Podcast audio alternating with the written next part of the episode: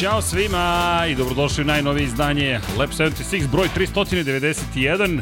Mislim da kasni i moj glas i slika, ali kasnio sam i ja, tako da je sve u redu, a naravno kad je vreme za ponedljak, tu je gospodin Pavle Živković.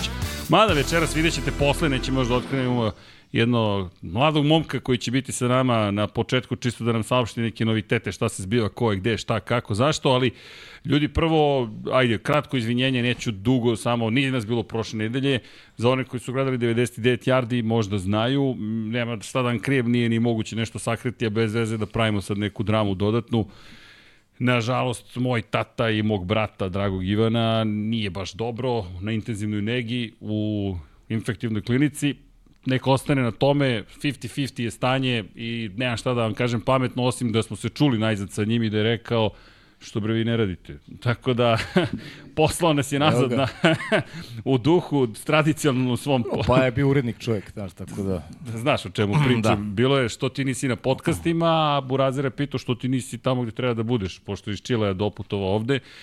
Tako da nam je rekao, objasnio nam ukradu dva poteza. Š, š, urednički. Urednički. Ajde, na, i na, na šljaku. Po, pohvalio se lekar da mu je rekao, vaš otac je lucidan, pritao me, jesmo vi ja čuvali ovce, pa da mi se obraćate na ti. Pazi, on leži u bolnici, zavisi od pa, tog čoveka. Ali i on u fazonu, kako, šta ti, ne razumem, ko smo ti i ja, te, znači na vi mi se obraćate, ja kažem dobro, tata, old school, onaj old, old school, drži se, tako radi da, mozak, se, da, ne, radi mozak, tako da ne se nasmejao, ali eto, čisto da znate zašto nas nije bilo, pa ekipa je rekla, Srki, nema, nema smisla da mi sad radimo, a ti si u, jel te, u Jurnjevi iz Čilea kao vamo, ne znaš ni šta se događa, tako da hvala ljudi, na ljudskosti pre svega, hvala vama na tome, i ne zamerite, ali nisam toliko profesionalan da kažem da me te stvari ne, doga, ne dodiruju. I mi smo se zajedno dogovorili da nećemo ništa da radimo. Ali, neka ta priča ostane tu, samo hoću da vam kažem, mazite se, pazite se i vozite račune na drugima i pozovite mame i tate, to sam i na Instagramu rekao, dok možete, kad možete, koliko god da vas nerviraju, verujte, nije, moj tate ja se volimo, ali naše rasprave su, rekao, rekao bih, um, rečite, može tako, jer to su, jel te, sukobi mišljenja, ali mi se volimo. Pre svega i nevažno je kako mi komuniciramo ponekad u razmeni mišljenja, pojente da, da, tata volim te ako slušaš, znam da mu oduzet mobilni pa je to malo teže, ali nadam se da ćeš ovo slušati u reprizi ili kad god budeš. Mama, tebe volim svakako i ti to znaš, verovatno je tu negde mama i naravno tu je cijela ekipa. Tako da, ljudi, mazite se, pazite se i vozite računaju u svojim porodicama, šta drugo da vam kažem. Da ne bih otišao na tu stranu, ne ćemo večeras pričati naravno o Formuli 1 jer je ostalo samo 10 dana i tata mi je rekao, alo dečko, imaš nekog posla. Dakle, nemoj da ne zivkaš ovdje, nemoj da mi stojiš tu kad ne možeš ni da uđeš da me posetiš, nego ajmo tutanj nazad gde treba da ideš. Tako da, gospodin urednik Herceg me vratio za sto i rekao je imaš ti čime da se baviš, počinje ti sezona. Tako da da lucidan. Čekaj ti drugi pa je. Tako je, drugi pa. Ali čim se zoveš Pavle, ti si dobar čovjek, vidi. Ja mislim i, i borac. I borac, i borac. To je to. I ta volja za životom je i pomogla da i izgura ove dane, tako da mi ju navijamo za tu volju za životom. Navijajte za čaleta, eto, šta drugo da vam kažem za, za tatu, da ga gnjavimo još neko vreme. A kada pričamo o životu, ciklusima, krugovima i vrtenjima, imamo mi neku novu generaciju, ne brinite, doćemo na Formula 1, ali ko zna, možda ovaj momak nam bude davao izveštaj iz Formula 1 za neku godinu, držimo ti palčeve. Andrija Kostić večeras ponovo sa nama, ko je ispratio Andrin podcast, zna o kome pričamo, ko nije, Pa pogledajte, Andrija, čekaj, baci kosku. Ja sam saznao da tebi, ti si 18. februara 2022. vozio prvu trku. Tako i to je baš dan kada je VAR objavio da ću da vozim sa njim. Jel znaš za to? Da, da. Bukvalno dve godine od prve trke. sam, ispratio sam, ali daš, nisam ga prepoznao kada je došao. Rast, Porastu od prošlog rast, puta. rast. Ne, ja nisam ni bio prošli put, znaš. Znam, ali nekako, znaš, sve, sve momak, ti si momak, vidi, nema šta. I kakav je osjećaj? Sad je sve zvanično. Sad je sve zvanično. Tim je naravno objavio sve. I? Dao sam ja svoju izjavu, dao je tim svoju izjavu. Svi smo srećni, već sam bio na simulatoru i... Kako je bilo na simulatoru? Pa, veoma, veoma dobro. Bio sam prvi u Barceloni. Ok. a u sredu sada idem za Barcelonu da vozim ponovo. Ideš na simulator ili test baš? Baš na test. Odlično. Kako Tako je da. vreme? Da. Su najave dobre? U Barceloni je ono toplo baš. Super. Tako da, taman za trkanje. Sedaš u Tatus T421, jel te, i krećeš u akciju. Baš tako. Super. Čekaj, samo da, samo da pohvatamo sad konce. Te, k tebi sezona kreće krajem aprila u centralnoj evropskoj zoni, jel tako? Tako i onda odmah 5. maja za Mizano, za italijanski šampion. Da, evropski šampionat Euro F4 to u avgustu kreće, to kratko traje, avgust, septembar, oktobar, jel tako? Tako je, tri trke, Tri vikenda, devet trka ukupno. tako je. I 21 trka u Italiji, i ne znam koliko ih imaš u Cezu, ali bit će zabavno. Koliko? Tri šampionata, šta si rekao? Tri a? šampionata, 16 trkačkih vikenda i 48 trka ukupno. Šta će kažu, šta će kažu u školi? Borim se. Borba. Znaš šta sam mu rekao? Da će Ne. desiti za jedno 35 godina. Da. Ti ja u kabini. E, Srđane, Andrija onaj mali što je bio kod nas šampion. Nadam se, vidi, i ranije, i ranije da će biti, ali dobro, da, ako doguramo tih Šalimo 35, se malo, da. vidi, Šalimo se malo, ali- super. Ali ima ali- izbilje u tome. Ali dečko koji obećava definitivno. Tako je, da. tako je, tako je, tako je. Ti, ti si, tebi tek kreće sezona, moram samo spomenuti kratko tvog drugara, Andri Petrović, on je već u Saudijskoj Arabiji mm. -hmm. počeo da brži povi vodi u šampionatu. Šta je ovo, klinci? Šta ste se razgoropadili, ne razumem, vas dvojice ste rešili da osvajate planetu. Naravno. Na, naravno. Naravno. Ne, ne, super, baš mi je drago. Pri čemu, e, koliko sam video, Enzo Fittipaldi će ti biti klubski kolega, je li tako, u U Formuli 2? Formuli 2. Čekaj, to je lepo, sve deliš garažu sa jednim Fittipaldim. Okej. Fittipaldi Kostić kombinacija, da. Sviđa mi se te- kako to zvuči. Tako je, imamo za koga da najmio. Dino Beganović nam je u Formuli 3, ti si u Formuli 4 u Italiji, Europi, Cezu, u Saudijskoj Arabiji Andrej. Dobro, polako se tu... Filipe Drugović smo malo pazi. prisvojili. Pa dobro, da, da, ali ni, Nije baš, nije, baš. isto. nije baš Ne, nije isto. ni blizu, nije ni blizu, evo. Pa sjajno. Čekaj, imaš i novu kacigu, ćemo to u skorije vreme da vidimo, a? Tako je, izaći će finalni dizajn Dobro, i onda moj tim je sad pokupio kacigu pošto je u Veroni dobro. i onda ide na farbanje za nekih par dana. Super. I ti imaš i novi, ajde da te malo ispromovišemo, TikTok profil novi imaš. Andrej, Tako je. Andrej Andreja Kostić. Kostić Racing na TikToku. Tako da, još nema pratilaca, ima dva, nas dvojicu.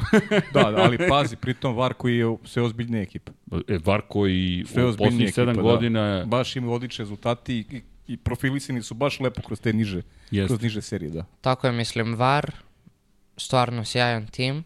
Nije bio u Formuli 2 proteklih sezona, Uh ali kako su novi investitori došli u tim, VAR je uvek imao najbolje inženjere i u nižim kategorijama je, kod kategorijama je stvarno dominirao.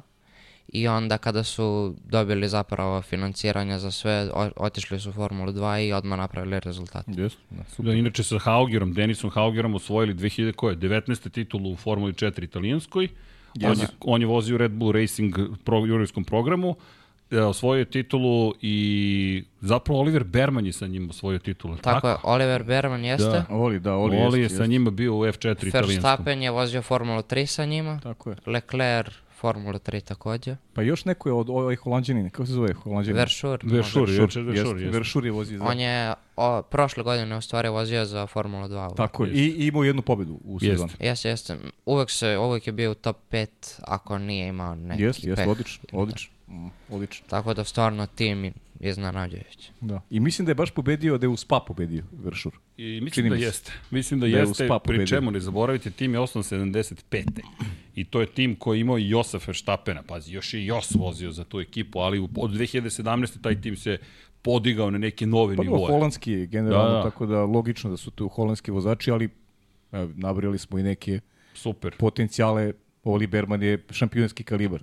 U Ferrari Hauger, akademiji. Možda ne ide to baš kako se očekivalo, ali je veliki talent. I dalje ga... Osvojio titulu u Formuli Tako 3. je, Da, sjajan vozač. Tako da či vidjet ćemo, nije više u Red Bullovom programu, ali opet pratit ćemo kroz sezonu što se događa i sa njim. To samo govorimo o tome koliko je e, na koji način je dočekan i naš gost i, i koliko je to velika privilegija za njega i za sve nas koji volimo auto, motosport i živimo ga ovde na, na prostoru Balkana, jer neverovatna podvig i svaka čast. I taj status 421, T421, on će se koristiti sada i u F1 akademiji.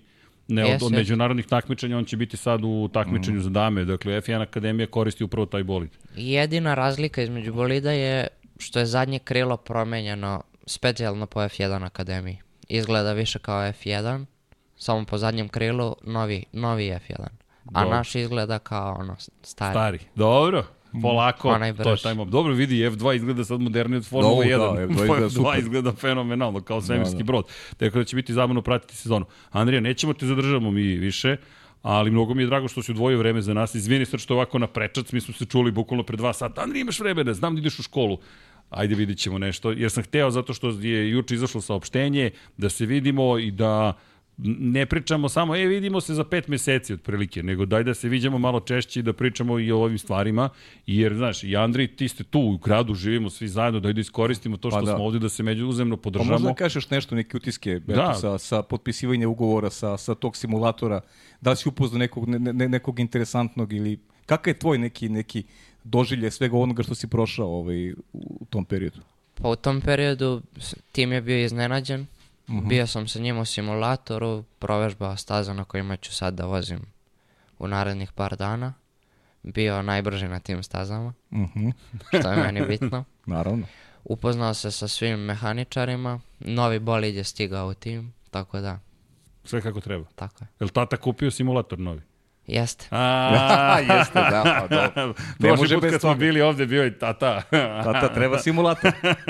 I, je li dobar novi simulator? Tako je, baš pre dva dana je stigao. Stvarno? I, je li bilo Juče sam raspakivanje? ga- Juče sam ga nameštao ceo dan i danas je spreman za vožnju. A, to je to. Super. 18. februar je nekako bitan datum. Dakle, juče je bio 18. je li tako? Tako. Da, juče je Jeste, 18. jeste, juče saopštenje, novi simulator, dve godine od, svoje prve trke i to mi i dalje nevjerojatno. Ti si imao nepunih 13 godina kad si prvi put seo u trkački, trkačko vozilo u karting i počeo da se takmičiš i evo te u italijanskoj Formuli 3.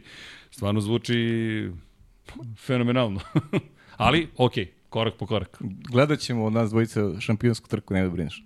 Naravno. Ne moramo da komentarišemo, ali ćemo da gledamo svakako. A ne, ne, gledanje je obavezno. Gledanje je to, obavezno, To se da. podrazumeva, tako je, bukvalno. tako je. Ali dobro. Andrija, šta da ti kažem? Kreće sezona, dakle, još malo, za dva meseca, još malo, brzo će to da prođe. Te, tebe sad čeka serija testova i simulatora. Ne, pa tako? ti ideš, šta si rekao, ideš u Barcelonu sada, tako? Sad u Tako idem sad za sredu u Barcelonu i onda sledeće nedelje u sredu takođe za Rim u Valelungu. Mhm. Imaš ozbiljan ritam, jel da? Tako je. I koliko tad- imaš dana testiranja? Ajde, ne samo koliko trkanja. Pa ukupno imaću oko 200 dana u bolidu cele godine. Sa trkama, simulatorom i sa svim. To ti je preko Više, pola više godine. od pola godine, da. Jeste. S tim između toga treninzi naravno i sve. Dobro. Trenizi i, ško, i škola, i naravno. škola. Da. Još uvek je Vukovac. Svaka čast i to je, to nisam znao, viš. Da. Sve Nisi petice. se dobro pripremio. Štreber. Hvala vera, bravo. Treba. Pa znaš kako, ti, ti treba, treba da budeš treber i u, i u bolidu. Tako je. Pa Vidi, prošli put nas je sve patosirao, jer je krenuo sa analizama koje nismo do sada čuli. I onda smo bili, ok, ovo nije priča o trkanju, ovo je priča o razmišljanju tokom trkanja. Svaka čast. E, mi ti možemo te hvalimo i naširoko i na veliko i hoćemo. Pa ne, zato što je zaslužio, ne zato što... Naravno. Pa mislim, nije pazi, samo subjektivnost. Veliki događaj, stvarno. Jeste. Svaka čast, zaista svaka čast. I lepo je bilo videti kad je Van Arvesut izbacio na svoj Instagram, rekao, ok, sve je zvaničnije i zvaničnije, to baš lepo izgleda. Jer jedno je, kažemo mi, bit će, bit će sve ok, onda odjednom, op, evo ga, Van Arvesut zvanično kaže i ti si tu, potpis je pao, tako da je sve kako treba. Tako je.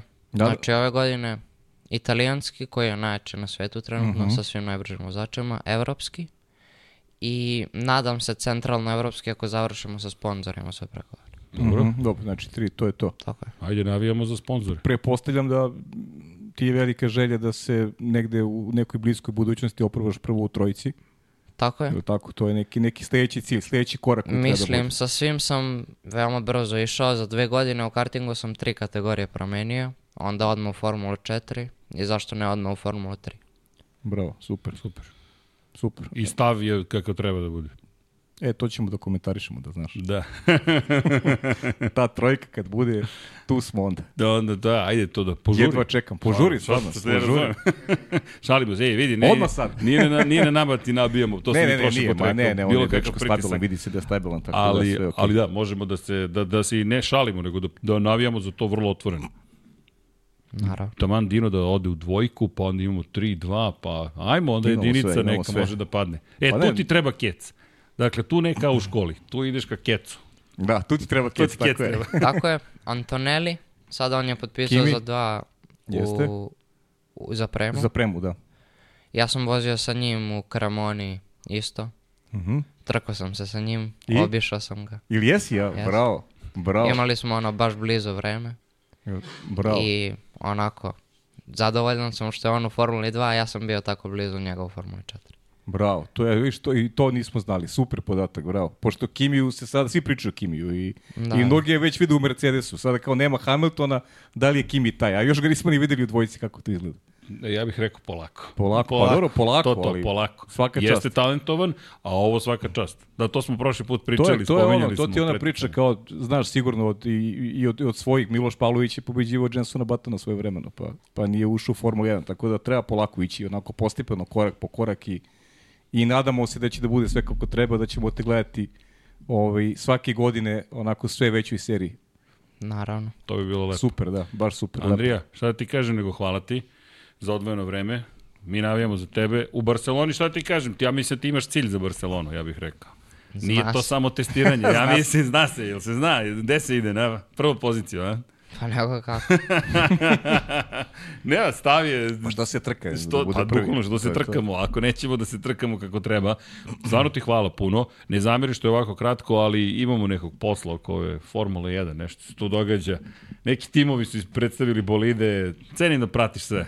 Naravno. Na vezi smo i E, čekaj, čućemo se mi sledeće nedelje. Hamilton u Ferrariju. Jest. I? Pa ja, nadam se da ću ja da ga zamenim za par godina. Okej. To mi kaži, tako treba. Ne, Dobro, to više nema, više nikakvog, Ne, nema, to, to, kako to. remijenje, pustite me toga, ovo je sad takmičenje Tako samo. je, Bravo, tako. Andrija. Dobro, Šta kad dobar može- komentar. Pa kad može Kimi Antonelli u, u Mercedes, zašto ne bi mogao Andrija u Ferrari? Pa može. To je to. I da nastave svoje trkanje koje su imali iz četvorka. Pa da. Može. Andrija, hvala ti puno. Još jednom, čujemo se mi kad budeš u Barceloni. Nastavljamo dalje. Nije, da, u sredu imaš eh, pres konferenciju, ili tako? Udruženje novinara Srbije. Tako je. Pres U- centar u 11 ujutro, ili tako? U 11 ujutru. Ajde da se proširi glas dalje, da se čuje šta to radiš. Tako je. Pa da, šta ću najavim, svuda. najavit ćemo. Da, i Najavit treba. ćemo. I Da, treba, da, da, da, da. bravo. Pa biće, biće i ekipa Biće ljudi tamo. sigurno, Tako da. je, tako je. Na Instagramu ću ja redovno postavljati trke, rezultate, sve. To, super. Andrija, šta da ti kažem još jednom? Srećno, ajde, budi prvi u Barceloni, šta da Sad je očigledno I budi, da nema. I budi dalje najbolji u školi, Tako i budi je. prvi u Barceloni i, I ne samo u Barceloni, i očigledno. baš mi je drago da se tu poznate. Tako će. E, Andrija, ništa, uživaj sad, možda ne znam da li Ćale tu negde, samo traži još nešto, prošli put je prošlo, sad je taman situacija da se traži još nešto. da.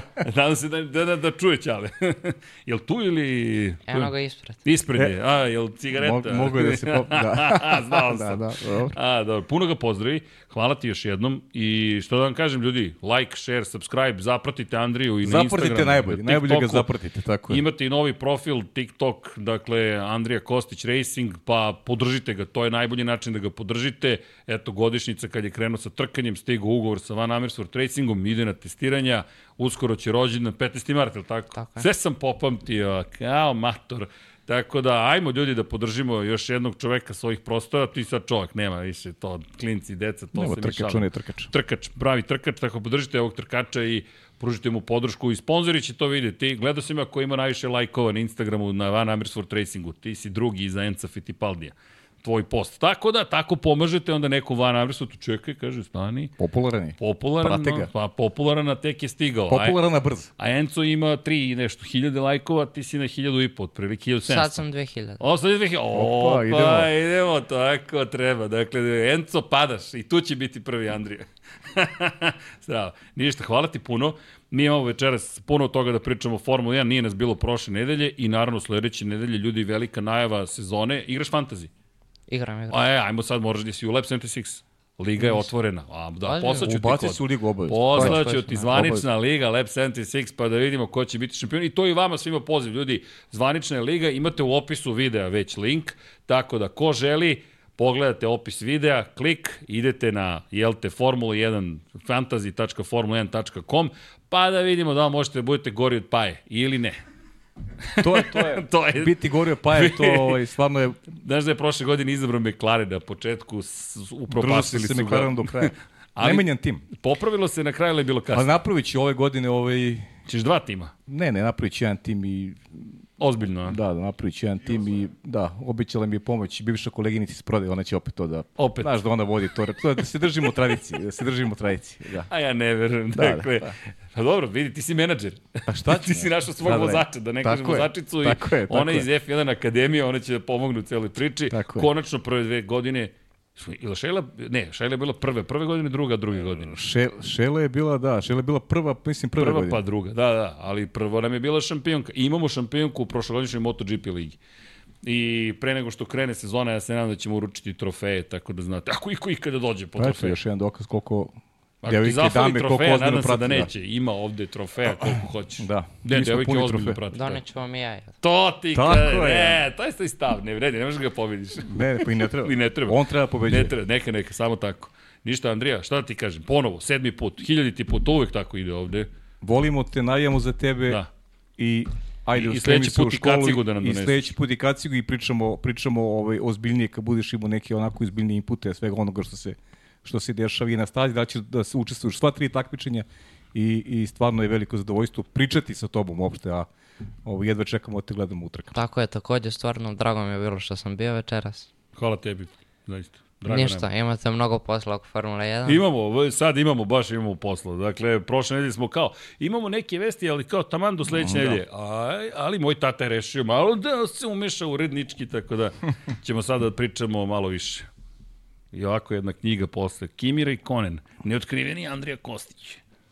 Biće sve. Biće to lako, sve kako treba. lako. E, našao sam sliku pre neki dan. Dobro. Na sajmu knjiga pre dve godine, baš kad sam krenuo da vozim. Kako si im se potpisao na knjigu baš na Kimi. A, top. Jel tako? Dakle, jesi, a, koliko si bio visok tada? Niži od... Dosta niže. Stra, ajno pošalji tu knjigu, Hoću, tu hoću. sliku. Sliku, da. molim te, ajde, Ajde, pošalji, pošalji, molim te. To, to, će Da, na, da. to će meni biti draga uspomena. Pa to je bit će svima, fenomenalno. draga uspomena, jer To su lepe stvari. da. Kako se kalio Kako? Andrija? Da, strava, strava. Da. I ako imaš predlog za knjigu, izvinjam se, jeo sam kikiriki malo pre, ne lešnike, Da, to je bilo pametno. Slobodno pošalji, pa da vidimo prava neka da nabavimo za neku novu knjigu. E da, inače, sam knjiga u Novom Sadu će se desiti, da znate. I imam puno vesti za večeras. Ajde, pričajmo. Andrija, još jednom. Ništa, Hvala ti. ajde. Budi mi dobar. Hvala, Pa, Rekli smo se. 10 Viđemo se, Andri, minuta, obavezno. nećemo da ga pustimo Obavezno, nikako. Obavezno se vidimo i, i na vezi smo. Dogovoreno. Hvala ti. puno. Držimo fige za, Budi za dobar. Barcelonu. Ćao, Andrija. Vidimo se. Vidimo se, ba vidimo se uskoro. Da. I čujemo se to svakako. To, ne, ne, samo slobodno stavi Stavi tu. na sto, tu slobodno, slušam, Andrija. Slobodno, to je sve okej. I onako vlada će imati posla oko kadrova, dvoplani i ostalo. Andrija, budi mi dobar. I pozdravi tatu puno. Tata je počeo se nervira već ozbiljno. Pa dobro, tata, znaš. Tata ko tata. Tata ko tata. Evo, i moj tata. I zapamtite ovaj pozdrav, rukovali ste se sa budućim šampionom. To, to, Imali to, ste to, tu to. privilegiju. Sad jurite autograme. Sad imate priliku. Ćao, Andrija. ćao, Andrija. Ćao. No, mnogo lepo, bi- mnogo lepo pričati sa, sa čovekom koji, Jeste, evo ja koji i kažem- taj stav ima i, tu brzinu i ajmo da vidimo šta će se desiti. Mnogo ozbiljan taj šampionat italijanski. Kako nije? Baš je ozbiljan. Ko je sve krenuo? Kažem ti, ja znaš, nisam bio prošli put, ja, ja ga nisam prepoznao uopšte kad je došao. I ve, veruj Ja mi, ali, znaš, nisam ga prepoznao. ali ti gledaš momka koji se menja. Baš je, Da, baš da. je, baš je momak. Pa i menja se i, i znaš, za, za toliko malo godina on je ovaj, napravio stvarno već velike stvari. Jeste, ovo je baš ozbiljno. VAR ekipa, VAR ekipa je ljudi stvarno ozbiljno dostignuće ovaj, u, u, u, u svetu formu, ja mogu kažem u svetu formu 1, jer to, je, to su neke, sada je već faze gde se o tebi razmišlja na ozbiljnijem nivou. Znaš, ti si tu već negde u nekoj, Pa nekoj trasiraš polu put priči. ka Znaš, tamo. ideš dalje, naravno, mnogo treba doći do, do, do, do šampionata, ali ma, bolje da se zustavimo ovde. ajde, Da se zustavimo. Ajmo da se zustavimo. ima on dečko ovaj, i svoju porodicu Jeste. koja, koja brine o njemu i ima dara očiglednog i ovaj, da mu ne stavljamo to neko breme. Neka se bori, ovaj, zna on kako to treba da radi očigledno. Tako je. I zvuči baš kao neko ko zna tačno Jeste, šta treba jeste, da radi. Baš. Ok, navijamo za Andriju, ali navijamo takođe i u novoj sezoni Formula 1 da nam bude uzbudljivo. Pa Pa evo, naravno, da, kako stvari izgledaju, naravno da nemamo pojme šta će da se dešava, jedino što možemo da vam kažemo da imamo puno toga da radokradimo. Red Bull je predstavio zvanični da. bolid, Mercedes je predstavio zvanični bolid, Ferrari je predstavio zvanični bolid, Aston Martin je predstavio bolid, Williams, to smo pričali već prošlog puta predstavio bolid, ali pa evo, Srki, ne samo, pazi, mi u sledećeg ponedjeljka mi pričamo Gotovo, o najavi sezone. sezonu. To, to, ti, imaćemo rezultati predsezonskih testiranja, imaćemo, imaćemo sve neke onako impute oko oko očekivanja za, za, za novu godinu. I eto nas već u, kad smo, u četvrtak smo već u, u kabini. U kabini. Četvrtak sledeće nedelje za 10 dana. To smo stavili u naslov. Dana, nije, da. nije preveličavanje, ni na nivou, e, za 10 nekih dana, kao otprilike 10. Ne, tačno, za 10 dana od ovog ponedeljka mi imamo prvi trening Formula 1 za veliku nagradu Bahreina. Jest, jest. Sezona nam počinje 29. februara zvanično ali 2. marta se održava trka, ne zaboravite, u subotu je prva trka, to ćemo ponavljati tokom da. ovih dana. I prva i druga su u subotu. Tako je, subota i u Saudijskoj Arabiji, druga trka. Inače, testiranje počinje za jedan dan, 10 časova i 24 minuta. Tako da, Imamo i čoveka na poziciji. Jeste, inače Hasan Bratić, veliki pozdrav za našeg prijatelja i kolegu Hasana Bratića, on je trenutno u Kataru, sada je kao akreditovani novinar Moto Grand Prix, pokriva takođe, dakle, kod Hasana nema pauze nigde, otišli u Katar i pre, ne, pričat će ono o razlikama između organizacije Moto Grand Prix i Formula 1, ali me zove pita, gde je ovde akreditacioni centar? Ja rekao, Hasan je otprilike tako nekako. da. tako, da, tako da je Hasan stigao na poziciju i ima prve fotke, to ćemo sutra Dekija da iskoristimo. Mm -hmm. Zamolili su ga šta da fotografiše iz Moto Grand Prix, to je on pitao šta hoćete da fotografišem. Rekao sam šta želimo da fotografiše, čekamo te fotke i naravno kao što si rekao, testiranje u Bahreinu kreće, Hasan već sutra u noć. Između utorka na sredu kreće put Bahreina, Bahreina da. to nije dalek put, dakle iz Katara brzo, brzo će stići i kreće naravno fotografisanje i priprema zapravo za sezonu, tako da znate, testiranje će trajati 3 dana, 21. 22. i 23. februara, traje od 8 ujutru do 17.00 po lokalnom vremenu, dakle 9 časova punih po danu da se testira i različiti vremenski uslovi, jutro, podne i predveče, tako da će imati priliku zaista mnogo toga da obave timovi. Ne znamo još, možda je izašao sada već raspored ko će kada testirati, ali znate i sami da to može da se promeni. Obično ide dan i po jednom vozaču, dan i po drugom vozaču. Ako bude nešto drugačije, može se desiti 2-1 eventualno ali iskreno jedva čekam da vidim zapravo ko je stvarno šta pripremio, pošto smo videli svega tokom ovih prezentacija, između ostalog i lažne rendere, gde su neki timovi, između ostalog i Mercedes, stavljali delove koje zapravo niko ne očekuje da vidi da će se pojaviti pa da, na stazi, ali dobro. Kriju se. Deo igre, deo pa igre dobro, zapravo. to je okej. Okay. Deo igre, okay. ali, ali ono što je fenomenalno jeste da su timovi se predstavili i da krećemo jednu mnogo uzbudljivu sezonu jedva čekam da se završe testovi, jer ćemo onda stvarno imati onu savršenu najavu. Jer onda možemo... Jeste. Ok, krugovi, testovi, ko je bio pouzdan, ko nije, šta smo videli na delovima, imaćemo i tehničku analizu pre nego što počne sezona. Danas namjerno nismo pripremili tehničku analizu jer analiziramo ne znamo ni mi šta. Dakle, pa neozbiljno je, da. Mislim. Baš je neozbiljno da mi sad kažemo, o, vidimo neke već stvari, pošto takozvani filming day je održan za Mercedes, Red Bull, špijuni su na sve strane, ali ono što je činjenica jeste da su tri najveće ekipe predstavile svoje bolide i da već imamo prve neke situacije. Da, u, napravili kratak uvod, Aston Martin i Williams su nam otkrili zapravo da je Mercedes napravio jednu od najvećih tehničkih promjena za ovu sezonu u kontekstu toga što je prihvatio put jednim delom Red Bulla, da je zadnje oslanjanje zapravo zasnovano na potisnoj sponi, dakle razlike između potisne i vučne spone su relativno male u kontekstu toga šta je bolje iz perspektive amortizacije.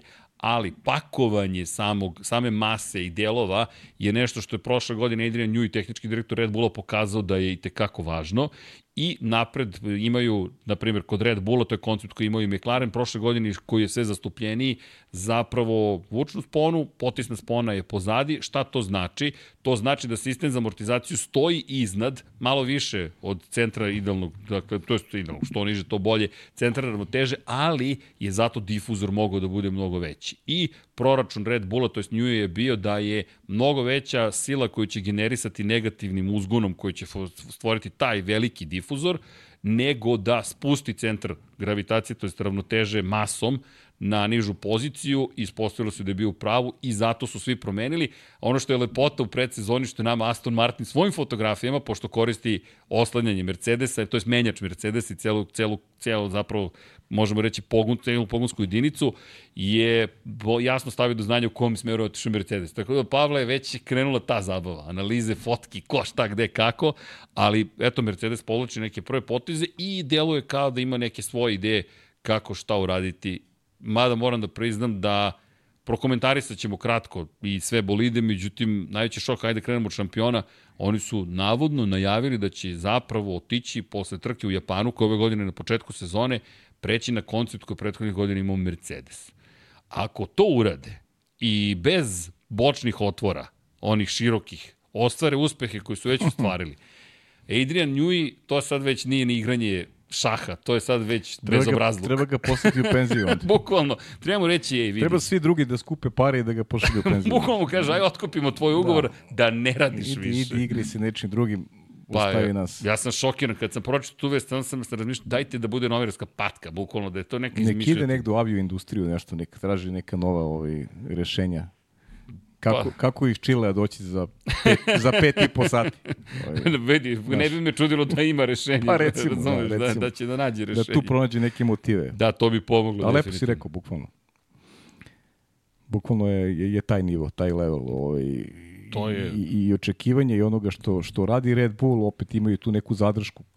To bože, nisu sigurni kako će to sve da izgleda. Ovaj, u- nisu kao nešto optimistični kada je u pitanju novi bolid. Kad Da li pa mi bili zaverovati? Mislim. I više pričamo o Red Bullu iz ove Perspektive Kristijana Hornera. Kristijana Hornera, da i, i cele te afere koja bi trebalo uskoro da se da se zatvori, i možda je čak i i ljudima interesantnija ovaj, ta tema, s obzirom da ovde nemamo šta da kažemo dok ne vidimo kako će izgledati ta testiranja i da li će zaista Red Bull ovaj, shodno tim nekim najavama um, odraditi te radikalne poteze u 2024. godini. Tako da ne znam šta bih rekao zaista na, na, na, na, na račun tih projekcija očekivanja kada govorimo o tome kako izgledaju bolidi. Dok izađu na stazu, bojim se da tu Nemamo, možemo samo da, da onako spekulišemo i ništa više. ono što smo za sada videli na i fotografijama i renderima jeste zaista da je Red Bull primenio neko rešenje koje je opet, ne mogu kažem neočekivano, već nešto što nismo videli, očekivali smo da je nešto što ne, do sad nismo videli, sa vrlo uskim otvorima i sa konceptom koji ne odstupa toliko od onoga što smo gledali prethodne godine, ali je iznenađujući zapravo uzak taj otvor za hlađenje u bokovima i pitanje je zaista da li će se obistiniti ove najave koje smo pročitali, ukoliko, kažem, se to desi, mi zaista imamo onda potpuno novu priču sa Red Bullom, jer meni je, meni je fenomenalno što je toliko riziku. Sergio Perez, drugi vozač ekipe, pohvalio tim, rekavši Da. da, mu je fenomenalno što su spremni na takav rizik. Pa aj razmislimo. Max Verstappen pobedio prošle godine u 19 od 22 trke. Sergio Perez je pobedio još dve. Od 22 trke ti si pobedio 21 i ti menjaš taj bolid. Ti ili si potpuno hrabar ili si filozofije ne možeš da ostaneš u Pa mestu dobro, da bi napredovao. Znaš, kod hrabrosti uvek se malo graniči sa, sa dozom Okej. ludila. Znaš, to je, ovaj, i, i, I to je, to je očigledno i, i pomeranje nekih i da kažemo i ajde možda ambicije, nije, nije prava reč ambicije, već, već izazova koji, koji ekipa traži, koji nju i pre svega traži. Tako da je, i- iz te pozicije će biti interesantno vidjeti šta je taj, taj genijalni um, šta je osmislio i, i, i da li opet možda napravi Jer, znaš, sad su svi u poziciji da, da, da kopiraju Red Bull i, i svi će pronalaziti, tražiti rešenja koja, koje je Red Bull imao u prethodnoj sezoni. A nju ide sada u... Hoće da im pokaže kako i, i neka druga Da, rešenja mislim da on igra igru baš kako i ozbiljno. neka druga rešenja mogu da budu kvalitetna i da i da omoguće timu da ima jednu konstantu u rezultatu. E sad, opet, kažem, jedva čekam te testove i da vidimo rezultate. Opet i testiranje a priori neće nam doneti baš one sve odgovore, ali ali imaćemo onako jasnije naznake onoga što ćemo gledati od četvrtka u šampionatu, svakako. Imaćemo u čemu da pričamo, mnogo opširnije i na nekoj uh, bazi rezultatskoj koja koja će nam otkriti ovaj kako kako su kako su se ekipe pripremile za za tekuću sezonu. Ovo je treća godina ovih prava, pravila. Pravila, I da. svi pričaju o tome da je ovo sezona u kojoj se očekuju mnogo manje razlike između timova. Jednostavno dolazimo do neke vrste stabilnosti. To svi šefovi timova To si ti ponavljaju. lepo rekao, ja mislim da će najmanje razlike biti sledeće godine. Ja sam siguran u to. Pravo si, Jer pravo si. To si ti prvi izgovorio i slažem se i što više razmišljam u, u tom pravcu. Neko se sigurniji da, da će nas se ponoviti 2021. ja na, iskreno Da, navijam da za ćemo to. dobiti da ćemo onda da kukamo možda što... 2026. i 7. Znaš, to- Ko će tad da dominira? Pa dobro, to je jedino što je sad izazov da vidimo ko će tu da, da, da, da pripremi ovaj najbolji paket za, za nova pravila. To je, to je suština cele priče. Da, inače, kada pričamo o Red Bullu, zaista mi je fascinantno koliko su spremni da rizikuju. Max Verstappen je inače tokom jednog od streamova i na Twitchu rekao, kapitali su pa kako, kako izgleda novi bolid? Pa isto koji prošle godine. I kada pogledate sponzore, da, neki su novi stigli sponzori, Viza je prilično istaknuta na nosu bolida, ali realno ti kada pogledaš, bolid isto izgleda iz perspektive boja, glavnog sponzora koji je Oracle, manje više znaš da je to šampionski Red Bull. Bakar je bio prošle godine, nosi broj 1 i dalje, međutim, stvarno je rekao lepo, izgleda, osim kada se malo bolje zagledaš u detalje i kažeš čekaj, čekaj, ovaj bolid ne izgleda uopšte isto. Naravno, iz njegove perspektive, baš me briga, dajte mi brz bolid, ja ću i da ga ja vozim i to je to. Tako da ćemo videti, moram ti priznati mi se dopada i namjerno su krenuli od šampiona i namjerno je fotka šampiona zaslužuju. Pa Osvojili su titul, dominirali su. Pa njih jure, i, naš, njih jure. Tako je, to je meta. Njih jure i znaš, ne postoji takav um kao što je Njuj. I, to je vrlo, vrlo jasno. I ostali su verni svojoj filozofiji, dakle, potisna spona je i dalje pozadi, da, takozvani push rod, pull rod, to, to je zvučna spona je napred i iz perspektive toga kako zapravo da formiraju vrtloženje vazduha, to kontrolišu što više mogu vrtloženje vazduha i obezbede veću količinu, to je zapreminu vazduha koja ide ka donjem delu bolida i generalno ka bokovima koji su i tekako ozbiljne aerodinamičke površine, ostali su verni nekom konvencionalnom dizajnu za ova nova pravila i ovu novu eru u Formuli 1. Međutim, to me isto vremeno dovodi do Ferrarija, pa jo, više vučem ka tehnici tokom ovog podcasta, s obzirom na činjenicu da to zaista ono što je bilo najviše, o čemu je bilo najviše reči, ima i drugih elemenata, samo da se razumemo, Red Bull, kada je reč o stabilnosti vozačke postave, je stabilan, ima Maxa Verstappena. I da inače si vidio da je Max rekao, ne isključujem nekad u budućnosti da ako me Ferrari pozove odem, u Ferrari trenutno nemam želju da idem u Ferrari, nemam želju da bilo šta menjam, lepo mi je u okruženju u kojem se trenutno nalazim, ali me život naučio nikad ne reci nikad, tako da ko zna, možda jednog dana i odem. Pa, Pričali smo o tome, ti si pa najavio on je sam, on je sam to i, i govorio ranije. Sada nije realno da, da se o tome razmišlja, nema ni nema potrebe. Ni potrebe. 2026. ok, ima tu još dve sezone i sigurno izazov sa Red Bulla sa Fordom koji je onako vrlo veliki i za njega i za video za Ford koji se umešao takođe u celu priču? Ajmo da pokrijemo tu Znaš, priču. Je, pa mislim priča, jer moramo priča da je, je zanimljiva. Priča je zanimljiva jer ovaj Christian Horner to bi mogao da bude udarac Ogroman. za ekipu, a nekako mi se čini da da tu ima nekog Kakav ti je utisak? Pa utisak je da tu neko igra igre, znaš. Tu je postoji očigledno da postoje nesuglasice unutar ekipe. Jer iz Holandije su stigle prve vesti o tome. O iz Holandije, pa onda Horner preti da će tužiti ovi holandske, holandske medije. Zašto baš iz Holandije? Seti se odakle su potekle vesti o Sergio Perezu, Perezu takođe od holandskih medija. Jeste, optužen da je namjerno se su, Tako je. Te, imao incident, incident u Monaku pre dve godine. Tako da tu, pa se onda optužbe s druge strane da, da Max podržava doktora Helmuta Marka. Mm Zašto podržava Helmuta Marka ako su Helmut Marko i Christian Horner u ljubavi? I na istoj Ve, talasnoj dužini. Tako je, a verovatno da nisu, iako Christian Horner šalje pomirljive tonove i dalje, nema nikakve zle krvi makar u njegovim izjavama. Dobro, ali ko je u boljem što... položaju? U ovom trenutku je pa to, Horner u lošem položaju. Pa znam, ali, ali pogledaj sad ovu priču. Seti se doktora Helmuta Marka ispada oko Čeka Pereza. Ok. Da li se, talas, da li se tada talasalo nešto? Oko ne, niko se iz Red Bulla nije javio. Niko se nije javio. I to iz matične kompanije se niko nije oglasio. Da, da li su holandski mediji potencirali tu priču kao što potenciraju ovu? Ne. Nije se desilo uopšte. Nije se desilo. Znači, doktor Helmut Marko, pazi, otpustili su vozači Urija Vipsa zbog vrlo sličnih izjava. Koje rasističkih. Je dao, rasističkih, koji imao, koji imao i jedan čovjek koji je pred penzijom, koji ulazi sad polako u devetu deceniju života. I to je zaboravljeno. A ti si klinca koji je talentovan, ti si ga zbog rasističkih izjava si ga izbacio iz akademije. Čak nije ni izjava, to je ispad. To, ne opravdavam ga. Ne, nikoga samo... ne opravdava, samo pravimo paralelu. To, to. Znaš. Onda ovo, kako bih ti rekao, znaš, to je sada, ne bih da ulazim u, u, Ajmo u samo kratko. priče. Navodno, znaš. jedna od devojaka koja radi u Red Bull Racingu je podnela prijavu. Tako je. I priča se sve i svašta, ne volim da širim žutu štampu zato što možemo da blatimo nečije ime, a da ne znamo da li je istina ili nije. Upravo to. Dok se ne dokaže da je to istina, mi ćemo se truditi da budemo profesionalni da kažemo postoji osnovana sumnja. Tako je. I trenutno se sprovodi istraga. Samo da se razumemo, ukoliko je uradio bilo šta od onoga zašto je optužen, on mora da ide sa svoje pozicije i to je i degutantno i neprihvatljivo.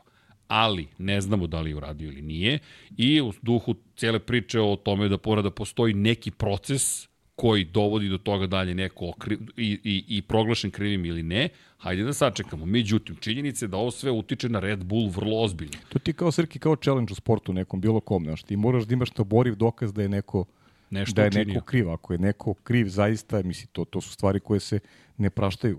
Svako se ne praštaju. Da, mi, mi ovde i ne branimo Kristijana Hornera, ali Niti samo, pokušamo. samo sugerišemo da, da postoje primjeri koji se koriste kao zloupotreba u nekoj međusobnoj uh, uh, borbi za, za da nazovi vlast za prevlast u ekipi ili, ili ti želja da se neko ostrani iz, iz ekipe. Prosto su to mehanizmi koji se koriste. I zato smo obazrivi u nekoj analizi jer, jer mi ne znamo dokle je ta njihova istraga došla i, i da li je zaista Kristijan Ali- Horner prekršio neke kodekse koji jednostavno Ali- moraju da se da se poštuju. Pritisak raste na Red Bull Racing. Ford se oglasio, E, to je ono što, Ford što je se oglasio. Ford je da I- zauzeo stav. Ja sam Tako je, Ford je američka korporacija. Američke korporacije imaju ne striktan, nego ekstremno striktan stav prema tim stvarima Da. i Ford je rekao da za sada pomno posmatra i sluša šta se događa kada je reč o istrazi, čeka zaključke istrage koju nezavisno sprovodi na zahtev Red Bulla, ne Red Bull Racinga, i istražni, da kažem, organi, ajde tako. Nije policija, nego nezavisna istraga. Dakle, za sada to nije krivična, krivica u pitanju, bilo kakva, već istražuje šta se tu desilo. U svakom slučaju, Ford je tim što je dao saopštenje, izvršio pritisak i rekao da se nada da će se ove stvari rešiti vrlo brzo. pokazao da su tu i da oni to pomno prati i da ne, da ne žele da dozvole da se da se takve stvari ovaj onako imaju primat u nekoj I da asocira na njih u i bilo da, kom tako smislu. je da asocira na njih jer jer dešavalo se u Americi pogotovo imamo mnogo primera i poznatih ličnosti koje su završili u zatvoru zbog I to zbog, pod ozbiljnim onako, kaznama. Tako je, ozbiljnim dakle, glumci kaznama. koji po 30 godina su Glumci, dobili robije. i tako dalje, svega je bilo, ko, ko prati sad da ne pominjemo imena, nije, nije ni važno, ali to su ozbiljni prekršaji ukoliko se doka prekrši. Mislim, to, je, to, je, krivi- to je krivično to- delo. to- Naravno, on nije, koliko znam, optužen za tako ekstremno je, delo, da. ali je opet u pitanju nešto što je neprihvatljivo. Jest, jest, jest. I to treba da se do, dobro dokaže da nije pozdina svega, da nisu neki obračuni unutar, unutar ekipe. Navodno je- sve to utiče na, sve to utiče na kvalitet rada i, i onoga što se Pa dešava sad u Red zamisli, Bullu. ti ne znaš. znaš da li će ti biti šef tu za 10 dana ili ne. Da. Bukvalno za 10 dana ti ne znaš ko će da ti vodi ekipu, a Formula 1 se takođe glasila kao kompanija, izvršni direktor Stefano Domenicali je rekao takođe da se nada da će biti rešena situacija što pre, što pre između redova meni znači pre nego što počne sezona. Pri čemu mi smo dva dana imamo testiranja. Dakle, tri dana testiranja na isto mesto na kojem će biti održana prva trka. Christian Horner je bio na prezentaciji Red Bulla, Red Bullovog novog bolida. Dakle, imamo situaciju u kojoj se pojavljuje, RB20 je predstavljen inače, dakle, to je eto, najnoviji 20. bolid Red Bulla i Christian Horner je bio tu od prvog tog bolida. I to je čovek koji već dve decenije vodi tu ekipu. Dakle, to je jedna od okosnica. Samo da istaknemo koliko je ovo velika stvar. Pri čemu, u ovom momentu je i Formula 1 rekla da želi rešenje i Međunarodna alkoholska federacija se oglasila pre, par, pre juče, prekjuče i saopštila da želi da sačeka rezultate istrage, ali da sve što krši nju dovodi u neprijatno, ne, nepovoljan položaj ili krši njena pravila i njene vrednosti, takođe ne je prihvatljivo. Tako da i FIA je ta koja želi da se ovo reši. I ukoliko Christian Horner bude kriv za bilo šta zašto je optužen, ljudi, on leti istog trenutka. Istog trenutka. Neće dozvoliti Ford, neće dozvoliti matična kompanija Red Bull, neće dozvoliti Formula 1 kao kompanija neće dozvoliti FIA, javnost će rastrgnuti Red Bull Racing ako to ne reše, na, na, ako se dokaže da je on kriv. Da, ja mislim da su dovoljne Znaš. neke dovoljne neke poruke samo da ovaj pogotovo taj onako otežavajuće da kažem koliko to sad možda i blesavo zvu, zvuči je činjenica da je da je Ford ovaj sada strateški partner. Tako znaš. I ovaj Ozbiljno moraš da vodiš računa. da ozbiljno mora da vodiš računa. Lepo si rekao i e, jedva čekam da da čujem šta, šta je istraga zaključila i šta će biti, ali opet kažem, povlačim malo paralelu u, u dva slučaja, e, kako se Red Bull ili ti koliki utice holandskih medija, znamo odakle idu taj utice, odakle idu te informacije koje puštaju holandjani, e, to ne, meni jasno sugeriše da oni između sebe nemaju e, jasno definisano, ti odnosi su poremećeni u svakom slučaju. Imamo dve, dva aspekta. Jedan je Christian Horner. To ćemo ostaviti istrazi. Ono što je i drugi aspekt je ajmo stvari tri aspekta. Drugi aspekt je kako to utiče na ekipu. Utiče loše na ekipu i pritisak je ogroman sa svih strana trenutno da se to reši. Šta god to znači, šta to znači? Do, nađite odgovor na pitanje šta se desilo. Što je brže moguće. Sad, ja ne bih nikad požurivo istragu, zato što gore da je požuriš i da dođeš do pogrešnog rezultata zaključka, nego da kažeš, ej, samo da rešimo pre početka sezone. Ali imam utisak i, nje, i navodno je njemu rečeno već više puta, povuci se, bit će bolje i mirnije za sve. On je odbio, navodno, da, u da, više to, navrata to više to da medija učini. ističe, ali kažem ti, evo, ja bih recimo pitao ljude iz Forda kako oni tumače izjave doktora Helmuta Marka na račun Serhije Perez. Pa, i ne, Da li se to uklapa u njihovu te. poslovnu filozofiju, ne znam, životnu, kako god, kako reaguju na tu priču, jer, jer e, on, ono što je meni interesantno, a pričali smo i u ovom podcastu podavno, da postoje razmirice na relaciji Christian Horner i, i dr. Helmut Marko. I mislim da je ovo refleksija svega onoga što se dešava u Red Bullu. Kažem, da bi neko ne shvati pogrešno, uopšte ne branim ovde Kristijana Hornera, već samo želim da istaknem da, da, da Helmut Marko ima drugačiji tretman sa te holandske strane e, garaže, gde su naravno otac i sin Verstappen, gde, gde su holandski mediji koji nisu prvi put ovaj, ste stavili u službu e, odbrane e, onoga što je porodični interes, mogu tako da ga nazovem. A definitivno Razumem ti, ti gledaš čak i interesu. četvrti aspekt Pa sada. gledam, gledam, da, Znaš gledam. što je meni znaš, zanimljivo, izvini, na trećem aspektu, a to je da li zaista prisustujemo ratu unutar same ekipe i zašto?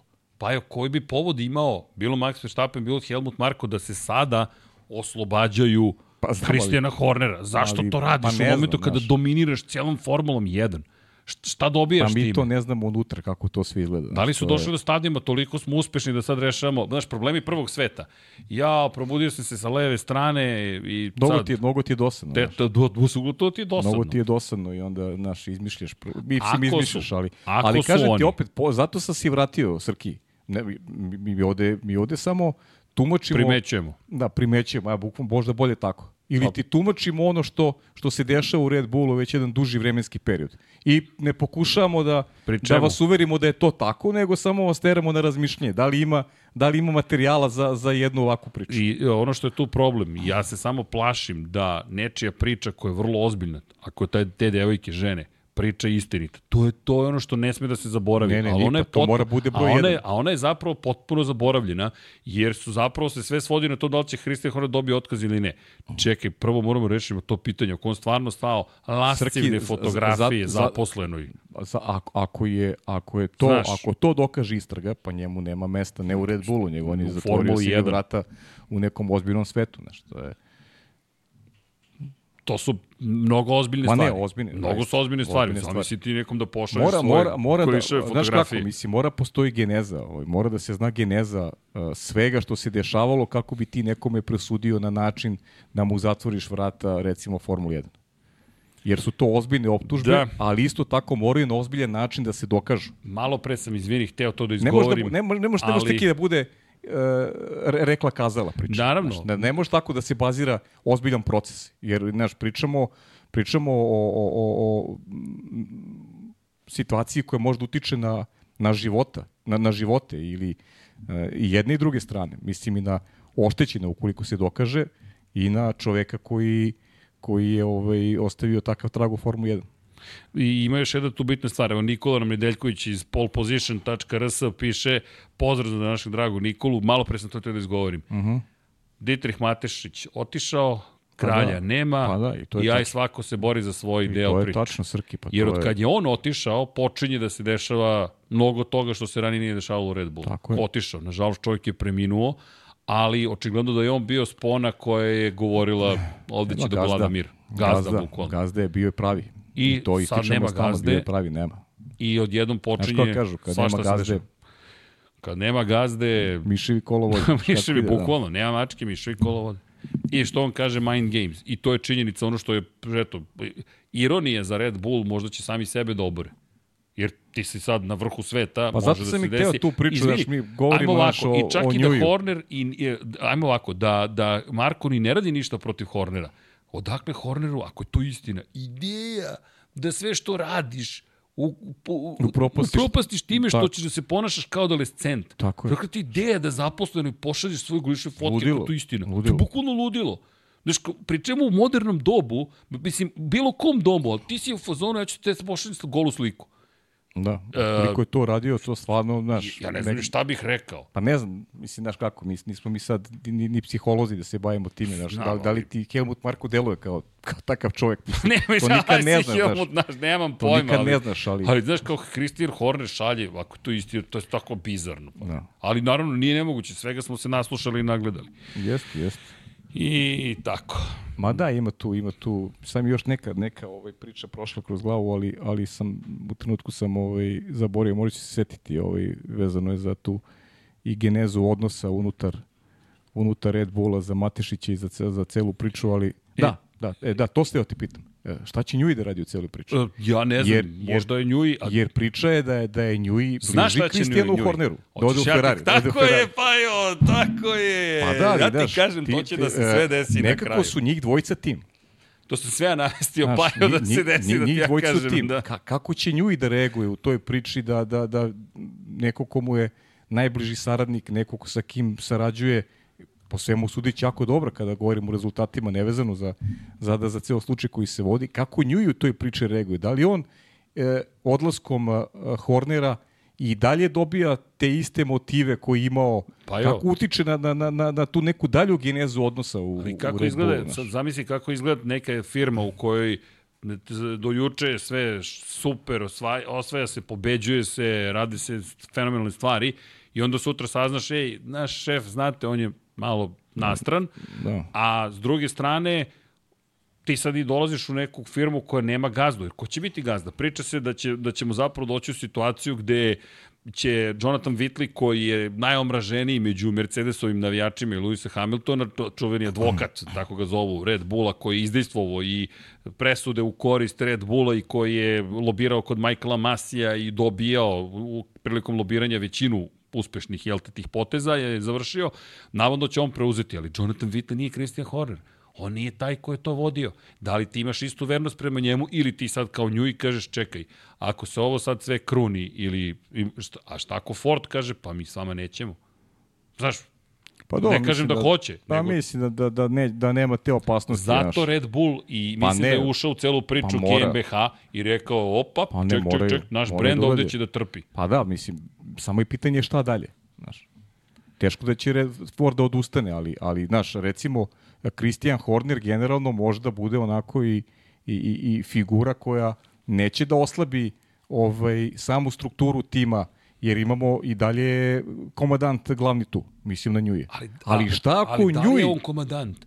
Pa znaš, pa ne, komadant mislim na, na, na opremu, znam, znam, opremu ali onoga vidi, čime upravlja Max Ali ko Verstappen. će da upravlja ljudima? E, Helmut e, Marko... To je nema. Kako? Helmut, Helmut Marko, Marko ne može da upravlja A ne, ljudima. ne može, On ne je tu da seče Helmut, ljude. Helmut Marko je dokazao da ne može da upravlja ljudima. On je dokazao da ne može da upravlja On ljudima. služi da bude oštrica, da izvinite, korporativnog noža. Tako je. Ja sečem ono što radim što je neprijatno. Što niko neće da uradi, ja idem. Otpuštam Kvijata, otpuštam Albona, otpuštam Gaslija. On je zadužen za A otpuštanje. uz dužno poštovanje, on ima i godina gde ne može da upravlja, ne može, ne može on da upravlja nekim sa, sa ljudima koji imaju prosjek druga 30, generacija, 35 godina. druge vrednosti, drugi principi, drugi način komunikacije. Ne, ne, ne, nema, nema, nema teorije. Mislim, vi- ti ja smo odrasli, evo ja ti spominjem Ćalet, znaš ga. Nis, ljudi, ja ga obožavam. Ali on je neprijatan prema svom lekaru. Kad kažem neprijatan, vidi, ti ga znaš. Mi da. smo prošli tu obuku. Kod nas nije bila obuka mentor mesec dana, šest meseci prilagođanja, imaš šest minuta da se prilagodiš. Ja ne kažem da je to dobro, ja samo opisujem Ne, vreme. tako je vreme bilo. Tako je bilo vreme. A svako vreme ima neke svoje prednosti i mane. Tako to je, da sam to se je, rodio znaš, 30 godina kasnije, možda bih ja rekao, a, ljudi, ajmo malo nežnije. Drugačije, drugačije, ali, ali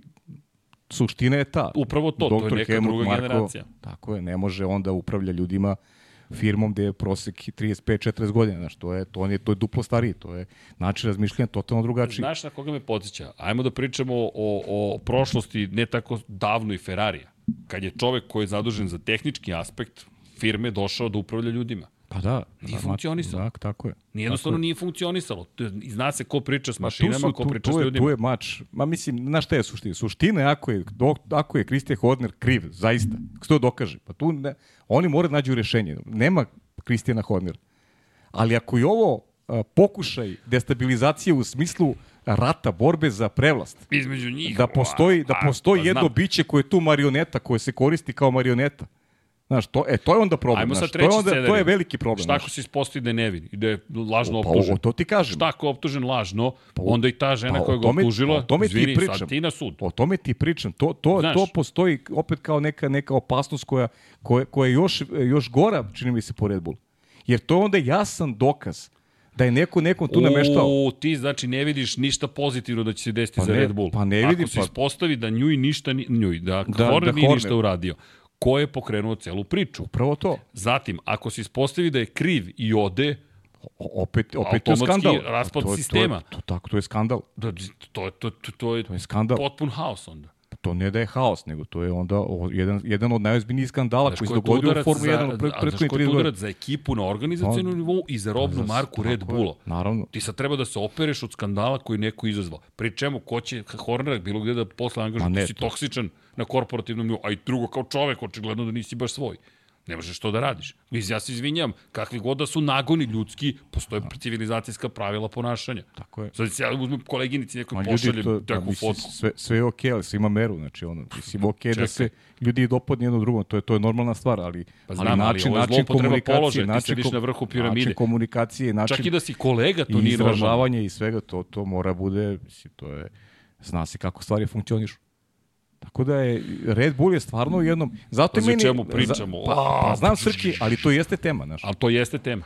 Jer mi ne možemo se uhvatimo za nešto drugo sada, znaš, kako izgleda. Pa mislim, Njujić će napravi dobar boli, to nema dileme. Pitanje je samo kako će ovi drugi da, kako će drugi da reši i kako će Njuji da se ponaša u slučaju da, u slučaju da, da ostane bez, bez najbližeg saradnika.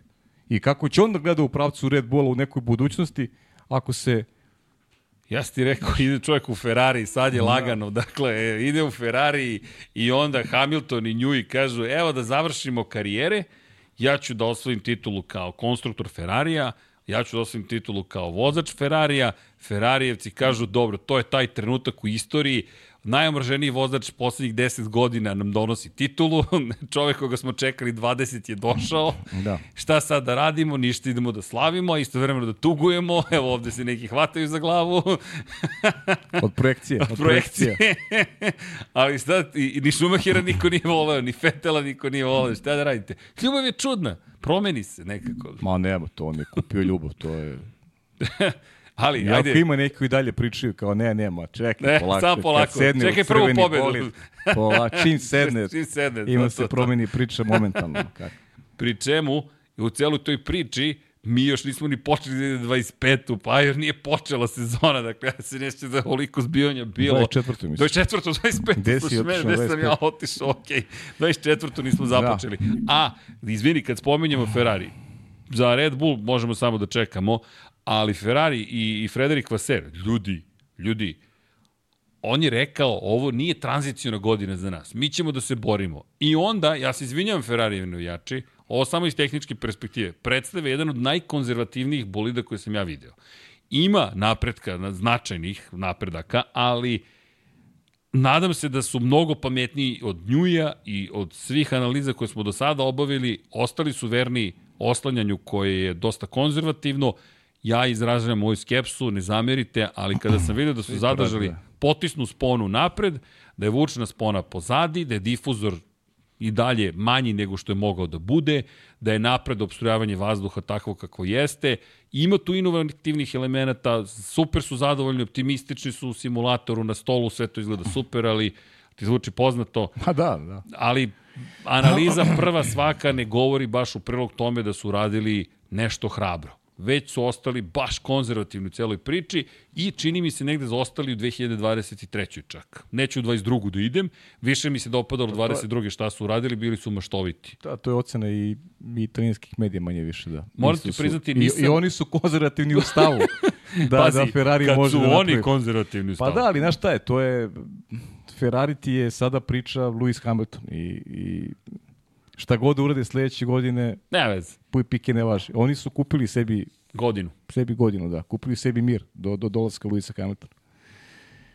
Tako da, ono što jeste zemlja bila znaš kako, da, nažalost, ovaj, ne bih da stavim na muku ni, ni, ni, ni, ni dotičnoj dami iz, iz Red Bulla i Kristijanu Horneru, jer, jer priča je svakako, ovaj, ne znamo je u suštini, ali uh, mislim da, da, da, da je Red Bull uprkos ovaj, svemu je ubedljivo onako najveći favorit da, da uzme titul ove godine. Max Verstappen, znaš, to je... Jer sve što se dešavalo u Ferrariju i Mercedesu nekako mi ne ide u prilog meni makar trenutno, ovaj, a tome da ćemo gledati neki spektakl 2024. godine. Ja se nadam da grešim, nadam se i volao bih da, da nisam u pravu, ali, ali ovo što se dešava oko Hornera je, je ovaj, možda onako otvorilo neku Pandorinu kutiju i, i ovaj, i, i navelo nas da, da, da, da ipak bude malo oba, nešto obazriviji kada govorimo o, o toj projekciji Red Bulla kao tima koji će opet biti dominantan. Međutim, ono što je meni problem što Ferrari i Mercedes mi ne ulivaju tu dozu poverenja. Znaš. Ja moram ti kažem, meni Mercedes izgleda bolje. Mnogo mi bolje pa izgleda dobro, od Ferrari. Da, ok, izgleda bolje, da. Slažem se, ali imaju čoveka koji ide u, u Ferrari. Fer, znaš, nevjerovatno. Da, da, imaju čoveka koji razmišlja već o, o nekim drugim stvarima, imaju opet momka da li je on taj koji možda tu ponese ulogu lidera. Bojim se da ćemo mnogo gledati tokom sezone tih nekih međusobnih duela u kome strategija baš neće biti primarna, baš kao i u Ferrariju, što opet ne vidim kako će Vaser da ovaj, nekako svede Sainca na to da pomaže Lecleru, prosto Kad mi je to nemoguće, a i sam je rekao da mu je najteži zadatak bio da javi Saincu da, da, rekao, da jedan od najneprijatnijih da, da, da, da dolazi Hamilton. Tako da, znaš, dva tima koje nemaju tu neku hemiju dobru hemiju da bi u kontinuitetu 24 vikenda stavljali na, na iskušenja Red Bull. Red Bull, opet, i da ne bude Hornera sutra, ti opet znaš ko, ko, ko kosi, ko vodu nosi. Ti znaš da je tu Max glavni, znaš da će Perez da sluša i, i to, je, to je priča ovaj, prilično jasna i, i, i, i nema nekih dilema oko, oko načina na koji će Red Bull da se, da se trka u 2024. Kada je Ferrari u pitanju, kada je Mercedes, tu je onako jedna potpuna papazjanija u kojoj e, M ne znamo da li su rešili tehničke pitanja na, na bolji način u odnosu na 2023. M ne znamo kako će ta hijerarhija da izgleda unutar ekipe, kako će se ponašati uh, Lewis Hamilton i, i, i, i Carlos Sainz. Tako da su sve onako, ne znam, mene sve to onako navodi na, na ovaj... Nisi mi optimista. Pa ne, nisam optimista u smislu da ćemo da gledamo... Znaš, znaš gde sam optimista? Očekujem više pobeda ekipa koje se ne zovu Red Bull.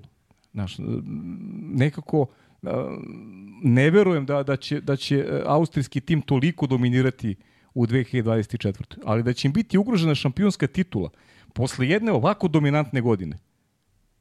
Tu sam baš skeptičan, zaista nisam tu ovaj Vidi, optimista. Da. Ovako, kombinacija je sledeća. Ako je istina da prelada da će Red Bull da suštinski promeni koncept svog bolida, da će suštinski da se okrene nečemu što ima Mercedes, E, jer, ajde da, da se podsjetimo priču o Mercedesu i tom bolidu koji nije imao te široke bočne otvore. Ajde da se setimo kad smo ga prvi put videli. Ja sam se prestravio. Ja, ja se iskreno uplašio, o ne, to je to, kraj. Mercedes je dozvolio prošle godine da mu se neko tu umeša u život i gotovo dominacija se nastavlja. Jer ono nismo zaista videli. Šta je pokazivao simulator? Šta je pokazivao zapravo kompletan sistem Computational Fluid Dynamics koji je govorio prilog tome, ajde da ga nazovemo virtualni simulator, stalno tako pričamo, da je zapravo to idealno rešenje. Međutim, idealno u idealnim uslovima. Nemaš idealne mhm. uslove i oni nikako nisu mogli da dođu do toga da taj bolid funkcioniše kako su želeli. Bilo je u par navrata situacija gde je taj koncept davao neku pozitivu i davao neke rezultate koji su bili optimistični, ali nikada nisu uspeli upravo što si rekao, da ti duž cele sezone imaš funkcionalan bolid. E sad, imamo dve godine ozbiljnih iskustava i još nešto što ističu naše kolege. Ne znam da se sećate, prošle godine smo pričali svi, cel, sve, cela Formula 1 brujela o tome, da su bočni otvori zapravo, šta je nju učinio?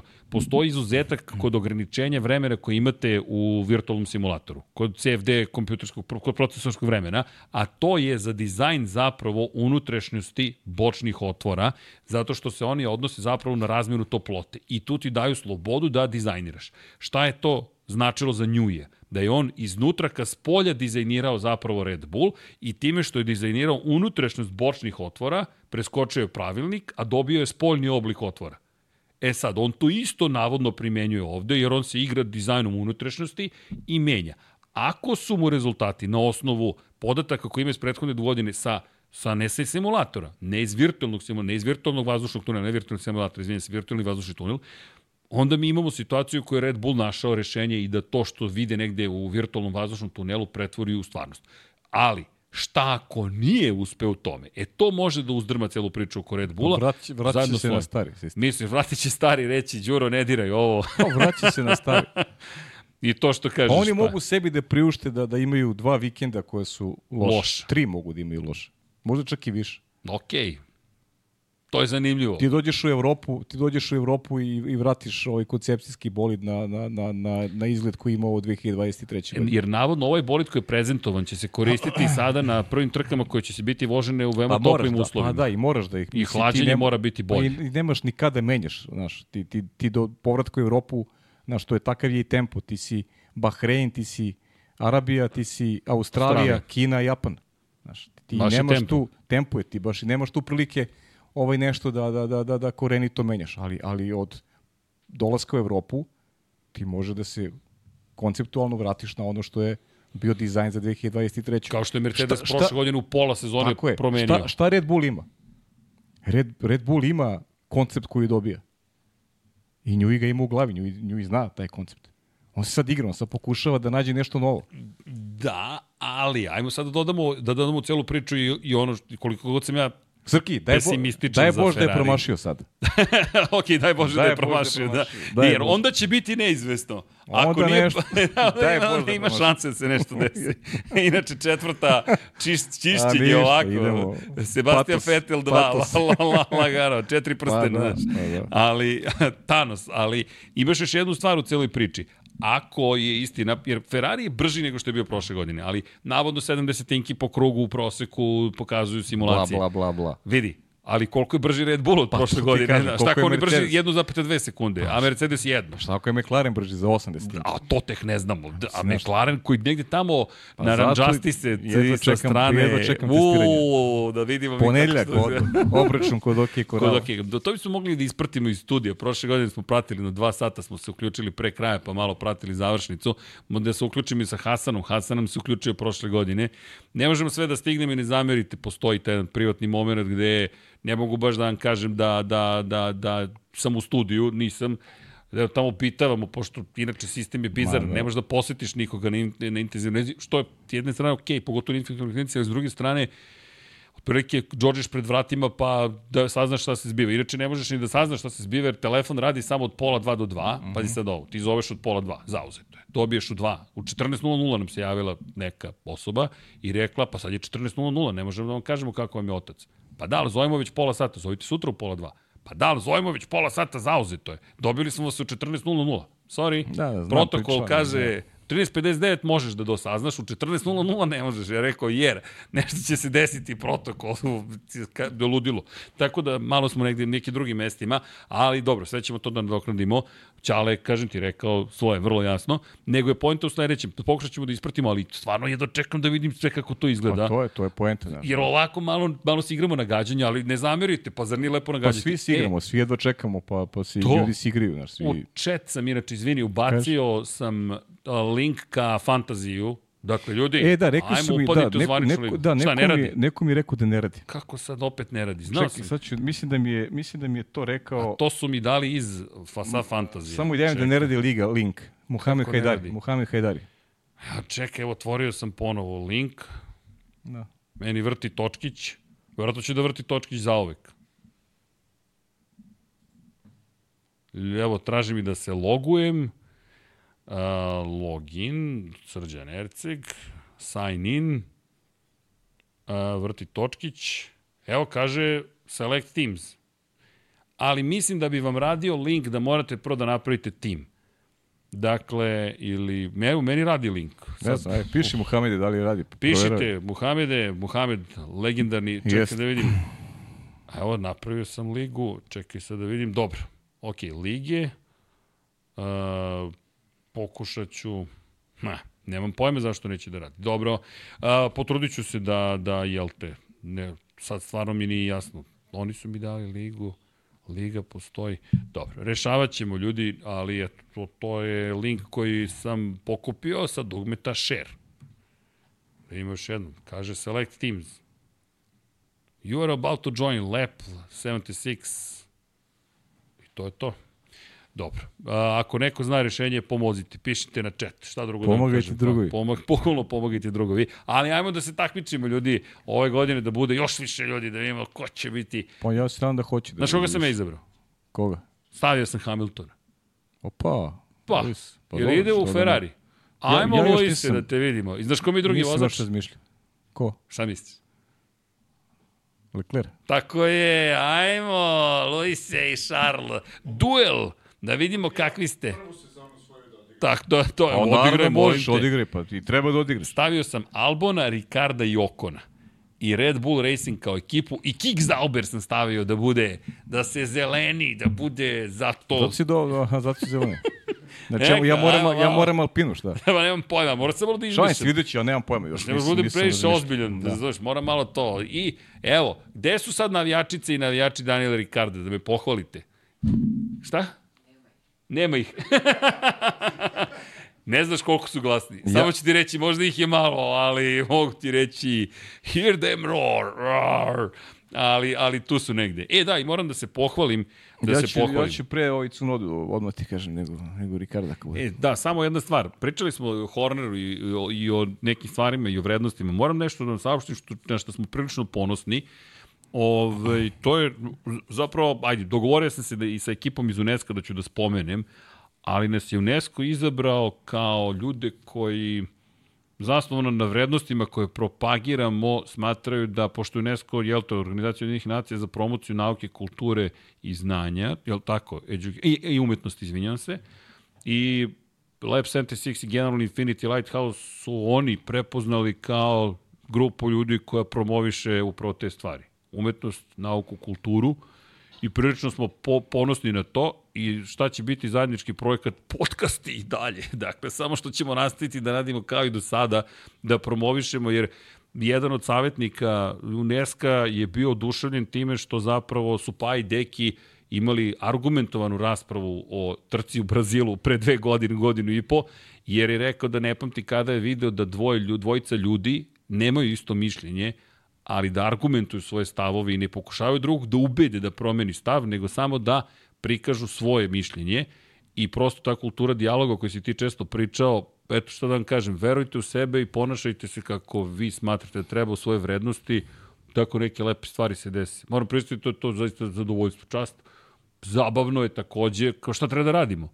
Pa ništa nastavite kao do sada, promovišite ovo što radite. Da, jako lepo i Fenomenalno. super stvari. Ja sam ti rekao, ajde ne pričam, ovaj, čak i ovde imam ove ljude sa kojima ovaj, se i, i viđem i drugujem, znaš, koji su iz, iz Da, da, da, da. organizacije, tako da baš, baš mi je drago ovaj, Pa dakle, jer- čuješ tako nešto i ni ne razmišljaš o tome. Jest, jest, da. Mi neko ti kaže, je lepo što ste kulturni. Ba, ok, hvala. To lepo zvuči uvek. Tako da, eto, trudit ćemo se, budemo kulturni. Kad smo kod kulture? Par stvari. Ljudi, Novosadski sajam knjiga je vraćen na program. A, Mali je problem što se sad super. preklapa sa sajmom automobila u Beogradu. Ne u potpunosti, od 18. do 25. i jedan traje drugi do 21. do 27. Čekaj, marta. marta. Tako je, tako je, baš se ako preklapa, ali vidjet ćemo kako ćemo da se organizujemo. Tako da novosađani, ukoliko ste tu i svi koji posećate međunarodni, to jest ne znam sad da će biti međunarodni, cenim da hoće, sajem knjiga u Novom Sadu, odlučeno je, to će valjda biti zapravo organizaciju neko drugi preuzeo, ali kako god, bit će sajma knjiga. To je To što je je najvažnije, da. Tako da je to lepa vest. Pre dva meseca smo rekli da ga neće biti. Eto, ju- jutro me zove čovek i kaže jeste dobili naš e-mail da se održava sam knjiga u Novom Sadu. Ko dobio sam samo da je otkazan, a nisam dobio ovaj drugi. Tako da eto, to su ljudi lepe vesti i pojavit ćemo se tamo. Druga lepa vest jeste, sajam automobila čekamo potvrdu da je prije, prijeva prihvaćena, ukoliko jeste, bit ćemo na sajmu automobila, nismo znali da će se baš pot- potrefiti u isto vreme, ali šta da radite, mi volimo, želimo da podržimo jednu i drugu manifestaciju. S druge strane, je, ovo je isto bitna vest, pitali ste mnogi od vas da li ćemo biti na sajmu knjiga u Sarajevu. Evo, da vam potvrdim, zahvaljujući ekipi iz Begena, s kojim sarađujemo kada je reč o prodaji knjiga u Hrvatskoj. Da. Bićemo prisutni na sajmu knjiga u Sarajevu. 15 kvadrata smo dobili. Uhu, tako da, 3 puta 5. Pojavite se, kogod da je iz Bosne i Hercegovine, dolazi na sajmu sajm u Sarajevu. Kada beše datum? April. april. Samo ne znam tačno koji je april. Tako da ćemo biti tamo. A kogod živi u Evropskoj uniji, u Hrvatskoj pre svega, ali generalno u Evropskoj uniji, ja ću sada da vam dam još jedan link. Odete na Begin, jel te? i .hr imate celu stranicu sa svim našim izdanjima. Šta to znači? To je sve već ocarinjeno, tako da ne morate da naručujete ako želite knjige za sada, nismo još završili sve za majice, to, to je i ostalo robu, to ćemo da završimo, ali ko želi zapravo da kupi naše knjige i da ne da. plaća carinu i čeka ko zna koliko dugo i ko zna koje dažbine, ode na Begin i potraži nas, sad nemam pojma gde mi je telefon, nemam, to je negde nestao, ali pošto mi internet trenutno malo radi, ne, čiji je pak iz dva iPhone? Nečiji iPhone sam uhvatio ko zna odakle. Dobro, pokušat ću da se prikačim, ali činjenica je da, eto, imamo, možda si ti, pisti? Možda paki, moguće, moguće, ja. Gde mi je telefon? Kako god. E, point je sledećem. Potražit ću link, stavit ću ga, poslaćemo, podelit ćemo na društvenim mrežama, tako da eto, ono što smo pričali, potrudili smo se da ispunimo, prijavljeni smo za sajam knjiga u Sarajevu, prodaju u Evropskoj uniji sada ide bez carine, naručite iz, sa begin.hr, imate celo ogdeljenje za Infinity Lighthouse, sva naša izdanja koja su tamo i eto možemo da vam kažemo da od sad možete da naručite Hrvatska je deo Evropske unije, tako da ko žive u Hrvatskoj, naravno može da naruči bez carine, ali pošto je sada deo Evropske unije, gde god da živite u Evropskoj uniji, stići vam bez carine, što su lepe stvari, tako da god da ste, možete da kupite preko begin.hr.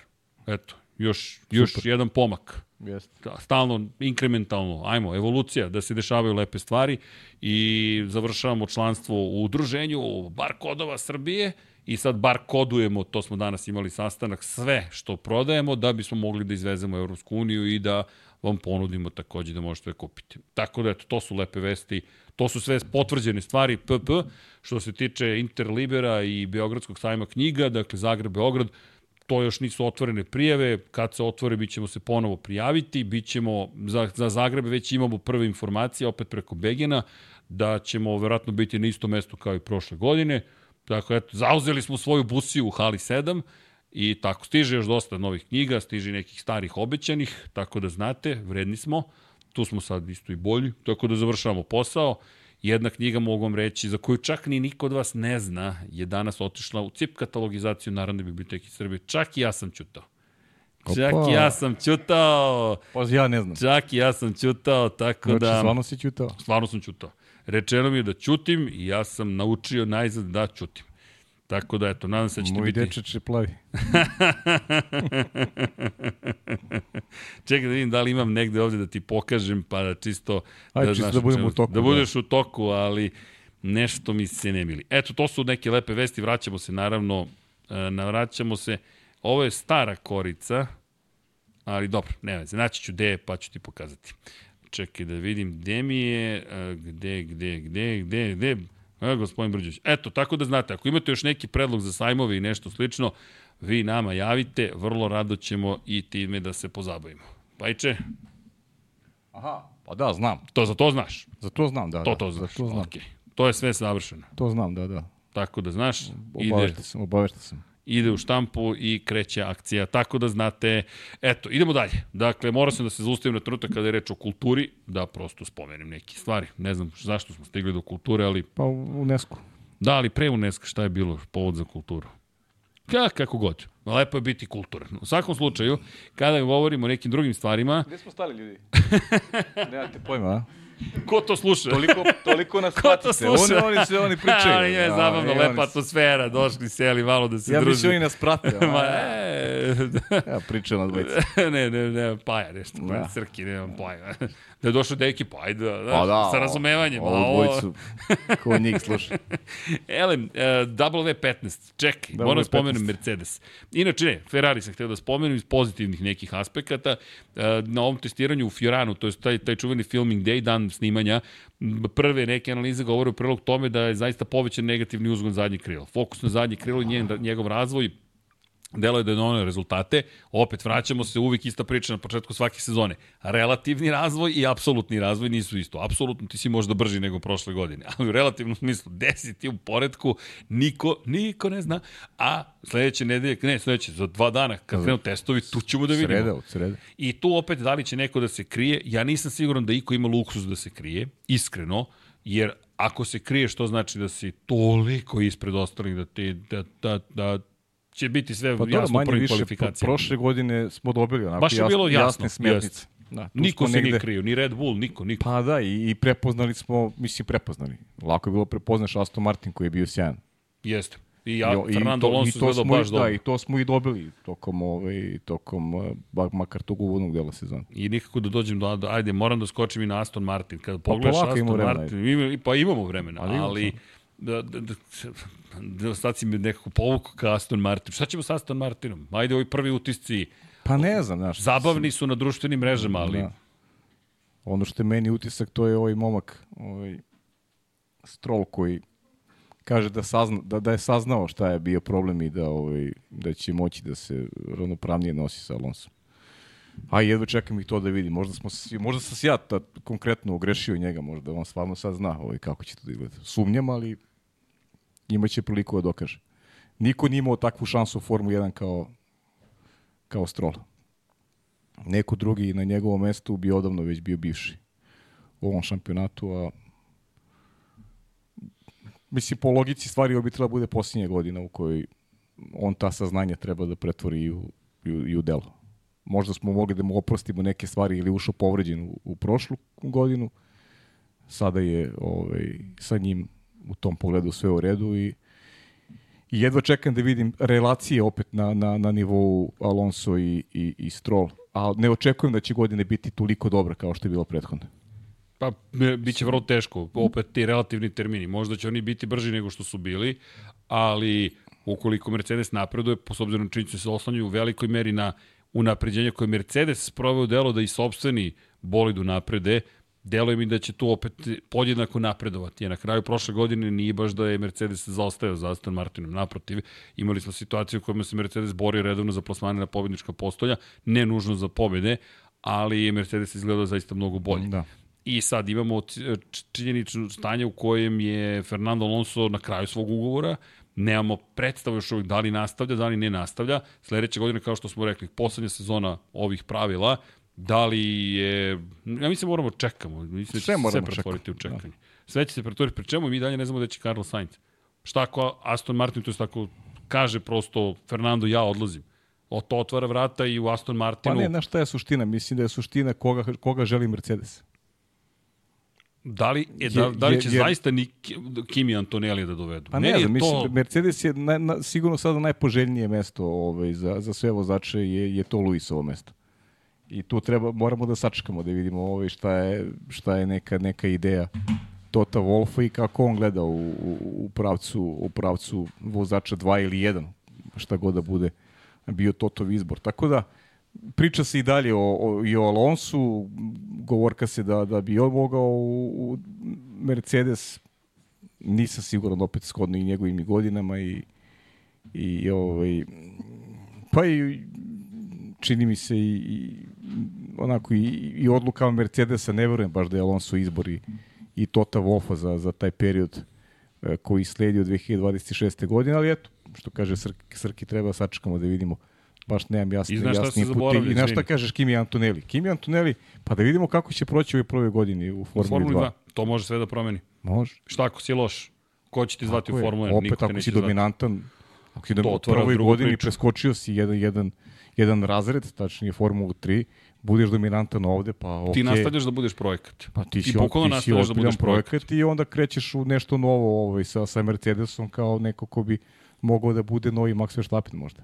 Tako da, ko zna. Mada, vidiš, Andrija je ovaj, Andrija preferira Ferrari više, tako da. Da, da, da, da, pa vidi dobro, bar zna gde, gde želi i šta želi. Da, Vo, baš je bio jasan, vrlo. Jeste, jeste. šta, kako i zašto. posle Luis. Posle, pa, na, na, i kada, da, da, da, Da. u kom momentu će to da se desi. e, ali, kada spominješ, to je, šta se zaboravlja, Aston Martin, Honda, vidi, Pričamo o Saincu u kombinaciji sa, sa Zauberom, to jest Audijem. Ali ako Sainz, to jest ako Fernando Alonso kaže, ajmo ovako, ako Alonso kaže hoću da ostanem još jednu godinu, ja ne vidim smisla da ostane još jednu, da ne ostane i za 2026. Niti za njega, niti za Aston Martin.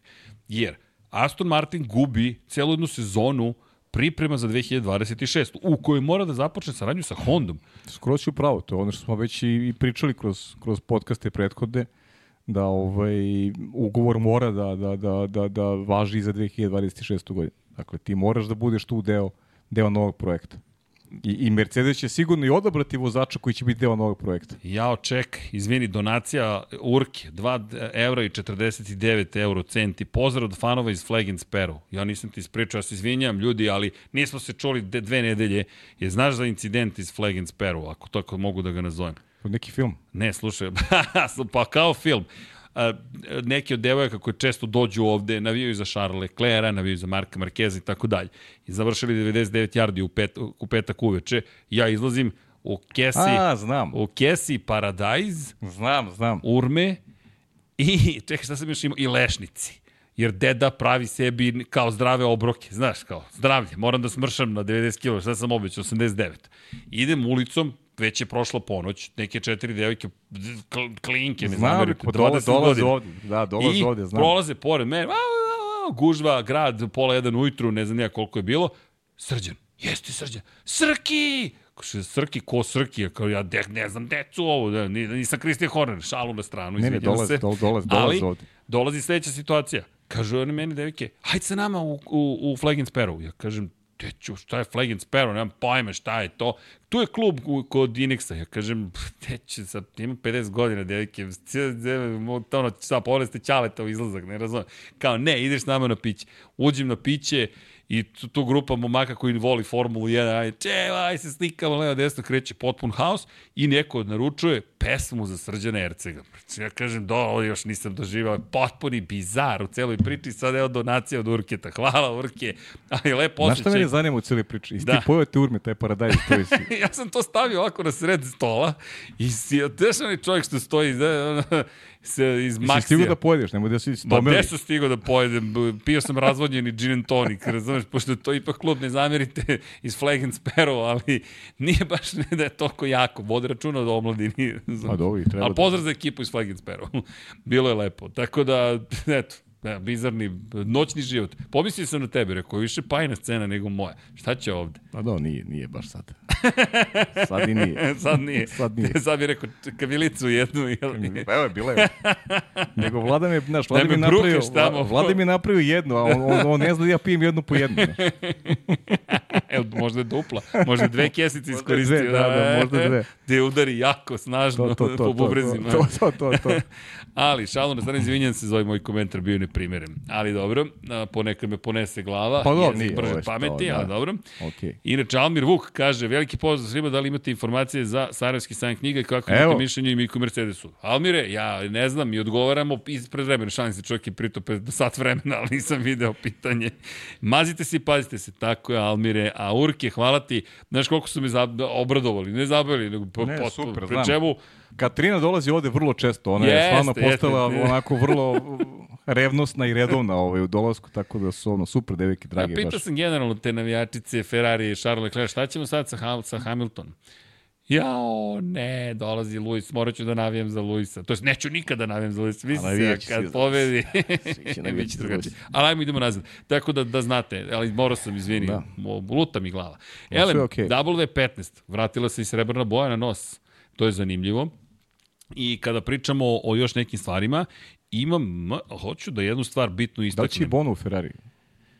E, ta klauzula da ne smeš da angažuješ ljude. Mm. Ali da li klauzula kaže ne smije Luis da ih angažuje, da ih vrbuje ili... Pa ne znam, znaš. A sve se da dogovoriti. Ma sve. Pazi, sve, sve, sve, sve se da, sve je podložno, ne pregovorima. Pa ne samo to, Srki, gde ćeš nezadovoljnog čoveka, znaš. Ako neko hoće da ide, šta ti da da mu kažeš, imaš ugovor, sedi tu. Pa, mislim, pa šta će ti taj čovek? Šta će ti? Toliko puta smo to videli, da, pogotovo u trkanju. ništa ti da. Da, nema pa, potrebe da, da ga držiš. Vidim, ja se sećam u Moto Grand Prix pogotovo to bilo izraženo. Eneo Bastianinija, kada je Fausto Gracini na silu zadržao celu jednu sezonu u svojoj ekipi. Ni to on uspešan, ni to oni uspešni, nikom nije donalo ništa. To je terenje inata, Srki, tu nema, nema, nema zdrave neke logike uopšte. To sam baš spominjao, evo da te pitam, da li ti je romantično u filmu kada, neka, kada glavni junak kaže ubiću se zato što ga ostala devojka? Da, da li mi je romantično? Da, jer to se predstaje kao Kako to romansa. Ja, da ja meni to romantično? deluje kada treba da pozove zavrano mu teatralne pomoći, ne mislim ništa loše, nego zaista, jer ti sad vršiš krajnju manipulaciju. Znaš, romantična pesma, umriću bez Ja- tebe. ja Če nemoj, čoveče, Samo- u redu je da se raziđemo. je- Jednu stvar bih te molio, Da. da, ne triš moment baš da budem iskren do kraja. ne, nemoj da budeš Ne, ne potpuno bi da- iskren. ne bi da Ali ima tih filmova, znaš, Will Smith koji skače pred kola. nema uopšte, Evo, nek me pregazi auto, samo nemoj da me ostiš. Čekaj, čoveče, to je manipulacija. Tu ima- to, to, tu ima- to, to nije ponašanje. Ima poteza za, za neku drugu ustanovu. Da, bukvalno. Ali mi je samo bilo fascinantno jer sam s nekim mladim ljudima pričao kao ja, što je to romantičan film. Što je romantično tu? Bacio se pred kola. Ni, to, je, to se zove vršenje pritiska, to nije romantika. To je nešto drugo. Tako da, Drugo, baš, mnogo- romantika mnogo je, drugačije. i ako vas neko ostavi, u redu je ljudi, naćete drugu osobu, sve, život ide dalje. Postoji uvek neko za nekoga. Tako je. I to su lepe stvari, ljubav je lepa. Ali ne bih se složio sa gospođom Maksimović, desankom kad, samo kad se čeka, bolje kad se dočeka, odmah da vam kažem, lepše je. Mnogo je lepše i zabavnije. Elem, baš sam zabavio narod, tako ništa drugo. Elem, vratit ću se na Mercedes i Vrati se. pa zapamtite ove reči. Ovo je nova ključna reč ako hoćete u društvu u Formuli 1 da budete glavni.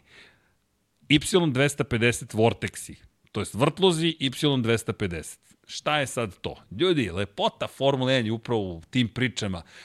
Ako se ne sjećate e, Y250 vorteksa, morat ćete da ih naučite do sledeće emisije, jer to je sada novi keyword, što kažu. Ili ti, Pajo, Mercedes je jedan, jedan deo zapravo svog prednjeg krila odvojio od nosa i našao je rupu u pravilniku i zapravo stvorio otvor koji se nalazi na 250 mm zapravo od samog nosa, to je glavnog centralnog nosača, pa i samog nosa.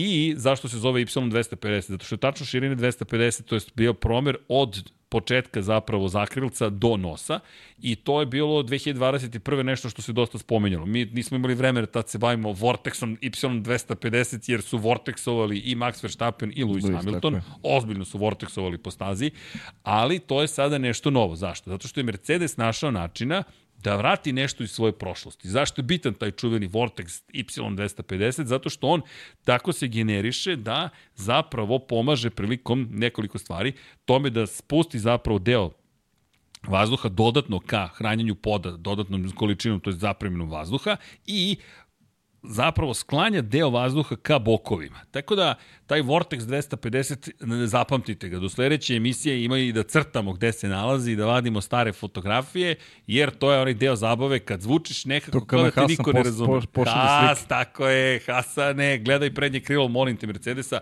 baš nam slika i detalje, ono zoom 300 i na pola metra zoom 300, molim te, da vidimo tačkice znači, na, na dizajnu, pogotovo centralna konzola i kako izgledaju zapravo zakrilca na, kad, do, kada su kako se kače na samo krilo. Jer to je vrlo zanimljivo ove godine ko, kako je Mercedes našao rešenje i nos generalno koliko se uložilo u razvoj nosa, ko ima podvučen deo, ko nema podvučen deo, ko kako kače prednje krilo. Zašto izbegamo u ovoj emisiji bilo što ozbiljnije da analiziramo? Jer nemamo pojma da li je to istina ili je to samo render neki. Kako? Hoćemo da imamo Mercedes? Pa stavi ga, evo, može, ali nećeš videti mnogo Ništa. toga.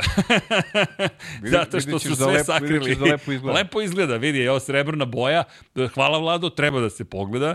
Ne, ne, slobodno vrati, može, lepa je slika, ne, možemo svi da uživamo u, u renderu. Ne mora nas da gledaju ljudi. Tako je, inače, Mercedes je imao virtualnu prezentaciju, dakle, ne znam da li je štednja, da li se štedi ili ne, ali činjenica je da je malo tu isto bilo drugačije, no nije to nešto novo. A međutim, čekamo da vidimo zaista kako izgleda bolid na stazi. I kada Hasan nam bude poslao prve fotografije, ono što je meni zanimljiv detalj u celoj ovoj priči jeste ta srebrna boja, to čak nije ni samo detalj, jer negde imam utisak da Mercedes po, pokušava da se vrati zapravo Već je to bilo pokušaj 2022. pa su se 23. vratili na crnu boju, to je negde bila naša procena zahvaljujući tome što žele da bude više ugljeničnih vlakana, smanjena težina itd. Međutim, odlaskom Luisa Hamiltona mislim da imaju potrebu da se setimo svi da su oni srebrne strele. Jer su deo identiteta zapravo izgubili. To je moje mišljenje. I odlaskom Luisa Hamiltona moraju malo da vrati identitet Mercedesa, da se kaže, ej, mi smo Mercedes. Dakle, Pa do, nemaju zvezdu sada, nemaju... Nemaju. Ne, nemaju identifikaciju pravu. Znaš, I mislim da Baš me moraju zanima sebe to, da pretvore ponovo čekam da vidim. Pa da, moraju to da uradi i bilo bi čudo za mene da, da, da pogode ovaj, ali da pogode sa bolidom koji će biti konstantan. Zaista. Razumem te. Da Znaš, ne bude od trke do trke. priči, pa da. da. Jer u celoj priči ovaj, oni, su, oni su najveći gubitnici svega ovog što se dešavalo ove zime. Znaš, ostati bez nekog ko je prva zvezda, to ti je jasna poruka da, da, da, znaš, evo ti sad pričaš o, o, o nečemu što su fakti, o nečemu što, što bi trebalo da bude realno stanje, da su oni našli neki bolji model, ali, ali zar nije najbolju poruku poslao Lewis Hamilton? On je poslao poruku, ja vama ne verujem. Bukvalno im je rekao, Znaš, ja vama ne verujem. Jer to je, Odoh. znaš, da je, da je Luis tu video znaš, neki materijal koji će naredne dve godine njemu da donese pobede. Pa čemu odlazak iz, iz Mercedesa? Čemu, čemu prelazak u, u Ferrari? E, to je ono što što mene u celoj priči zbunjuje onako poneviše kad je Mercedes u pitanju i zato jedva čekam, opet se vraćamo na ta testiranja i ovaj, ne može niko bolje od tebe ovaj, da, da, da tu da neku analizu tih, tih tehničkih ovaj, a, detalja i, i svega onoga što, što, što da kažem krasi te bolide ali ne- neku realnost ovaj, spoznaćemo evo vrlo brzo ova tri dana i, i pričati sa mnogo više argumenata u ponedljak u tom našem, ajde da kažemo, u završnom pa podcastu završnom pred podcastu početak pred sezone. početak sezone. Da. A bilo, stvarno je bilo iznad očekivanja, ovo je baš ne bilo zanimljivo u prethodnih Ovo je meseci. februar, pogotovo. Pa i januar. I januar, bio, bez, i već januar polovina februara je krenula, da, da. Jest, januar je bio, je bio dobar. Tako da mnogo dešavanja, mnogo događaja. Da, i kažem, prošle nedelje, to jest ove dve nedelje kako su mi čudno prošlo, ok, možda je to razumljivo, dobro, da, i- ali i, sad kada pogledaš sve ovo što se skupilo, nekako kao, da- jedem, razmišljam, pa evo, a, a sledeće nedelje, najava sezona. Naravno, mi bi Srki prošle nedelje da smo radili, mi bi posvetili podcast uglavnom Horneru i to bi I onako- Ferrariju, verovatno, i Ferrariju i bilo bi i tako, tako i bilo bi tu. Da, Ferrari je baš taj dan i To, to, to, jer to smo i čekali To smo zapravo. i između- čekali, tako to jest, moram da kažem, ljudi, huma, stvarno smo, ono što pročitate, to je tako. Zove me Paja u ponedeljak i kaže, Srki, niko nije spavao. Juče je bila žurka u prostoru na Svemirskom ranču Da, i da. kaže, vidi, Vlada je bio celu noć, Srki je bio celu noć, svi su bili celu noć. Nema smisla da sad organizujemo. odložimo za utorak. Može, mogu da, i, i niko, nije, niko od njih nije to predložio, da se razumem. Niko Da, nije rekao, nije, nije. neću da dođem ili umoran Ma sam jo, ili bilo pa, šta. Ne, ja se čuo bio sa Vladom, Vlada je samo rekao da treba da dođe, nije, nije ali, sporno. ali ako razmisliš, zar nije humano, mi sami sebi ovde krojimo neke stvari. I onda smo rekli, ok, još pride stiže Ferrari u utorak. Tako to. je, tako je. Taman se sve lepo organizuje, kažem, malo se se stvari promenile, ali tad bismo baš pričali o Ferrariju. I ne želim da izbjegnem Ferrari, ali smo već vidjeli da ne znamo šta su zapravo pripremili, Ne, ne, ne, ne. a jeste malo prvi Pa utisak. da, i jeste konzervativniji, kažem ti, i, i, ali opet s druge strane, nije to loše Srki uopšte. Jer obično kad je Ferrari i kad su očekivanje italijanske Da, javnosti, okej. uvek je to nešto glamur. Znaš kakvi su italijani, sve je glamur, sve je super, mnogo bolje, napadamo titulu. Sada su i oni naši i mediji su konzervativni, što nije loše za, za Vasera i za, i za društvo, jer ovaj, nemaju to to breme ovaj velikih očekivanja koje se stalno Ferrariju strovali na glavu pre svega od, od strane od strane medija lokalnih medija koji su onako jel te i naklonjene naravno svom svom brendu jer nemojmo i to da zaboravimo Srki Ferrari je jedan od retkih brendova koji su ostali italijanski Znaš, Jeste, ok. jedan od retkih Fiat više nije italijanski Ducati ili tako ni Ducati nije Pa nije u suštini, da ali ok, da, kada pogledaš, Mislim, ti znaš vidi Ducati istorija pripada Ducati, ali- ali- Audiju. Audi je deo je. Volkswagen grupacije. Upravo to. Lamborghini takođe je deo Upravo to. Volkswagen grupacije. Znači, naš Ferrari uvek je bio ta neka, ovaj, neka italijanima, neka ideja vodilja, i, ali su imali i druge brendove koji su bili moćni, međutim, italijani su bez tih brendova ostali i dalje ih vezujemo za Italiju naravno, ali u toj nekoj vlasničkoj strukturi oni više nisu italijanski, a Ferrari jeste. Tako da, znaš, od Ferrarija se uvek neko najviše najviše očekuje i ovaj nije loše kažem za, za, za celu ekipu, za celu mašineriju da da da možda to ovo izgleda malo traljavije nego što nego što ajde taj izraz upotrebim nego što je možda bila ovaj projekcija eh, pre pre mesec dva.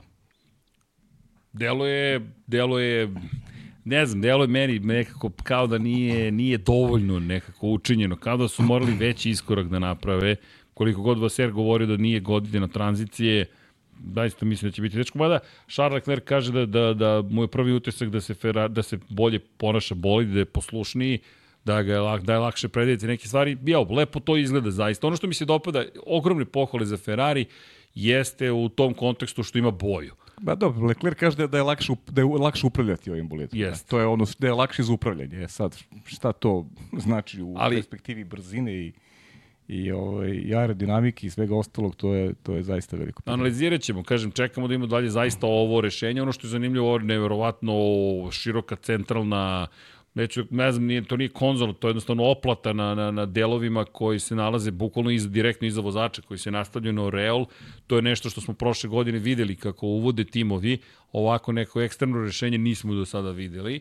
Možete da vidite da bokovima kako se jednostavno koristi koanda efekat da se spusti dole vazduh ka difuzoru, a gornji deo da se preusmeri ka zadnjem krilu i ka tom centralnom krilu, srednjem krilu, beam wing takozvani, gde se takođe šalje velika količina vazduha i možete vidjeti zapravo škrge koje služe za hlađenje. Jednostavno to, te škrge će se povećavati i smanjivati u zavisnosti od toga kakvi su ambientalni uslovi.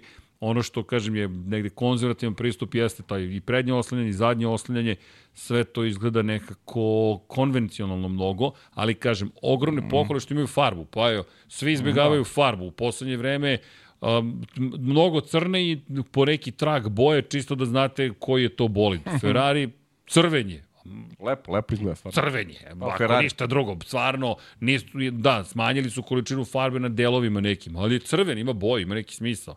Znaš, nekako je lepo. I sve povela se diskusija da li treba zabraniti e, da neofarbani budu bolidi. Bukvalno, jer smo došli do stadijuma da zaista nema više farbanja. Nekad je to bio spektakl, čekaš da vidiš koje boje će biti, koji su sponzori, kako će to da izgleda. Poenta je, biti lakši samo. Pojete samo biti lakši. Samo biti A lakši. ti ja imamo više, tu filozofiju. više ni estetika nije važna. Samo, samo biti lakši. Da, da, ali italijani ne odustaju od Pa estetike. dobro, i- da, italijani, pa to su italijani, oni, Nema. oni, oni su izmislili to, tako da ne. Bukvalno lepe umetnosti odande dolaze. Pa samo da, odande. I nema, kao, kao da odustanemo. znaš onu Meša Selimović, šta je govori uvek, Italija je najlepša žena na svetu. Jeste. Ti, ja se s tim slažem potpuno. Da, ti si baš veliki ljubitelj Italije, Peninskog polostrava. Pa da, da, da ne ulazim sad u detalje. Nema potrebe, ali dobro, ali Da, lepo, jesam, ali jesam, zaista da, lepo. To priznajem da jesam. Jeste, dobro. Kada je reč o Ferrari, to isto, ba kao i za sve, čekamo. Ostanem samo da čekamo i da se nadamo da je tu neki pomak napravljen. Inače, prvi rezultati... Ali da ti kažem, i ti skidaš farbu isto. Čim su tu, znaš, ovi paradajz i to. Hoćeš da budeš lakši. Paradajz. Vidi, veruj mi, ne skidam farbu, odmah ti Farba nije u pitanju, veruj mi. Da, mislim, preneseno Ulje, ulje, znači. ulje. Preneseno, Više ulje u pitanju, ali ajde. Kad već me teraš da, jel te spominjem. Zapamtit ću ovaj paradajz i ove, ove, ove lešnike. Nema, nema, veruj mi, ali bizarno, imam onu maksi, znaš onu kesu iz prodavnice. znam ja tebe, ma mogu tebe da zamislim. I šetam se s paradajzom ulicama i njih četiri. Hajde sa nama, iako deću, devojke Pre. su vam, ne preko, preko. Da, i nek mi ne zamere na, na komentaru da malo razvođeni gin tonik, ali čekaj star čovek, pa ne, sve je to u redu. Nije navik, I nije navikao pije razvodnjen. Nisam definitivno. Ali dobro. E, Da, inače, nismo, ima, ima stvari kojima još treba pričati. One stvari koje bih spomenuo svakako jeste, meni je to makar zanimljivo, Haas. Ali znaš na kom nivou? Prve izjave i vozača u kontekstu toga kako vide novog šefa ekipe. Da, da, pa dobro, znao da, da ćeš to da... Pa, Ok, pa dobro. vidi, Magnussen je taj koji, Zap Kevin Magnussen se oglasio i rekao da što se njega tiče, da će dinamika novog šefa ekipe dovesti do toga da se izbegavaju nerealistične, optimistične procene i očekivanja. To je komentar. Dakle, ulaze u novu sezonu dosta onako, povučeni u kontekstu nekih izjava. Oni su imali najviše vremena u virtualnom vazdušnom tunelu, međutim oni nisu preterano zadovoljni baš rešenjima koje su primenili. Izgleda nisu baš pogodili kao prve sezone kada su zaista napravili jedan bolid koji su svi pažljivo posmatrali. Nije im pomoglo. Inače, za one koji ne znaju, Jao Komatsu je preuzeo upravljanje ekipom, Ginter Steiner je otpušten, a Jao Komatsu eto, ima sad tim koji će predvoditi, nije njegov bolid, u kontekstu toga da to nije tim koji on izabrao pa je pravio bolid. I sezona, eto, najviše se trenutno svodi na to da vidimo kako će stvari funkcionisati u samoj ekipi. Veliki podvig ako ne budu deseti i ove godine. Rekao bih da si, da si sve Jer opisao. suština problema je Haas. Njegovo odsustvo, njegova pozicija generalno... Ovaj, Manjak nekako... Pa manjak interesovanja, znaš. Ali, a znaš šta je, tu, tu, tu, se, tu se Srki vidi, a to ćemo na kraju da pričamo ti ja, ovaj, jer znaš da je Daytona održana ovaj, juče i, i za malo sam pobedio, ali dobro, šta Da. da se radi, za točak. Ali je, ovaj, Ali je bilo dobro. bilo je dobro, da, bilo je zabavno. Ispratio sam malo na, na Foxu. I ovaj, e, znaš, vidi se i kroz NASCAR.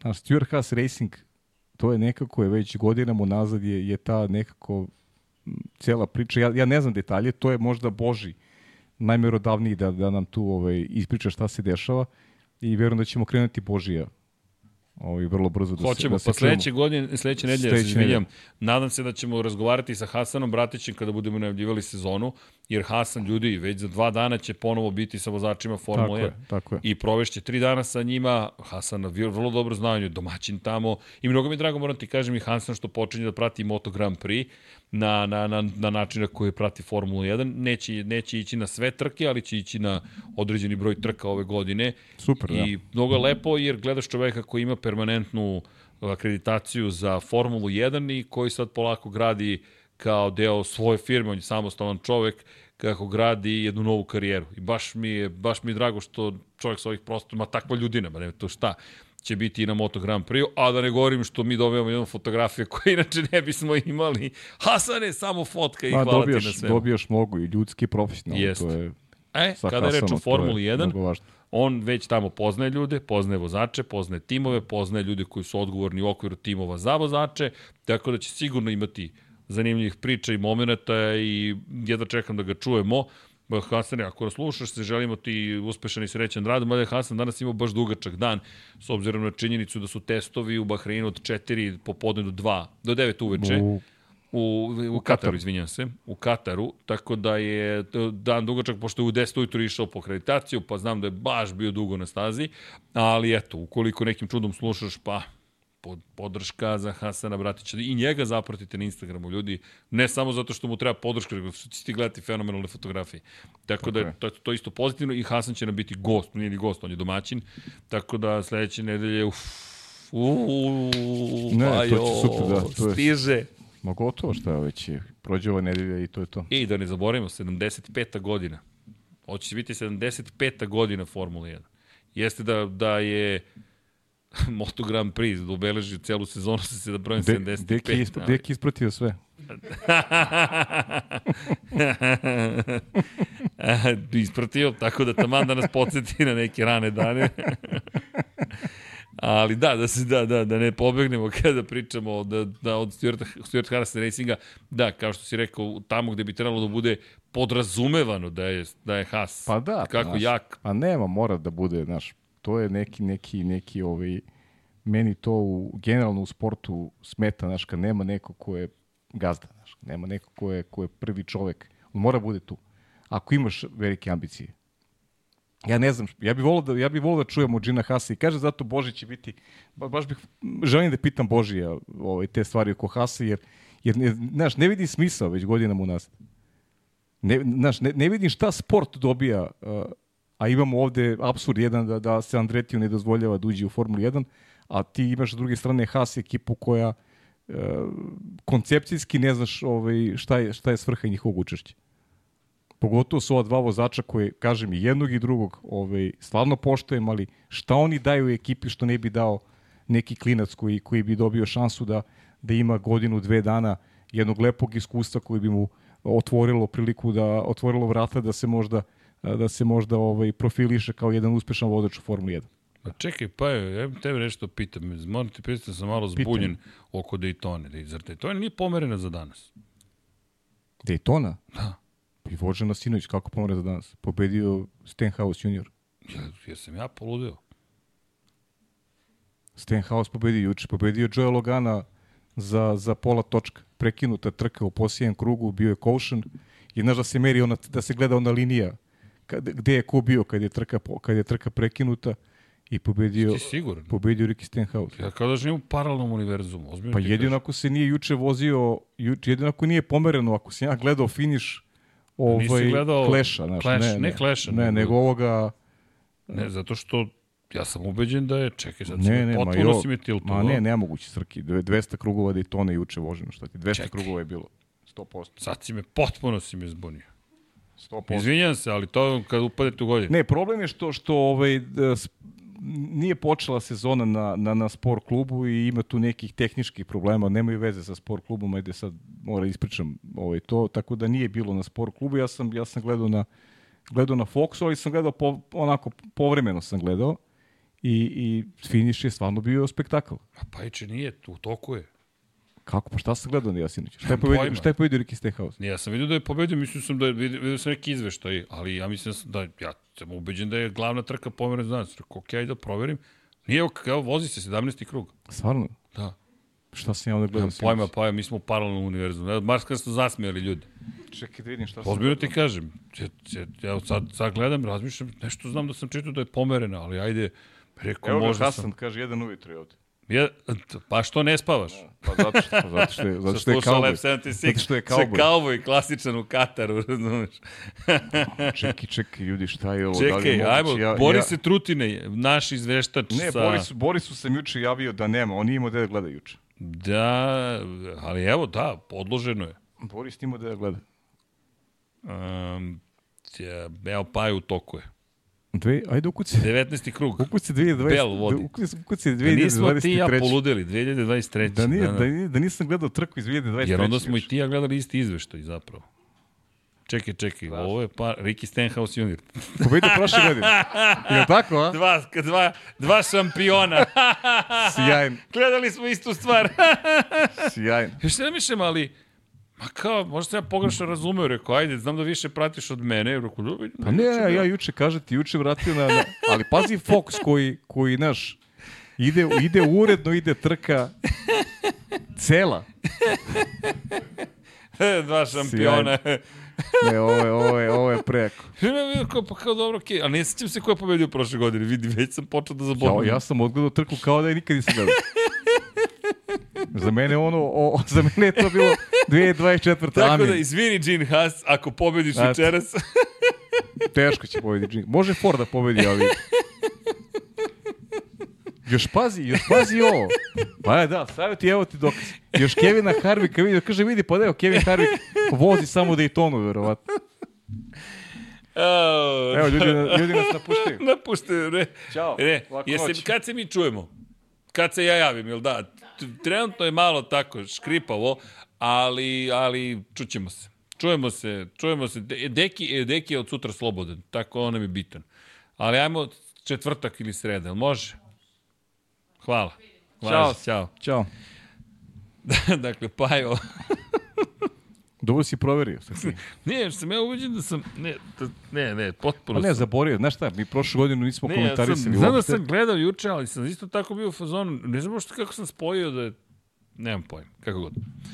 Ti još ja gledam, znaš, kao onaj finiš. Nisam gledao konstantno, ali finiš odgledam i vidim za pola točka. Ao, ovaj. jako, dobro. Znači sad se vozi. Sad se vozi. taman kad dođemo pogledamo finiš. Gde finiš, taman ćemo da uhvatimo finiš. Je... A, od Paja, dobro. Čekaj da vidim, ne, ozbiljno, evo, vozi se da, ne, više ne znam koji krug u toku. Da, da, ali... odložno zbeo, kaže i Boris, da. A oni su pustili trku prošle godine. 23. krug je. Bell, Blaney, Logano. Dobro, Logano je tu. pa dobro, Ford, Ford je, Ford je bio. Znam da su bili dobre kvalifikacije. Dobro, ali da. Toyota vodi trenutno. Bell. Ajde, da. vidjet ću. Dobro, Dobro, kako ajde god, vratimo. zabavili smo. Jeste, da. Zakon ništa drugo, zabavili smo definitivno, se. da. Definitivno. Ao, dobro. Dva šampiona. Da Ne, ne, upotrebim ja sam pogledao, pazi, ja sam gledao juče. Ja sam isto video nešto, bre, pa šta ti je? Ja sam gledao, ja sam na Ti si gledao Foxu. celu? Pa ne, ne, ne, nisam, ne mogu, nisam mogu. Stvarno, nisam gledao ni prošle sezone. Znaš kako ne, kako ne komentarišemo i onda teo se vidim finiš, jer, jer znaš, zanimljivo mi je pogotovo da i to na pogledam finiš. Ali ni jednog momenta ja nisam ovaj ukačio da, da to u finišu Još kažem sebi, vidi, Džu- Logano za, za malo. Opet, tako blizu, a tako Šteta. daleko. Da. E, ljudi, može jedna molba. 47.999 subscribera. 47.000, 999. daj taj 48. Hajmo, 48.000 ti. Tako kaže. Tako. Sad ću početi da sumnjam u sve što smo do sada naučili. Au, dobro. Dobro, dobro, lepo, smo, lepo, lepo smo se ti ja zabavili. Gde smo bili? Ono, Kod Hasa smo bili. Eto, Kod Jim. Haas. Pa Jim Haas asocirao. se dovezao do, do, do, do Daytone.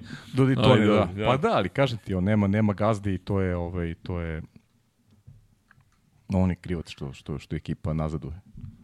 Od onih pohvala s početka, kada je, kada je brzo savladao gradivo i prilagodio se formuli i deo do, do danas kada oni izgledaju stvarno očino.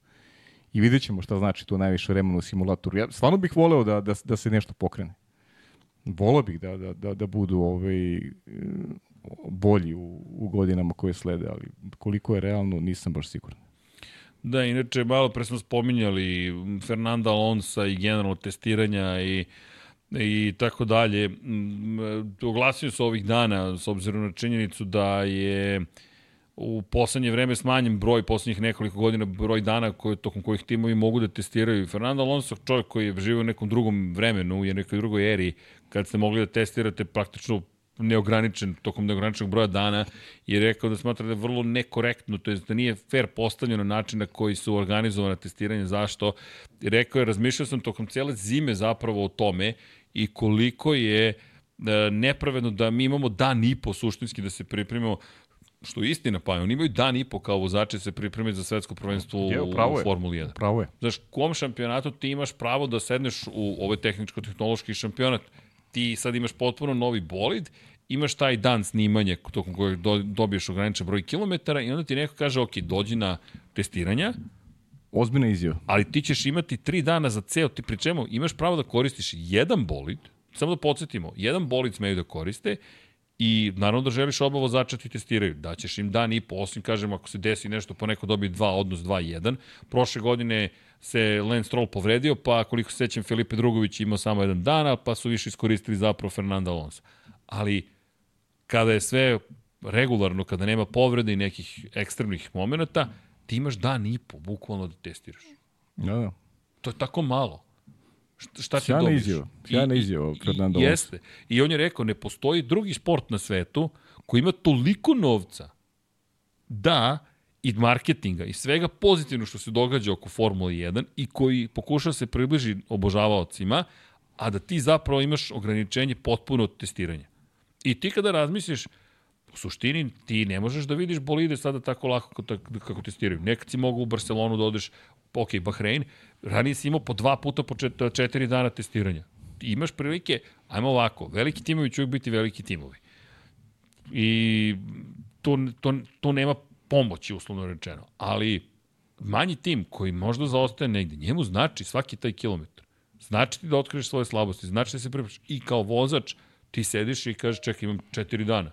Mo, imam dovoljno vremena, dva puta po četiri dana. Ukupno ću da vozim četiri dana. I ni četiri dana nije nešto mnogo, ali opet dan i po baš je malo.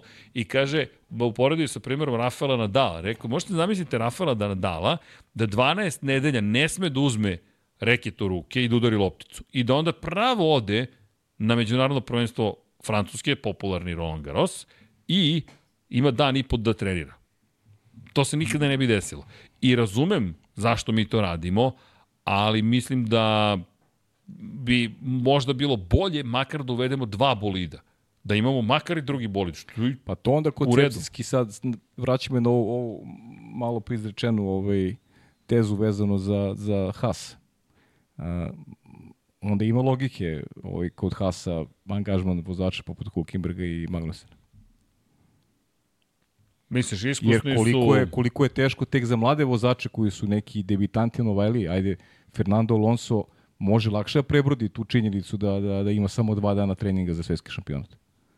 Ali kako će sa time da se nosi neko ko ima 20 godina i I dođe i, na dan i po. I, dođe na dan i po testiranja. I onda treba da sedne u boli i da vozi zvaničnu trku. I dobra mu je izjav, i dobar je Ne, stav. ne, ne, odličan je stav. I George Russell koji... E, pa moram, moram ti reći da, da, da je nešto najbolje što sam pročitao ovaj, od, u, u međusezoni je, je, je taj izjave Fernando Pri, Alonso. pri čemu, ajmo ovako. On je i lepo rekao, mi svakako dolazimo u Bahrein. Nije da testiramo na stazi na kojoj neće već biti po dva bolida po ekipi. Podsećam, vi trenutno imate pravo jedan bolid samo da izvezete za oba vozača. Dakle, to je jedan fizički bolid koji vi izvezete, sedne Paja, vozi dan i po, onda sednem ja, vozim dan i po i to je to. Pri čemu i taj bolid morate da prilagođavate, sedište da menjate, poziciju i tako dalje i tako dalje. A drugi bolid je već tu, jer mora da bude zato što sledeće nedelje vozite trku na tom istom mestu. Jeste.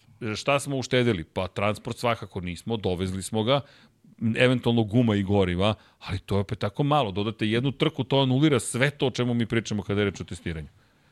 Zar ne? Jedna trka više i to ti to. Pri čemu, i, i tu se i George Russell kao predsjedavajući zapravo udruženja vozača složio da je negde logika da dobijete tri puna dana kao vozač, da imate dva bolida na stazi i to je to. Mislim, zvuči mi kao neko racionalno rešenje gde ti možeš da kažeš, aha, kako najbrže ovo da rešimo? Pa stavite nam drugi bolid na stazu. I rešili smo problem. Meni makar zvuči Pa Toliko o dosta tome logično. koliko se taj neki interes vozača ovaj, zastupa, a mislim da a, šta nedostaje? Nedostaje ta zdrava kritika i ono što, što smo mi dobili ovaj, kao pohvalu na račun e, komunikacije koje vodimo dijaloga. Mislim da, da, da, da je glas vozača se slabo čuje. A bili smo svedoci mnogih primjera u prošlosti, pa eto ti recimo Las Vegas, kada niko voze u pola pet ujutro kad su vozili, to je sve okej. Okay. A ovo što je rekao Alonso je nešto što što treba da pomogne sport, treba da pomogne vozačima. Jer evo, uh, mladi momci pogotovo, nije normalno da, da, da sa neko sa 20 godina sa, sa dva dana testiranja ulazi u šampionat. A da se od njega očekuje precizna vožnja, da u slučaju Hasa doveze bolid u garažu, treba mu vreme da se adaptira. A oni to vreme nemaju. I stvarno je izjava onako za analizu i mislim da bi vozači trebali da podrže uh, Fernanda Alonso generalno uh, ovaj, uh, sa stavom koji, koji je ovaj, izneo i da, i, da, i da rade na tome da, da, da, da uslovi po njih budu budu bolji. Jer i paralel je povukao sjajno, stvarno jedna, jedna onako izjava nekog ko ima iskustva i, i, i čije reč ima težinu baš mi se dopalo i možda smo čak sa tim trebali i da, i da, i, i, i da krenemo u moru informacije koje imamo. Super si se setio. Zaboravio bih najiskrenije. Vidi, mislim da je važno zato što Kako nije? je nešto što Mnogo važno. je od suštinskog značaja za, za, za, za tako mnogo stvari. Za pripreme timova, pripreme vozača i pripreme mladih vozača, kao što se Da, rekao. da, da. I generalno, zaista bih volio da dobiju mogućnost da imaju više vremena, ti dupliraš količinu podataka u najmanju ruku koju ćeš dobiti. Jeste. Ok, ako sve prođe kako treba, suštinski dupliraš količinu podataka, a svaki podatak ti je zlata vredan. I to je predsezon. Znaš kako, Srki, iz, iz ove naše pozicije, novinarske, pa rekao bih i, i- i pozicije gledalaca, rekao bih da je čak ovo dobro. Dobro. Jer ti, jer ti ulaziš u sezonu sa nekim velom neizvesnosti. Ti nemaš nacrtano šta će tu da ti se dogodi. Čak i ta predsezonska testiranja od tri dana, pa nisu baš onako generator onoga što što će se a priori dogoditi. Jer tu ima i skrivalica, mo- znaš, mo- može neko da odigra ovaj, pametnije u, u celoj priči kako bi sakrio neke dute. A ovako da ima više testiranja, e, nekako se karte više otvaraju i, i dobijaš jasnije naznake šta će se dešavati u trkama. Tako da je iz, iz, pogled, iz našeg pogleda to okej. Ali ovde treba da se štiti interesi vozača i ekipa. Njima više znači da imaju više vremena provedenog na stazi uh, u svakom pogledu. A to je primarni cilj. O, oni, su, oni su vrh piramide i, i, i njihova pozicija mora bude uh, glavna. O, o, oni moraju da se pitaju kako stvari treba da izgledaju u šampionatu. A ovo je njihov interes, da imaju više vremena da se pripreme za svetski šampionat, kako je lepo rekao Fernando Alonso. Da, ali ima to veliko pitanje i to se i Martin Brandl oglasio po pitanju generalno toga kako se pristupa šampionatu i upozorava Formulu 1 i čelnike Formulu 1 koji treba time da se bave, da su postali pre, samo, da su preterano samouvereni. A koliko god da je loše kada si nesiguran u sebe, toliko je problem i kada patiš od preterane, preterane vere u samog sebe. I rekao je, ako pogledate, uporedio situaciju sa Force Indijom, koja je danas zapravo Aston Martin, koja je iz Force mm -hmm. Indije prerasla, jer setimo se, Sergio Perez je odigrao ključnu ulogu u celom tom procesu. On je na sudu u Britaniji tužio zapravo Red Bull, to je Force Indiju, izvinite, da dovede do toga da ona ode u stečeni postupak. Da bi otišla u stečeni postupak, to je kada ode u stečeni postupak, postoji mogućnost da investitori uđu i spašavaju kompaniju. Ali je neko morao da tuži tim. On je tužio rođenu ekipu i otvorio vrata Lorenzu Strolu zapravo, mm -hmm.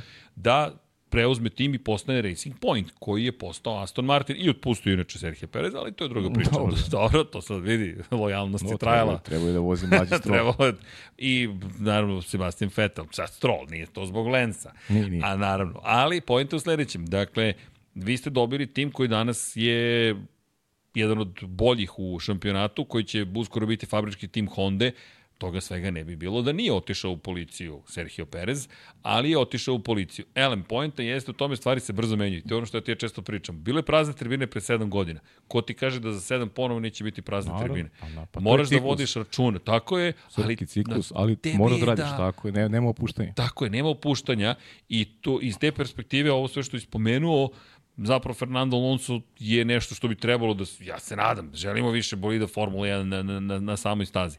Inače, kada pričamo o tome da radiš konstantno na sebi, samo da spomenem par stvari, nekako sam ostao dužan možda za Ferrari, jer smo pričali o tome da, da, da mi deluje kao da su, ajde da kažemo, konzervativni, ajde tako da kažemo, I ono što je Ferrari rekao kada je reč o oslanjanju, da je zapravo njihov pristup tome kako formiraju i kako e, prave geometriju A ruku je drugačiji u odnosu na ono što rade drugi timovi. I da iz te perspektive aerodinamički efekti koje će ostvariti eventualnim promenama nisu ono što će njima doneti toliko veliku promenu. Tako da, čisto da ne bude da, da, da, da a priori, mogu samo tako kažem, taj, to je loš koncept, meni se čini da je to Ma ne, ne, rizičan, ali, ali nisi jedini koji to čisto da napomenemo. Ja zaista kad ne, sam vidio to znači, je sve frapirao. Meni je izgledao zastareo bolid. Da, ne znači da je loš, naravno. Pa, ne znamo. Ni, ni za jedan ne, mož, ne tvrdimo da je dobar ili da je loš nego malo i prenosimo šta, šta i drugi govore i takođe ljudi koji se ozbiljno bave tematikom. Ja sam namerno, nisam hteo da čitam ništa i napisao šta ja mislim, okay, da bih pa sebe dobro. uporedio okay, ali... i ponosan sam što je bilo tako, ali činjenite sada prenosimo i tuđe Ma, informacije i analize. Naravno, pa, pa vidi, kad Gary Anderson sedne i analizira čovjek koji je dizajnirao bolide Formula 1, koliko god da nešto znam, nisam naravno, Gary Anderson, niti naravno. mogu da budem. Tako da, da je to malo drugačije. E, kada spominjemo Ferrari, mm. samo da se dotaknemo još jedne stvari, Norbert Haug, neka, sećaš, naravno kako sećaš, ne, Norbert Haug, ne. ko, ko je u našim godinama, Norbert Haug je ljudi bio čovek koji je bio lice Mercedesa. Yes. Mercedes-Benza, u, Mercedesa, pre svega, u periodu kada su bili snabdevač motorima za McLaren. Jedan krupan, korpulentan čovek koji je bio, što kažu, sve prisutan u Formuli 1. Danas je u nekoj drugoj poziciji, međutim, njemu je bilo šokantno da će Lewis Hamilton da ode u Ferrari. Samo koliko je taj potez velik zapravo, ne bih se previše vraćao na to, ali Haug koji je bukvalno dve decenije bio u Mercedesu je rekao da, da je bio ubeđen da će kao sedmostruki šampion sveta ostati zauvek predstavnik Mercedesa i robne marke. I zato taj cijel odlazak i ono što si malo pre rekao, poruka Luisa Hamiltona, vam ne verujem, je toliko šokantna. S Mercedesom si sve ostvario, sve titule si ostvorio s Mercedesom, na ovaj ili onaj način. McLaren Mercedes, jedna i šest čisti Mercedes. Pa to je ono što, znaš, uh, voleli, ne voleli, ovaj, a moramo da priznamo, to je tako, da to, to samo Ferrari može da uradi u Formuli 1. Da nema titula još od Kimi Rekonena i da jednog od najvećih svih vremena privoli na, na, na prelazak u situaciji koja je daleko od toga da je da je idealna i da oni imaju nešto, nešto konceptualno, onako neko rešenje koje će njemu da sigurno mogući bori. On ne zna čovjek da li se boriti za šampionsku titulu sa Ferrari. On nema pojma. I nije ni bitno. Pa nije bitno, znaš, bitno je biti u Ferrari. Biti u Ferrari. I otići u penziju iz Ferrarija i, i to je lepo. Da vidi, ovo je Čak i da šok. nema osme titule. Za, za Hauga je potpun šok da je on čovjek... A, znaš kako, iskreno... On kaže... I, i, i za mene je, znaš, i za mene je, ali u svetu tih novih događaja, njegovog popisa novog ugovora i godina koje se već i nižu u njegovom slučaju i tako dalje, ovaj, za, zaista sam mislio da će on ostati do kraja veran Mercedesu. Ali ne smemo nikada da zanemarimo ovaj, veličinu i, i, i, i Ferrarija i taj njegov zov koji je očigledno neodoljiv svima onima koji su prošli kroz Formulu 1 na Uh, imali su sreće ili nisu. Pa evo, znači, imaš ove klipove sad u poslije vreme su sve učestali. Ovaj. Pa i priča, znaš koja je interesantna priča? Uh, kako se zove čovek? Uh, zaborio sam ime. Ovaj film, Lanča čovjek što je bio posle, što ga je, što ga je advokat doveo u Ferrari. Uh, Race for, for, for Glory. Si gledao film? E, nisam gledao film. Strašan film, veruj mi. Znači, Dobro. strašan film, kako se zaborio sam ime čoveka koji je koji je ovaj, znači, poslednji šampion u reliju m, sa pogledom na dva točka. On je kasnije bio i, bio je šef tima, kasnije bio i, deo tima Ferrari. Ima jedan podcast koji vodi italijanski novinar. Ajde, imaću, bit će potkovan sa više informacija da mi proporičem da slušate kako je ovaj, pregovarao sa Ayrtonom Senom oko prelaska u Ferrari. Kako prosto nisu bili uslovi tada ovaj, kreirani da se taj transfer i dogodi, ali znamo šta se dogodilo posle toga. Dakle, ima podcast koji, koji ovaj, baš onako da on ovaj, do detalja priča o tome kako su, kako su tekli pregovori, ali prosto se nije desilo, ali Sena želeo da pređe u Ferrari, tako da Sa njim su postojali pregovori. postojali su pregovori, da. I ovaj kažem proverit ću ovaj pa ću pa ću javiti svima ko bude zainteresovan da to pogleda jer stvarno je stvarno je dobar podcast i, i čovek e, zaslužio onako zaslužuje pažnju i film pogledajte obavezno, stvarno je film fenomenal, baš baš dobar. Hvala, pa je o, to jedna od, od obaveznih stvari. Imamo DKS spisak šta sve treba da se Da, pogleda. da, da. To bismo mogli zajedno.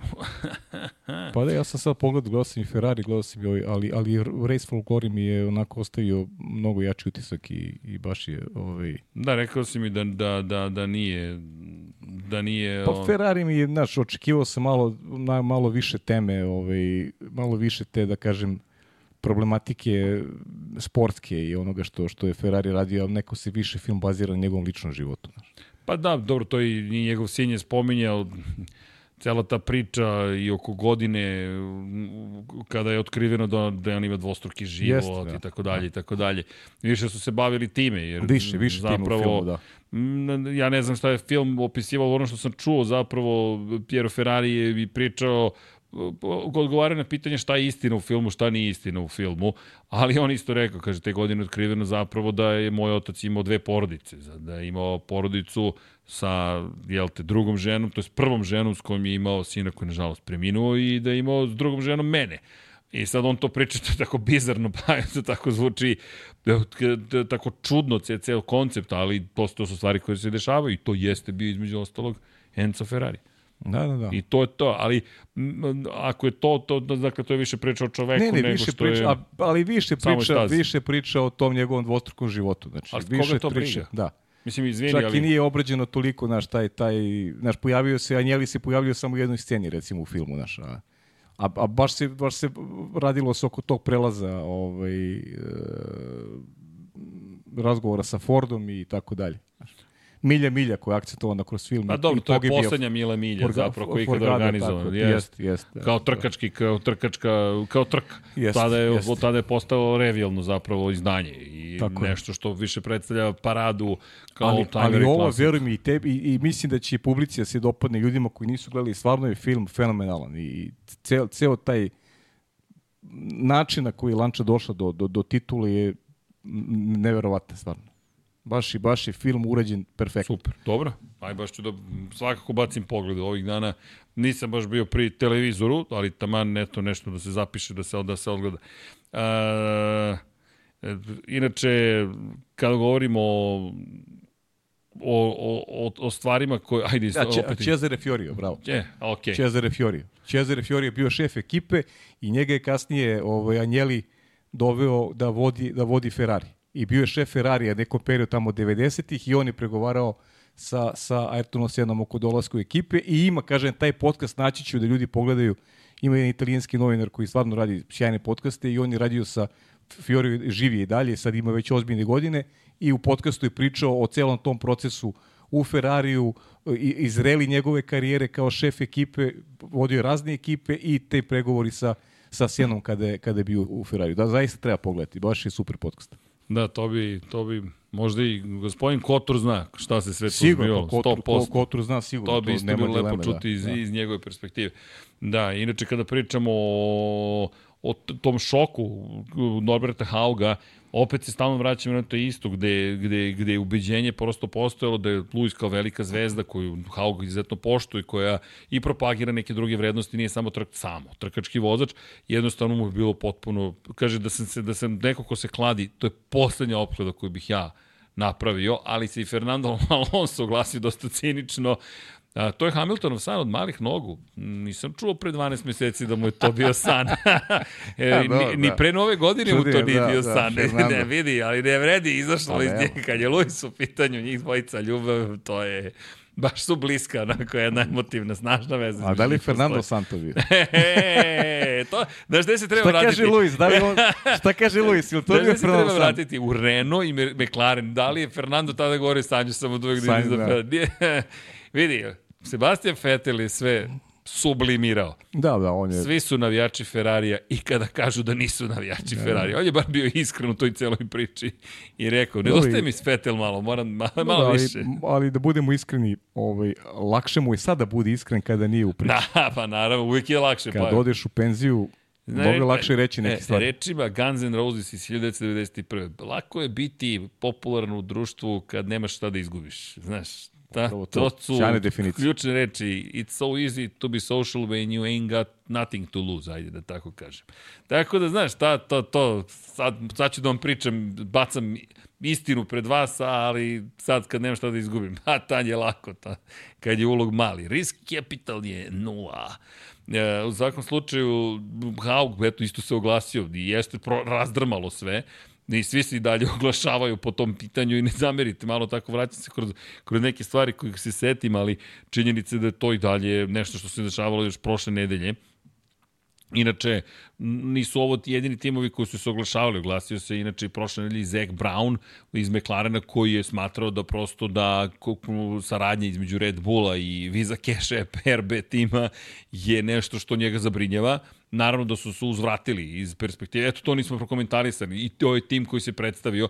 E, vidi, možda je naziv specifičan, ali lepo to izgleda sve što su radili u, u Visa Cash App RB ekipi, kako god da ćemo je zvati. Da, da. Ja bih je zvao RB ekipa čisto da nam bude lakše, ali kada pogledaš i promjena oslanjanje napred i koncepti koji su primenili, da, vidi se, deluje da je uticaj Red Bulla vrlo ozbiljan, ali bez obzira na to, ajmo da pogledam iz perspektive toga šta će imati Daniel Ricardo i Yuki Tsunoda. Deluje da taj tim može da igra vrlo ozbiljnu ulogu. Evo ja ti kažem, ja i bez testiranja, ali sačekat ću napravim ekipu ipak kad budu, kad Dobro, dobro, dobro. testiranja, ali neko mi je Cunoda mi nekako figurira kao vozač koga ću iz te, ajde nazovi druge grupe da, da izaberem u, u, ovaj, u fantaziju.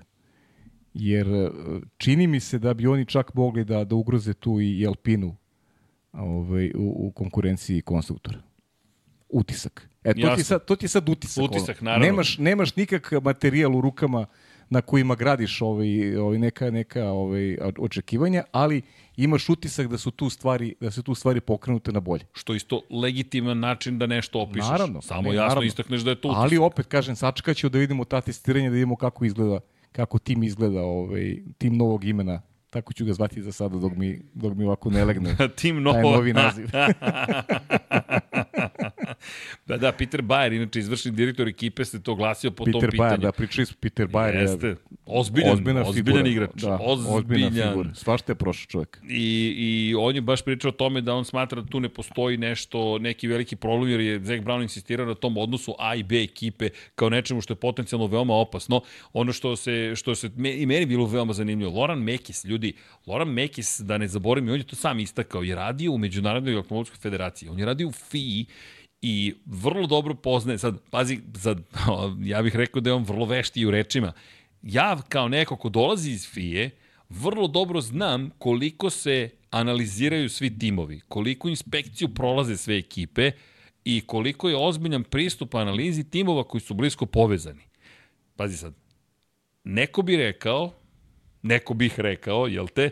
Ja bih rekao, čekaj, ti si bio tamo. Kako mi znamo da ti nećeš sa svom doneti sva saznanja koja si imao kao član FIE o drugim timovima način na koji funkcionišu stvari, osmišljavaju stvari i tako dalje i tako dalje. Šta god ti da možeš da preneseš, to nije opipljivo znanje, nije eksplicitno, nije napisano na papiru u digitalnom obliku, ali u tvojoj glavi. Međutim, on spinuje i kaže, eto, zato što sam bio u FI, ja znam koliko ćemo biti podvrgnuti analizi ozbiljnoj ne verujem šefovima timova, naravno to im je posao da rade za svoj tim, ali činjenica je da, da je to tema, da to ne treba zaboraviti, međutim, ono što je Mekis takođe veoma lepo rekao, kada ste deseti, to je poslednji u šampionatu, koga briga da li kopirate nekoga ili ne, ili da li imate pristup podacima ili ne. Čim nekom pokucate na vrata i kažete, ej, hoću tvoju poziciju, e onda kreće, onda se vadi oružje sa svih strana. Što je, ljudi, to je takmičenje, to je opis da. takmičenja, ali mislim da je Mekis takođe u pravu i reakcija Zeka Brauna, apropo ovoga što si ti rekao, mi deluje kao da su i oni svesni da bi sa RB ekipom, ekipom novog imena, cao, ti je savršeno, ekipom novog, jao, i, a, sad sam se setio, ne slušam, ne, ne, nije to ništa loše, šta god da slušate, ali pami na pamet hit, ženo bez imena, ekipo bez imena. Da. E, da, da ostanem dužan, evo, Davide Čironi se zove. Davide Čironi. Čironi, da. I pogledajte obavezno podcast gde je Cezare Fiorio, Eto. onako već u poznim godinama, preporuka Srki i tebi isto zapiši hoću, sebi. Hoću joj zapisao. Dakle, stvarno je, stvarno je super ovaj podcast i, i, i vredi, ga, vredi ga oslušati. Evo, jer je, našao sam ga. Jer je Cezare Fiorio je stvarno živa legenda, eto. Super, hvala pa je. Da. A stvarno, zaista hvala. Da, da, treba, treba ga pogledati. Super. E, ček da imaš taj u Daytoni. Inače, Deki, da. mi je, Deki mi je napisao, nisam vidio poruku, meni se čini da se vozi 17. krug. Da. da. Ali da. znaš, on Deki je ostidljivo, kao ide da sad pa ne da, bude... ali, ljudi, Očigledno sam gledao trku iz 2023. Ne, ali ja koji sam isto pogledao izveštaj, ali pa izgleda da, da, da, da, mi, znači, to se ne dešava baš pazi, često. Fox, ali, ali znaš šta smo mi zaboravili? Mislim, ja sam zaboravio. Znaš da, da, da onim momentima kad pada kiša, oni znaju da puste, jel? Puste, pa dobro. Odležano je bilo i puste, ne, šta će, mora popune program. Video sam kraj, I još je kao ja ti potvrđujem, da, da, da. Jer, znaš da, kako, ja, ja trku nisam gledao. Još ja vidim, još jednom momentu vidim Harvika. I kažem sebi, aha, pa vidi ipak, vozi samo Daytona, on se, znaš da se penzionisao. penzionisao. Pa vozi Daytonu, šta, nije prvi put da gledamo penzionera pa koji vozi Daytonu. Pa to kao, vozi 24 časa Lemana, pa, pa, tako nešto. Ja, dobro. Nevjerojatno, ali e, dobro. Da se zahvalimo deki. E da, javio se Zoran Živko, Hvala svima, pozdrav da. Zoranu, koji je spominjao i promene na Mercedesu koje ja nisam spomenuo, a trebalo je. Ima jedna velika izmena u Mercedesu koju, na kojoj je insistirao Lewis Hamilton, hvala na podsjetniku Zoki, a to je da je zapravo pozicija vozača pomerena skoro 100 mm nazad, 80-85, to su neke procene na osnovu fotografija i poređenja između W14 i W15, pošto smo došli u situaciju da zapravo kada pogledamo malo bliže, je rešen problem koji je prošle godine baš mučio Hamilton. Hamilton je insistirao na tome da je pozicija vozača mnogo napred, da praktično sede na prednjim točkovima i kao autobus da vozite. Bukvalno, kao u autobusu. Obratite pažnju gde su upravljački točkovi u autobusu. Vozač je ispred tih točkova. On kad skreće, on skreće odavde zapravo. E sad, nije to bio slučaj u Mercedesu, ali ta promjena pozicije mnogo menjala ponašanje bolida. Tako da su se oni vratili unazad, konzervativnije, to istovremeno pomeranje unazad im je oslobodilo i više prostora da, da, da zapravo da omogućilo da smanje nos i omoguće da veća količina vazduha zapravo protiče prednjim krajem i prolaze opet ka bokovima i ka podu. Tako da sve to što je Mercedes učinio deluje kao da zaista može ozbiljno da pomogne. Opet, vraćam se na ono što si ti lepo rekao. Super, ili što smo stajno i stalno konstatovali, u relativnom smislu gde se ti pomerio. Apsolutno pomerit ćeš da. to je neminovno. Da. Ako se nisi pomerio, ti si onda u problemu si ozbiljno. Pa, ozbiljno. Da. Ti si onda kod Hasa otprilike. Ali deluje da će se pomeriti. Pa zamisli se ne pomere Ferrari, Mercedes, Red Bull u odnosu na prošlu godinu. Pa onda RB ekipa dolazi do ozbiljnog izražaja. Pa da onda i Aston Martin ponovo može da ima neke neke ozbiljnije malo nade. Ja mislim da će najveći gubitnik, a ne znam da se slaže sa mnom, ali mislim da slično razmišljam biti Aston Martin. Pa dobro, da, tu se... U smislu da, da će, sad imaš McLaren, imaš Alpinu, vrlo verovatno, i imaš RB. Jedino što se mnogo polemike, i to je još jedna tema koja je polemika mnogo postoji oko RB-a. Šta drugi timovi se bune ili praktično ti, da. ti praktično imaš... To, to što smo pričali. I, imaš dve iste ekipe, pa imaš, imaš, imaš dve iste ekipe ovaj, u, u šampionatu. Za sada... ne, to, ali ne postoji neki egzaktniji primer da se nešto slično dešavalo u, u prošlosti. Znaš, ovo je baš, baš onako ovaj, jaje jajeto što se kaže. Ali dobro, vidjet ćemo. Pogotovo ako bude bilo dobrih rezultata, mislim da će onda te, te ovaj, kritike i, i reakcije biti sve prisutnije. Vidi, kao što je Mekis rekao, ako pobeđujemo, to jest ako uzimamo nekom poene, onda Pa smo da, krivci, pa onda, naravno. onda će biti sa svih strana napad. A ako smo nevažni, ko bi se, što bi se bavio neko napad? Ako je ran kasa, nikom Da. ništa. E, ali Alpina mi i dalje nepoznat. S tim što je Alpina predstavila bolid, ali ne znam, o, ako je Alpinino trkačko plavo nešto što bi trebalo bude obeleži, ja pa joj više ne vidim plavo nigde, dakle na novoj Alpini sve što je ostalo jeste roze i crno u, ugljeničnih vlakana, jedva je prošla crash test, to je test za iz, na, na, na izdržljivost i ne znam šta da mislim. Pri čemu Pierre Gasly koji se oglasio i rekao da on čeka zapravo pregovor s Mercedesom. Svi čekaju pregovore s Mercedesom, ja mislim. I Da, Pierre Gasly je svašta nešto rekao. za- Pierre Gasly je bio vredan po tom I za pitanju. Hamiltona, da, da, da je on prvi znao da, da će da... Ej, znaš ko je rekao da je znao, ali nije shvatio da zna? Po, ali rekao i Gasly. I rekao i Gasly da je znao. Dobro, A ne znam ko je još rekao da, da je znao. slušaj ovo. Fabio Quartararo. Pa zato što si mu ti rekao tamo. da, da, ja sam mu javio. Alo, Fabio. Ne, nego je, nego je subscriber. Subscriber, bravo, pa da, Čekaj, prati smo prešli 48.000. Ajmo, subscriberi, da vidimo gde smo. Jesmo na 48.000 ili nismo. Čekaj da vidimo kakva je situacija.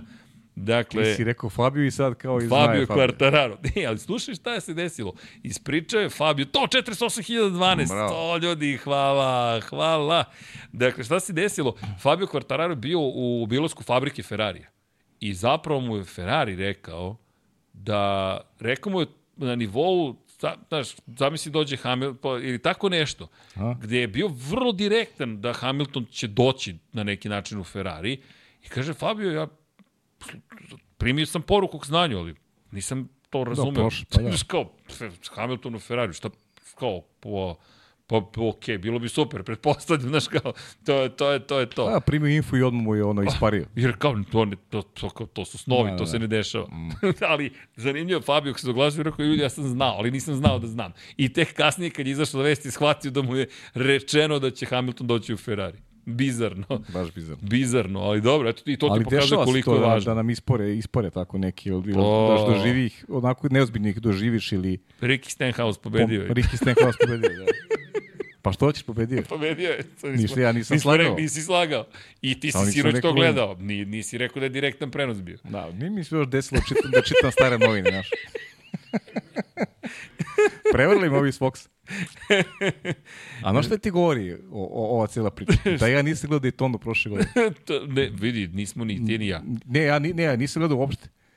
Nisam Ne, gledao uopšte. Ne, ne znam iz kog razloga nisam uopšte prebacio ovaj, tada na, na, na Daytonu, očigledno.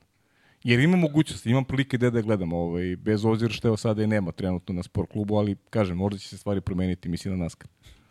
Da, nadam se da hoće. Da. Na, iskreno se nadam. Ej, uh, Toro Rosso će biti najveće iznenađenje u nadolazećoj sezoni. Nemanja Kucalo uh, doniruje pet maraka uh, bosanskih i rekao je predviđen skok sa 10. na petu poziciju. Pa to je ovo što ti otprilike negde gađaš da može da, se desi. I vidi, ja nisam slučajno Daniel Ricarda stavio u fantasy. Ja zaista očekujem od te ekipe vrlo, vrlo ozbiljne rezultate.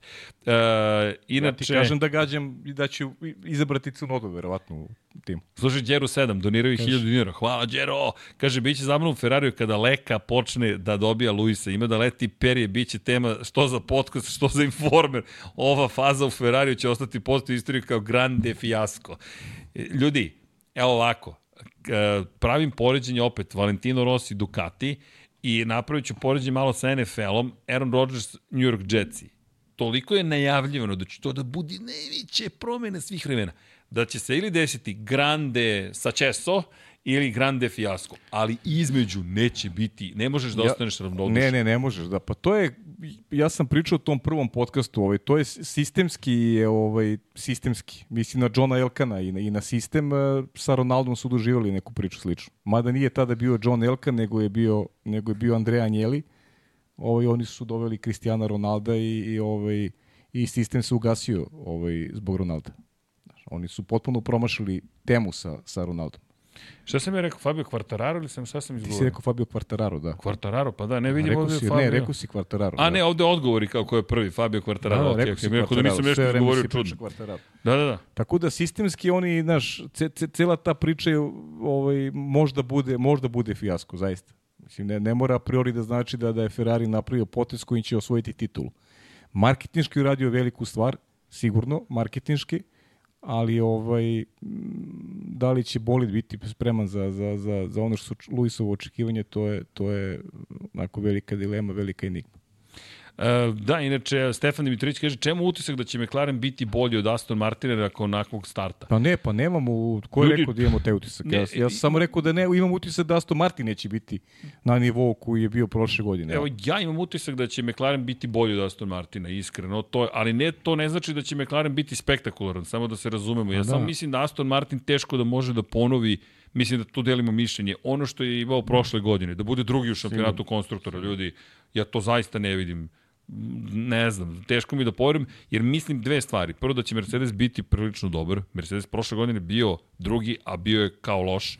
S druge strane, Ferrari malo sam, blago sam skeptičan i onda dolazi McLaren koji je zaista sjajno napredovao na kraju prošle godine. Andreja Stella je vladao tom ekipom i delim mi da neće baš imati fijasko oni, ajde iskoristim tu reč kada se već pominje, kakav su imali na početku prošle sezone. I- Zato, i pretprošle mislim, sezone. I pretprošle sezone, upravo si. To jeste Zato. problem, znaš. McLaren je napredovao kroz, kroz te dve sezone, ali početak je bio katastrofalan, i jedni i drugi. Inače, evo poruka, izvini, Kafelce 7, ne znam šta bi, ali e, Chase Elliot je pobedio u stage, na stage 1. Aha, pa dobro, Eto, Eto, da, okay. ne znamo, Vozi se trka, sve okej, super. Mislim, nije, nije sporno sad više, ovaj, ja sam sporan, ja sam unio u zabunu. Da, da, ali eto, to je čisto Gledao da... sam trku iz prošle godine bez, Ja, bez ja sam, o, kažem sa ti, pola video mozga. to da. isto i onda sam samo potvrdio. Rekao, da, da.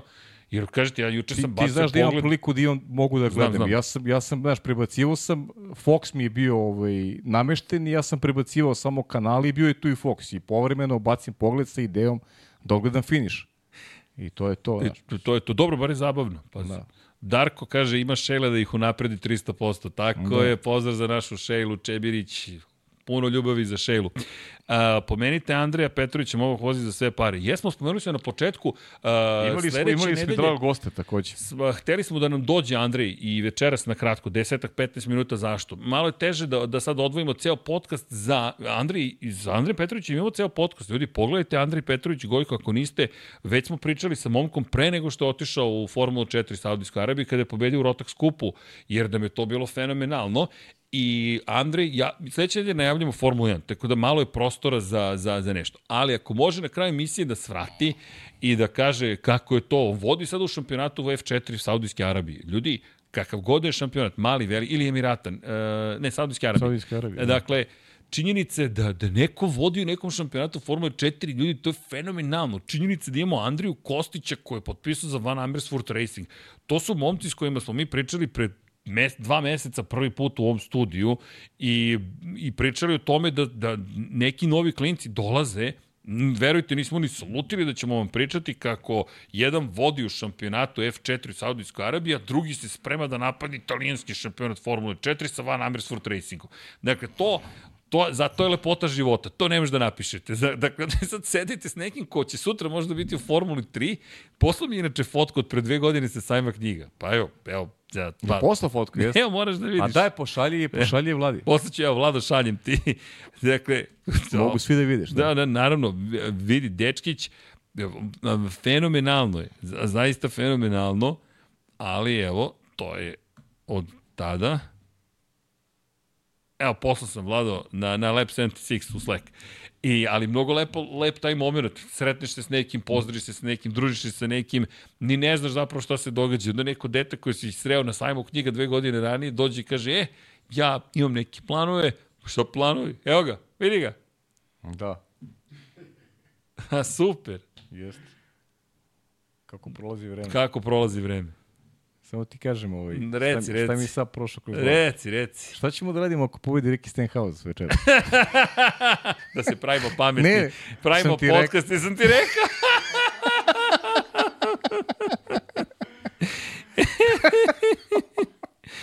Ja, pazi kada ću da napravim majicu, ja sam Pa ti rekao. rekao. Dakle, stvarno je fenomenalno.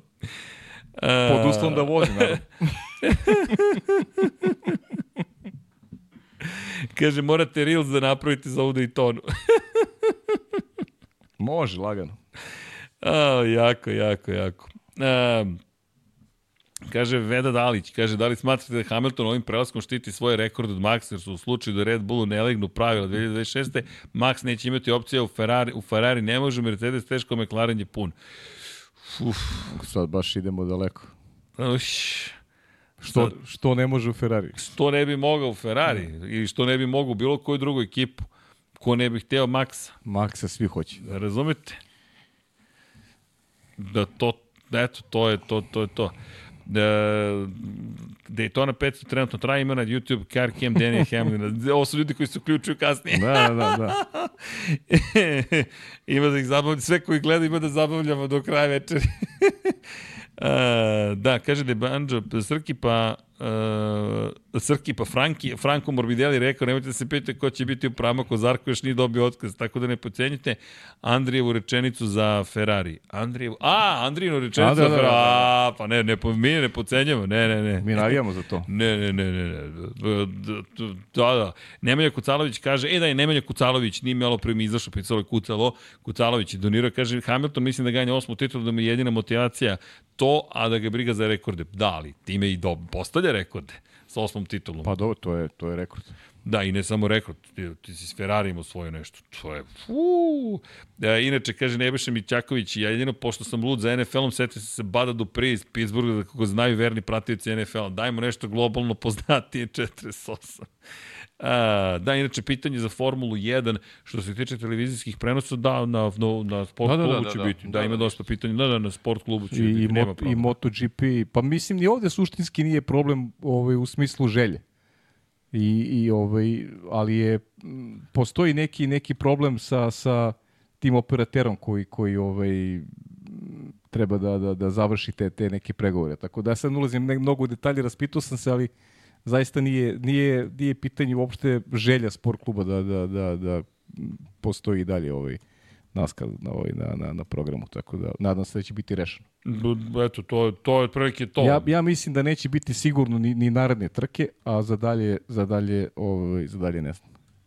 Da, ali što se tiče ostalih sprava, to sve... Ne, ne, ne, sve, sve, ovaj, Sve sve okej, da. Kaže Studio Vag, ljudi, družite li se vi mimo podcasta? Pa...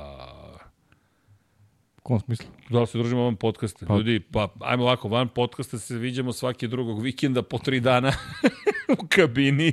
Viđamo se ponedeljkom u podcastu, ako se sretnemo četvrtkom za podkapicom, to su već, to je već pet dana u nedelji. Pa da, da, pa dobro i sad nešto, ja sam ovako zimi malo pasivniji, pa smo se manje ovaj, ovaj, viđali je sada nekako s proleća. Drugačija tematika. A i kreće formula. A i kreće formula. Toni Zubak, zašto ne verujete u Sainca? Pokazuje da ima znanja, mislim da će opušteno voziti i razvaliti ovu sezonu. Pa ljudi, Ferrari ne veruju Sainca, ne, Mi verujemo, nešto- više možda ne verujemo u Ferrari ovakav, a ne Ovi, Sainz. ali, ali ja verujem, u što verujem? Pa verujem da, da, da, da neće sarađivati ovaj, ove godine sa timom, nego da će da se trka za sebe.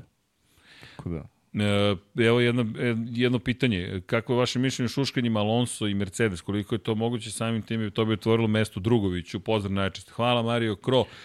Hvala puno, Mario. Ja ne Pa- verujem u tu opciju najiskrenije, ali Pa to to ne znači se ništa ovaj global. Postoji neka priča da, da neki izvori govore da pouzdano znaju da su, da su razgovori vođeni između Mercedesa i, i Fernanda Alonso i da to je zapravo mnogo izvesnije nego što se čini na prvi pogled. Ali, znate kako, to je sada toliko priča u ovom trenutku. Mi imamo opšti haos zapravo e, u, u Formuli 1 u kontekstu toga ko će gde da ode i šta će da se, de, da, da se desi.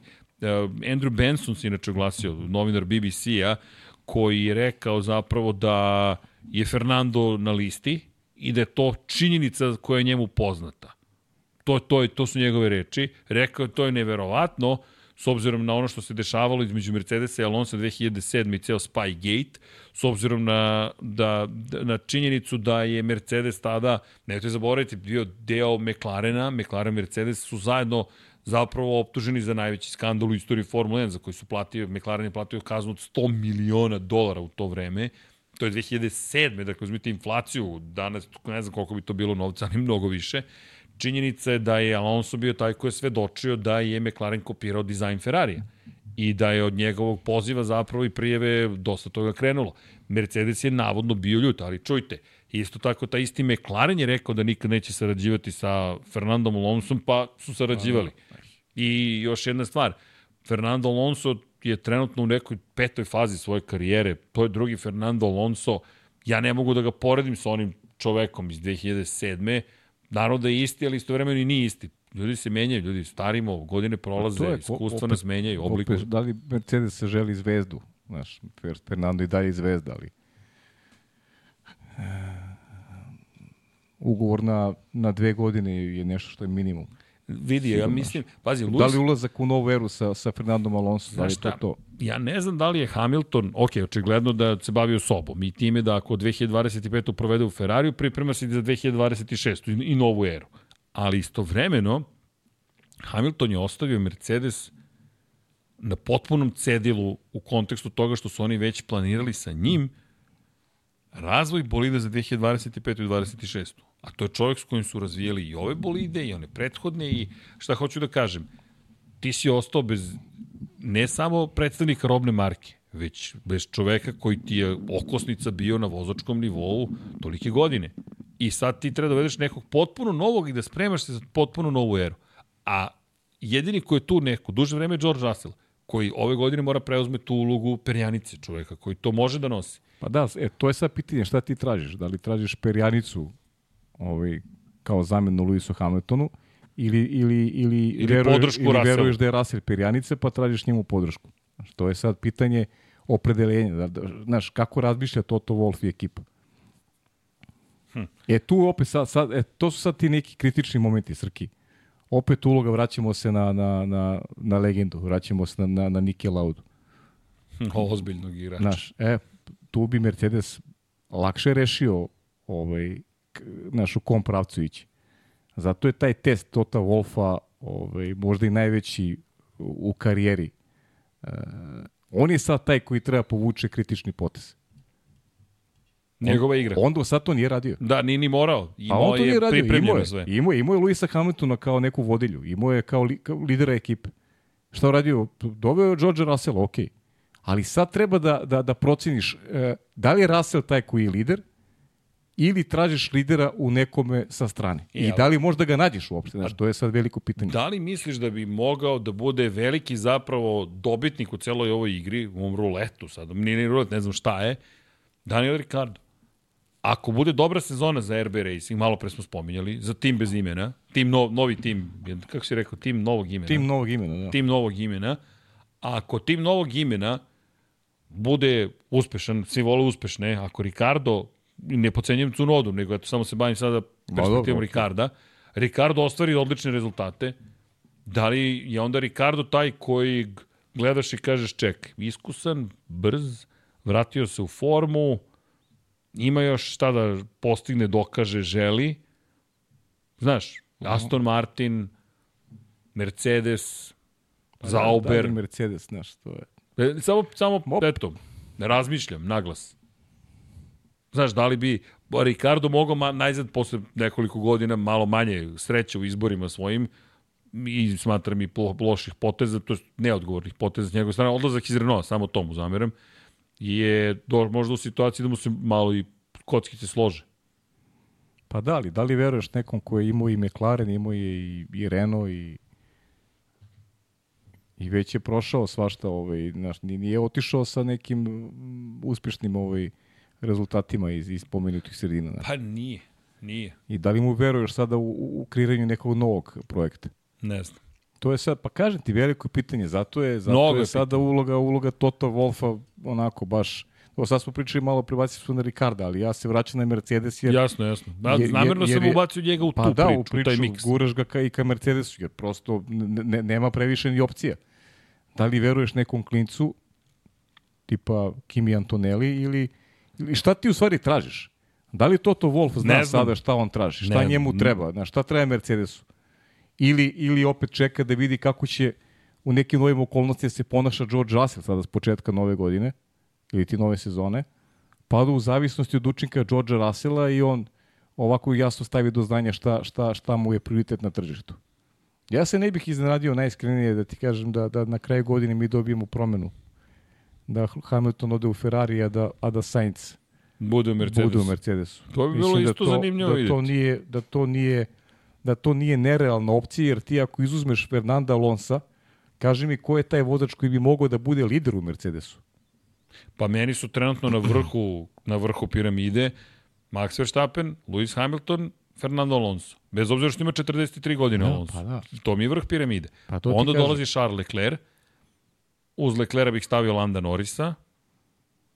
Sve su oni vezani ugovorom, znaš. A onda ispod njih mi ide George Russell, Sainz. višegodišnjim ugovorom vezani opet da se promeniti naravno. E da, Leclerc, priča se navodno, italijanske novine su izvestile da je Leclerc zapravo rešio da da su navodno i Carlos Sainz i Charles Leclerc znali mesecima unazad da se pregovara sa Lewisom Hamiltonom, navodno, kažu da je to zapravo John Elkan saopštio vozačima i da su bili u toku da su pregovori, da, su, da se odvijaju pregovori, Na, to, to su izvešta iz Italije, meni to malo zbunjujuće, i da je navodno Charles Leclerc namerno hteo da ostane klopski kolega Lewisu Hamiltonu da bi ga pobedio i da se je spominjao Moncu 2019. kada ga je pobedio u to vreme u Ferrariju koji je tada bio mnogo bolji i da ukoliko pobedi Lewisa Hamiltonu u jednakim bolidima, će mu skočiti reputacija i može da se postavi kao vođa ekipe.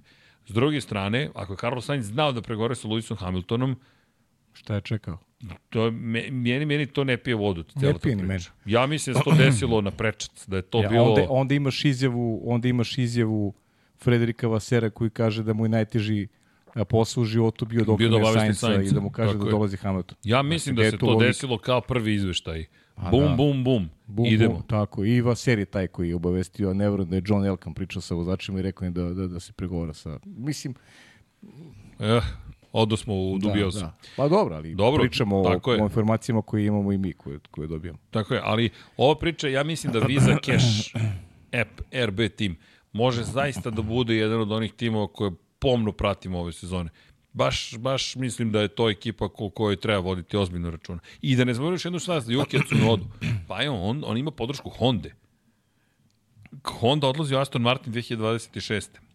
Yuki šta god da uradi, ja mislim da će on, jer vidi, u jednom momentu se činilo da će Yuki dobiti otkaz. Yuki je mislim da dovoljno podigao nivo da zadrži poziciju i već sada skoro pa za sledeću godinu. Baš mora da izgreši da bi izgubio, a Jumu i Vasa nije dovoljno pokazao da bi se pojavio u Formuli 1, makar meni, ne znam Pa tebi. nije, nije, nije, nije, znaš kako, nije pokazao da bi, Popustio je. sad, da bi on sad došao umesto, pritom, a Jumu je otišao, on je vozi japansku formulu sledeće godine. Znači, nije više ni tu na oku. To- znaš, on, da. je, on je potpuno sad otišao neki, neki svojim putem i... Kao znaš, Liam Lawson, Pa da, koji- baš kao Liam Lawson. Dobro koji si- nažalost, uprko svemu što je radio, jel neko spominja Liama Lawsona? Pa da. Kad, kad je iko, jesi igde video da je neko rekao Liam Lawson ima šansu da se pojavi u Me, Formuli? meni je, kako bih ti rekao, Ri- Ricardo je zvezda, ja razumem ovaj, ekipe, možda nije pravo poređenje sa Magnusenom i sa Hulkenbergom, ipak je Ri- Ricardo je mlađi i neko ko može da više, čini mi se. U. Ali, ali mm, gleda se naravno mnogo i marketinški i to je, to je ugao gledanje koji je neizbježan. Ja bih više volao da vidim recimo Lijana Lawsona nego Ricarda, najiskrenije. Jer mi smo od Ricarda dobili ono što ne- neki neki maksimum. Ja mislim da je to maksimum od Ricarda već onako prošao poodavno. I, i, I treba malo ta smena da bude ovaj, čini mi se izraženija. Imamo maka koji zavređuju pažnju, ali ne dobijaju prave prilike. A znam bolećivosti sad, znam da će se mnogo i ovako i neće im prijeti to što čuju, jer ima mnogo veliku navijačku bazu ima Ricardo i to je sad taj deo marketinške priče. Nisam iskreno, Srki, ovaj, siguran da će Ricardo biti bolji od Cunode u ovoj godini. Eto, i to, To je možda, veliki test. I možda, i, i možda, možda čak i ne vidim to, zbog, zbog toga sam i spreman da stavim Cunodu, jer, jer vidim ekipu sa, sa boljim rezultatima nego prošle godine i zbog toga ću i Cunodu da, da, da ovaj, uvrstim u tim ovaj, u, u, ovome, u fantaziji, naš, u našem fantaziju. Ali vidjet ćemo, naravno, ne, to, to, to je samo moj pogled, ništa više. I da ne zaboravimo čoveka koji... Jel beše pobedio italijanskoj Formuli 4 Lance Stroll? Ja mislim da je bio prvi šampion italijanske Formule 4. Ne zaboravimo da je Lance Stroll takođe osigurao svoju poziciju u Aston Martinu. Mike Crack je rekao da, su, pro- da smo prošle godine videli jednog neverovatnog borca zapravo u kokpitu koji je s ozbiljnim povredama vozio. Moje Da. pitanje je kako može da vozi s ozbiljnim povredama i šta rizikujemo ako pustimo znači ako ima ozbiljne povrede da sedi u, za upravljačem formule, ali dobro. To je sad pitanje za neke druge vlastodržce. Činjenice da je Mike Crack rekao da smo videli zapravo koliko je jak Lance Pa Stroll. ja sam ovo danas što sam mi rekao za NASCAR, ja sam s ozbiljnim povredama to Da, izgovorio. da, sa povreda. Da, da, da, pao si.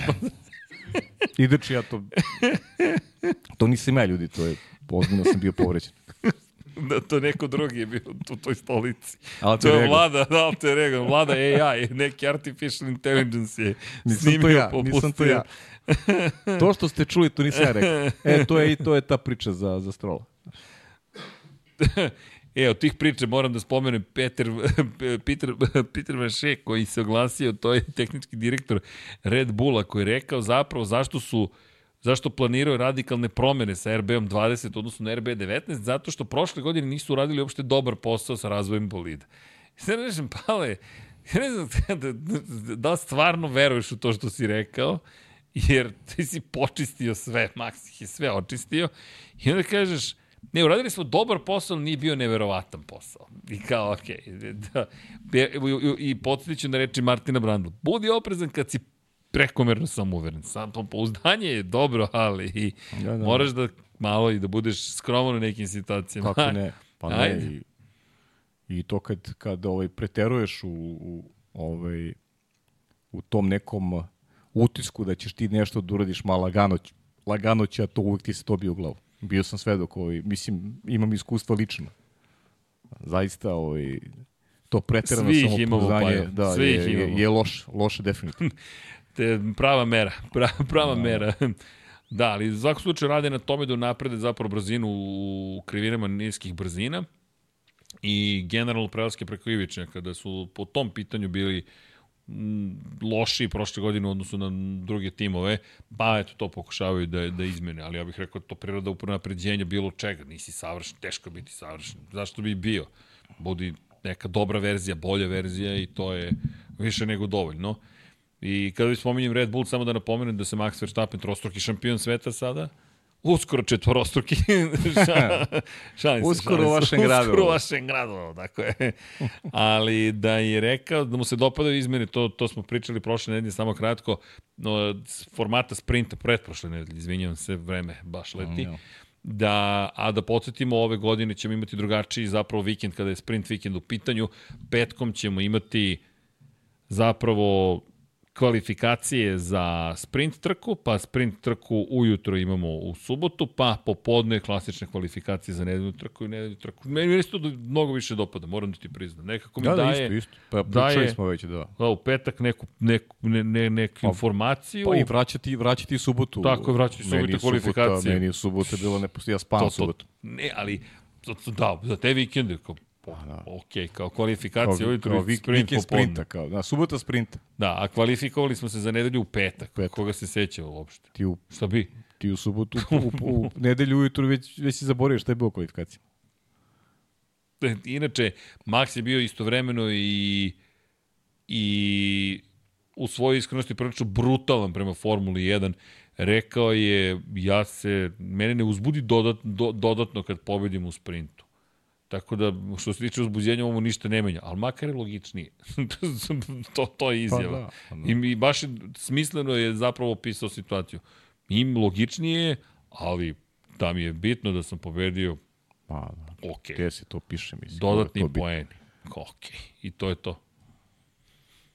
Ne, ne znam, ali opet taj sprint ja čekam kada će da ga ukinu zapravo i da ostave jedan sprint i da se zove velika nagrada Brazila i to je to. Zašto? Zato što je tamo ispalo dobro i eto tamo možemo da zadržimo tu celu priču. Sve ostalo To prodavaju svoju svrhu, znaš. Rade nešto. Treba, zaradi, Misliš, treba, da, da, da, da, treba da. zaraditi, Zaposleni smo, treba pa čekaj. zaraditi taj veliki Daj da novac. opravdamo, znaš, da, treba da, zaraditi da, taj da. veliki novac.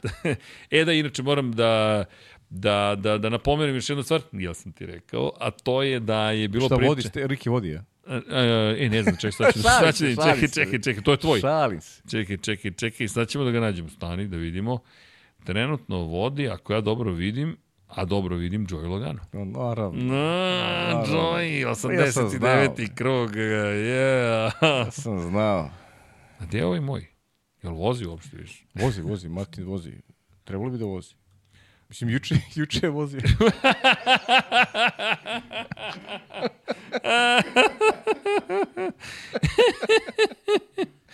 E, ko se tek uključio, otkrili smo, u šesti smo, pa Pa ne, Martin Trojek mlađi. Vozi. Ove godine smo nema, šesti. nema, nema Kevina, nema samo. Da, ne, Kevin je otišao u penzicu. Mamin Harvik ne vozi. A, znači, kaže, neko na Edin je napisao, napriti hologram Srki se vrti sa prstom u zraku i piše, jesam vam rekao. Ja sam vam rekao.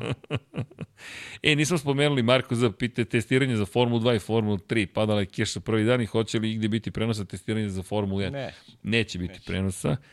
I... U stvari, ne, ne, neće, neće. Neće, neće, neće, neće, neće biti ni za Moto Grand Prix. E, došao, došao 20. februar, ajmo na spajanje. E, moram nešto da vam kažem, ovaj, pošto smo ušli u ponoć. 20. februar, danas imam tati rođendan. Stvarno? Da. Znači, Tako da sutra idemo da, da nećemo, ne možemo da ga posetimo, ali, da. ali ćemo, ali eto, zanimljivo. 84. Tako da eto, Pa ja. Ajmo pajče. Sreće rođendan, pa i Ajmo, 85. da izguramo. Da, pita Marko Herceg zašto se trke voze subotom. Aha, za Aha, prve da, dve. Da, da, da, prve dve. Pa, ja moram ti priznati, nisam nigde vidio objašnjenje. Moje tumačenje je da je zapravo u pitanju neradni dan u islamskim zemljama, da je, da je to Jeste, posredi. jeste, pa to je, to je. I da jednostavno žele da što više gledalaca može u zemljama domaćina da bude prisutno na stazi.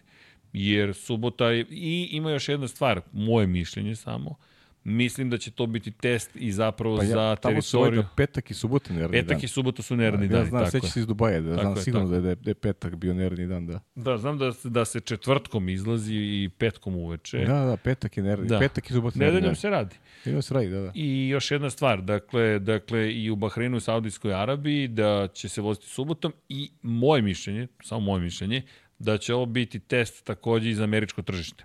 To je za tržište Severne Amerike. Da se proveri koliko ljudi u nedelju gleda, koliko ljudi u subotu gleda, zato što razlika vremenska je takva, pa čisto da se vidi, to je Ljudi, samo moje mišljenje. Ali da, da budemo iskreni, ima, ima više logike da, da to bude subotom. Iskreno. Ima više logike. Zbog ljudi koji dolaze, pogotovo ljudi, evo evo recimo jablonske trke, ljudi koji dolaze sa strane. Da, Znaš, ti imaš ponedeljak je već radni dan. Ti, jeste, jeste. ti si primoran da ovaj da, da onako, mada opet s druge strane četvrtak je, ko će četvrtkom dolazi na, na, na treninge, mislim ima i toga. Tako da je, onako, treba naći neku meru. Mada sam ja uveren da ćemo jednog dana uz više trka dobiti taj koncept kada ćemo imati dva dana ove akcije. Da bi imali više trka. Da, Da ćemo, jedan, dan, verovatno. da ćemo jedan dan da izgubimo. Da, evo spomenju da je možda i zbog Ramazana. Ramazan počinje 10. marta, ako se ja ne varam, i završava se 9. aprila. Tako da mislim da je pre zbog toga što, su, sub- što je subota neradni dan. Ja mislim, Srki, To je moje da mišljenje, jer tragu da prva to- trka to je da- 2. marta, druga je 9. marta, ali mislim da ne, da, to, to je samo moje mišljenje, ljudi. Eto, tako da znate. E, kaže, srećan rođendan, brzo slavite u kuću, seri zdravlju srećni. Hvala, hvala, hvala. Srećan rođendan, tati Erceg živio dostojan. Može, može, nećemo se mi žaliti. E, aha. Evo, kaže Pavel Lukić, vozi se zato što druga ipak trka pada na Ramazan, pa se pomera za subotu, pa je prva pomerena za subotu da bi bilo 7 dana, pretpostavljam razlike. Moguće, eto. E, u svakom slučaju, e, formatom dobili, čekaj, sad, sad smo sa ovim formatom dobili 20 Haas bolida u subotu u sprintu, svima će biti bitno da vrate bolid. Pa, pa da, ali ljudi, nema, nema rešenja. Sprint sam po sebi je pogrešno osmišljen. Ne možete sa ograničenim budžetima da terate timove bez rezervnih bolida da ulaze u neki rizik koji vam donosi ne znam koja koliko Ma poena. ništa. Ništa ne donosi ništa. Zašto biste, i, i pride, trošite neke setove guma koji su vam potrebni za nedelju. Ne može tako da se organizuje sprint. Pa inverzni start, to je bilo jedino rešenje. Tako to je. bi jedino bilo zabavno. I Tako to je. daješ, daješ I na ozbiljna značaju, količina poena. tako i daješ da znači i ovim manjim ekipama da oni tu imaju svoje, svoje pravo trkanje i prilike da, da, da, da dobiju svoj minut slave. Ali bilo je kao priče, raspravljalo se na tu temu, ali na kraju verovatno ovi, ovi veliki nisu želeli da se, da se ovaj, takve stvari dešavaju. Kogod im nije bitan sprint, bitno im je da, da ovaj, ne dobije minus slave neki Has ili, Da, ili, ili ne znam, Alfa, Romeo i tako dalje. Da, evo Eden kaže Ramazan nije praznik pošto ne treba dan dva. Da, to je zapravo ceo mesec. Ja se izvinjam zaista, nemojte pogrešno da shvatite, ne znam dovoljno, ali pokušam da prenesem informaciju, tako da hvala na korekciji Edine. E, to, to je zap... ja sad ne znam ljudi, evo, pomozite da, da znam više, ali činjenica je da je to valjda ceo, to je sveti mesec ako ja dobro znam. Sad, Da. ne Pa znam jeste, dovoljno. me- Mesec, mesec. Da. Tako je, tako da, da eto da znate. U svakom slučaju, Suki, Srki Trulix je prvi. To, Trulix, Trulix. Truex, nije Trulix, nemojte da mi ga, ta, Truex, ja ovo, Ivane Vujasinoviću, kakav klizeći mi je podmetnut ovde. Srki, šta Paja misli o Pedro Costi? Imaš neko mišljenje o Pedro Nemam, Costi? stvarno nedovoljno znam da bi Dobro. mogo da, da mislim nešto. Dobro. Da, ali o, pratit ćemo ga, verujte. Da, pa on dečko sad ušao u, jel tako, će sad vozi, da vozi u MotoGP, jel tako? A, da, da, da, Vozi I MotoGP ne da je ušao Paju, nego je bio prvi na- u, u prvom testu, bio je i među prvima u drugom Eto, testu. da. Inače, eto ti zanimljiva priča, ali mislim da ima veze i sa Red Bullom i sa pričom o Christianu Horneru i o svemu. To je Deki negde na, napomenuo, Red Bull je plečni sponsor i dalje Marka Markeza, ali nije ispratio Marka Markeza kada je otišao iz Honda, Repsol Honda, koji je Repsol je sve manji, Honda je sve veća. To su velike promene kada govorimo o tome da je Repsol Honda preko 20 godina sastavni deo fabričkog tima Honda. Ali zašto spominjem Red Bull? Red Bull je investirao mnogo više novca u Pedra Kostu. I ne kao na ličnom nivou, nego na nivou tima za kojom sad vozi. Vozi za ekipu Tech 3, koja jeste KTM-ov tim, ali ona je zapravo potpisana kao Gas Gas. Međutim, Gas Gasa nema nigde, to je sve u Red Bullovim bojama i utisak Deki je, da postoje dva elementa. Pedro Costa je teenager, Mark Marquez već ima 30 godina. Nova generacija, kraj. Šta god da uradi, nama treba novo lice koje je u komunikaciji sa novom grupom ciljnom našom i još jedna bitna stvar, Pedro Costa je čist, čist, potpuno. Max ima reputaciju nezgodnog vozača. Koliko god bio obožavan, on je dalje uvijek na granici nekako. I Miš Marka Markeza, Aha. koji je takođe uvijek na granici.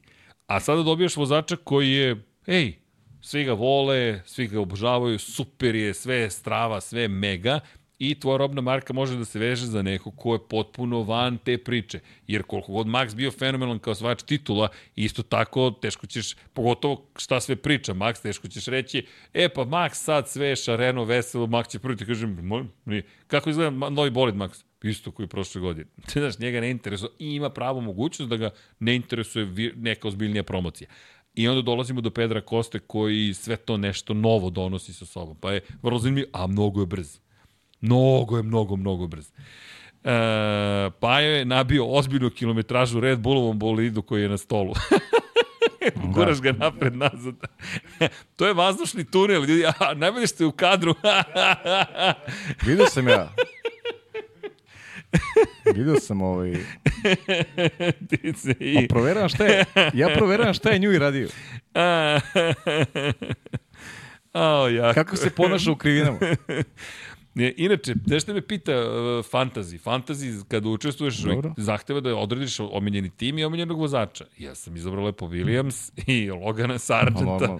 Čeče, imam svog omiljenog vozača. razumeš? Tako je. Krajnje. I šta kaže? I su rekli... Kaže, od dva poena su rekli lagano. da nisi normalan. Dva poena lagano. Evo imaš pitanje. Pita, pita, pita Andrej Ljubić, kaže, pitanje pa može li Haas osvojiti poene ove sezone? Pa može, može. može. Pa može, ima mnogo, ima mnogo trka ljudi. Može. Ima sprint neki. Ima mnogo tamo. trka, ima mnogo trka. A, inače, Mario Kro kaže, ne zamerite, zanima me vaše mišljenje o Filipu Masi kao vozaču. Da li on iskoristio svoj talent dok Masim sa onom jednom borbom za titul ili njemu toliko traga ostavila ona njegova nesreća? Pa jedno i drugo. Pa jedno i drugo. Jedno, lepo si rekao. I ta nesreća ljudi strašna ne, bila. Kako ne, ono. Strašna. Bukvalno strašna. Dobro je, dobro je živo ostao. Da, inače u ovom dokumentarcu o cijeloj toj 2009. i Bron Grand Prix-u, on ima kacigu sačuvanu, koja, Mhm. koja mu je život spasila, gledao. bukvalno. Ja, s tim što to za milimetar da otišao na pogrešnu stranu, bilo bi Ma da, potpuno gotovo. drugačije. Ali ta sezona kada je izgubio titulu protiv Hamiltona, ljudi, ne, nije mogao... tu, koliko god Ferrari govorio da nije pogrešio, Ferrari je podigao Lili Hip u momentu kada se njemu crevo nalazi u, u, u, u bolidu u Singapuru. Ferrari. Ferrari. Ne znam, mi možemo da kažemo kako to nije istina, ali ljudi, imate snimak, pogledajte. Da nema tog creva. Ne, zato meni ta cela priča o Felipe Masi koji tuži Formulu 1 za titulu jer je znala da je Singapur, trka u Singapuru nameštena, ta ista trka u Singapuru je bila u tvojim rukama, to je u rukama tvoje ekipe. Niste uspeli. Mislim, idemo dalje. Sve se slažem, pričali smo davno o tome i To je to. nema toga ništa. Da. A, ka, pa kaže, proverava ko pazi na času. Gura bolid, to je to, to je to. Ne, ne, ja proveram, testiram Njujevo, Njujevo rešenje. rešenje da. A, ali dobro. Pajče, ma, ma nemam pojma šta smo sve promašili. Kad ne, dve nedelje ranije, sam, znaš, ranije, svake nedelje smo tu pa nekako ide. Sad dve nedelje, toliko toga se dešava da će, ne znam šta smo, ne znam šta smo, pa ako smo nešto propustili, ne zamerite. Ljudi, e, da, da, Uh, Helmut Marko, to ne smemo da zaboravimo zato što ću opet i kažem, ja sam ti rekao, Helmut Marko je rekao, Hamiltonov odlazak u Ferrari, to je bolje od Netflixa. Kažem ti, te, daš koje filmove će oni da snimaju tome? Voliš da se porediš, porediš sa Helmutom. Ne, ne, ne, ne, pa jo, ne, ali hvala ti na tome. To je tu u stomak, u soplexus udarac, ali dobro. Da, i da su još jedna stvar, to sam zaboravio, Lando Norris, to mi je bilo zanimljivo, Lando Norris rekao da je radio dosta na svom psihičkoj, na svojoj psihičkoj snazi, kako bi iskorenio greške, pogotovo u kvalifikacijama.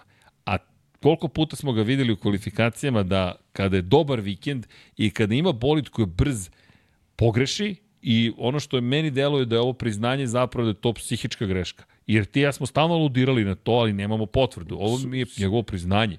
Bukvalno. Sjajno je, sjajno je što radi na tome. Jeste. E, to je, to je, e, to je poente cele priče.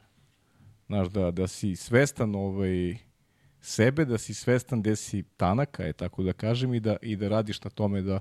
Pa to ti je priča o Ronju Salivenu, da, da, nije bilo, da nije radio na toj, da kažem, na toj nekoj mentalnoj snaz, snagi, snazi ne, ne, bi, ne bi mogao doći do tih visina, znaš.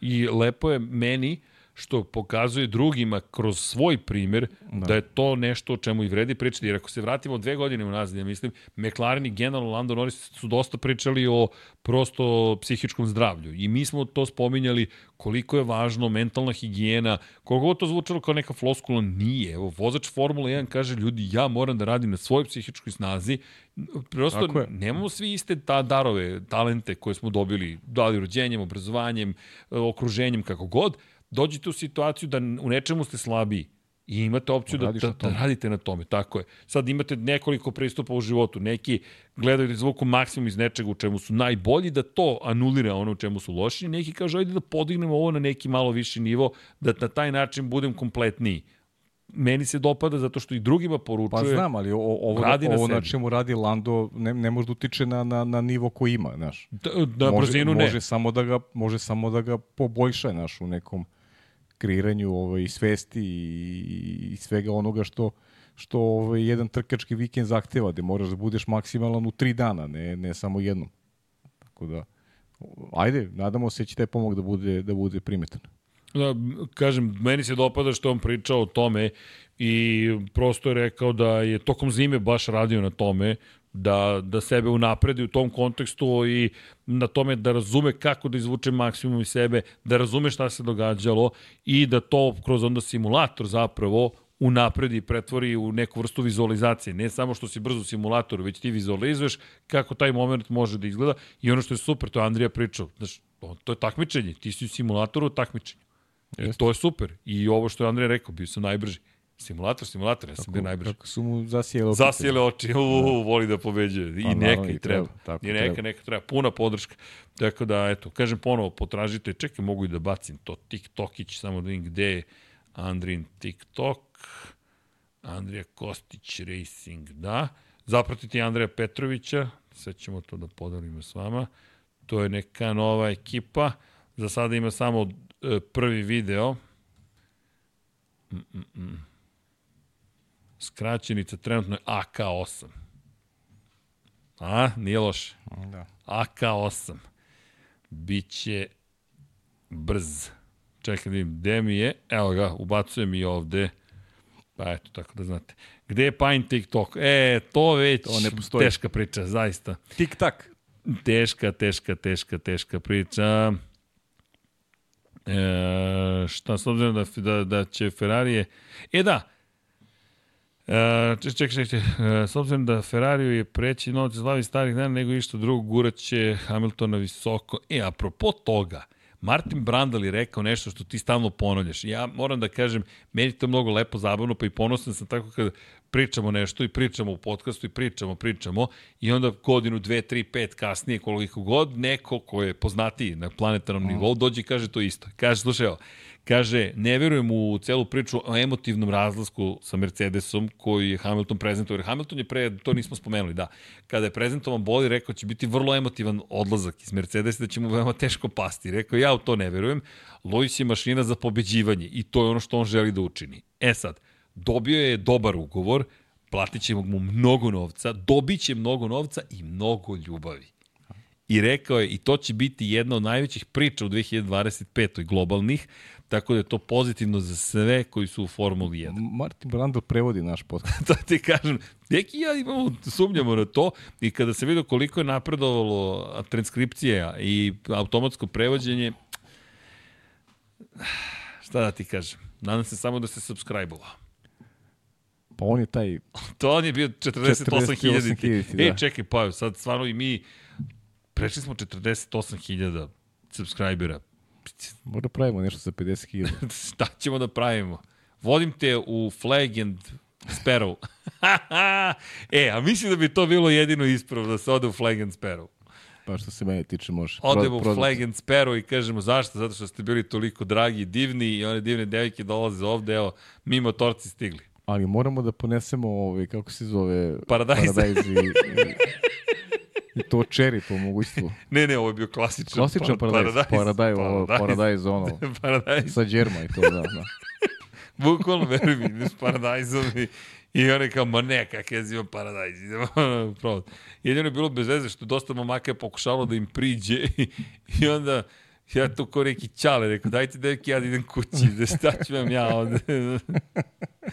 Ali dobro. I ako slušaju, pozdrav devojke. Da, hvala, hvala za, za, za zabavan provod. Inače, svi, sve gledaju Formulu 1, navijaju. Pa ne, mislim, kažem ti, bile su, sećaš se, mislim, Ne, ne, drugarica koju prvi put vidim u životu, da. Max Verstappen, jao, priča, odmah kreće priča o Formuli, 1, jao, je Charles, šta, ko, zašto, kome, kako, ne, ne, koliko. mnogo, mnogo devojaka, stvarno, i ovo, to prate, znaju, na ozbiljnom nivou prate. Da. Jeste. Baš se razumeju u tematiku i pozdrav svim Pozdrav damama, svim svim, damama, da.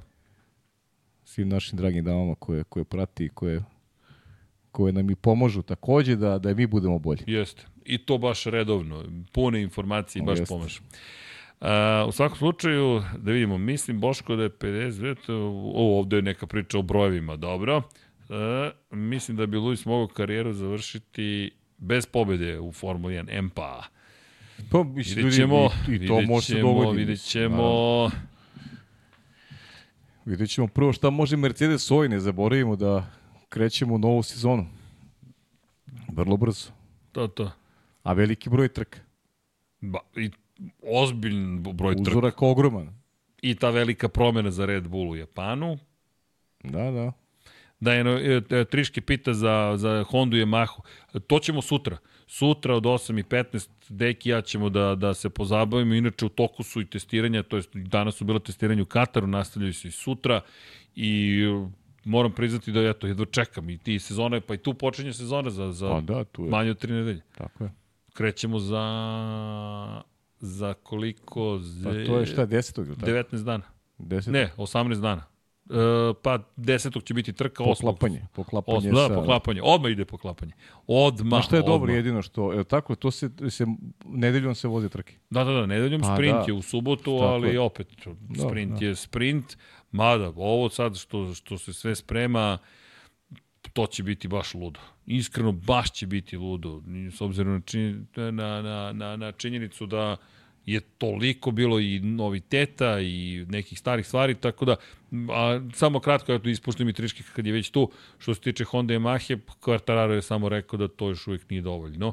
Za Hondu, iskreno ne znam, jedino optimističniji su, ali toliko su bili daleko i loši da je sve napredak. Bukvalno je sve napredak. Inače, tamo Pajo Formula 1, Deki to najavio pre ne znam koliko, tri godine, opet ista priča, ko što ti spominješ neke stvari godinama unazad, Deki koji je rekao Formula 1 90-ih ulazi u Moto Grand Prix. Aprilija ima dvostruki difuzor na zadnjem kraju. Znači, stežu difuzori, dvostruki difuzori, ima haos. I sad primenjujem, mnogo mi simpatično znanje iz Formule 1 primenjujem na Moto Grand Prix-u i podrazumevam ga. Kolege naše, na globalnom nivou prvi put se susreću sa stvarima i onda potpuno maše kad se stave e, kad imaš pito cevi koje su stavljene na, na, na kao mrežu, znaš i sam koliko puta mrežu vidiš na bolidu Formula 1, pito, ko, evo, senzori su izvučeni, testira se aerodinamika, pito cev, statički, dinamički pritisak, piše, piše kolega na, na, na Twitteru, kaže, ne mogu da verujem da će ovako da izgledaju motocikli. Ja pišem, ma nije ti to, to sti senzor. Senzori, Minka, senzori. Ako se sećate top list realista. da. Kako je Rajko, moj drugar, dobio kečigu za senzore, došao u školu, nema pojma senzore, pita ga profesorka senzori, on poče crta. A Minka, ne znaš ti, ti to, što ti sen, znaš ti to tvojim bangavim prstima.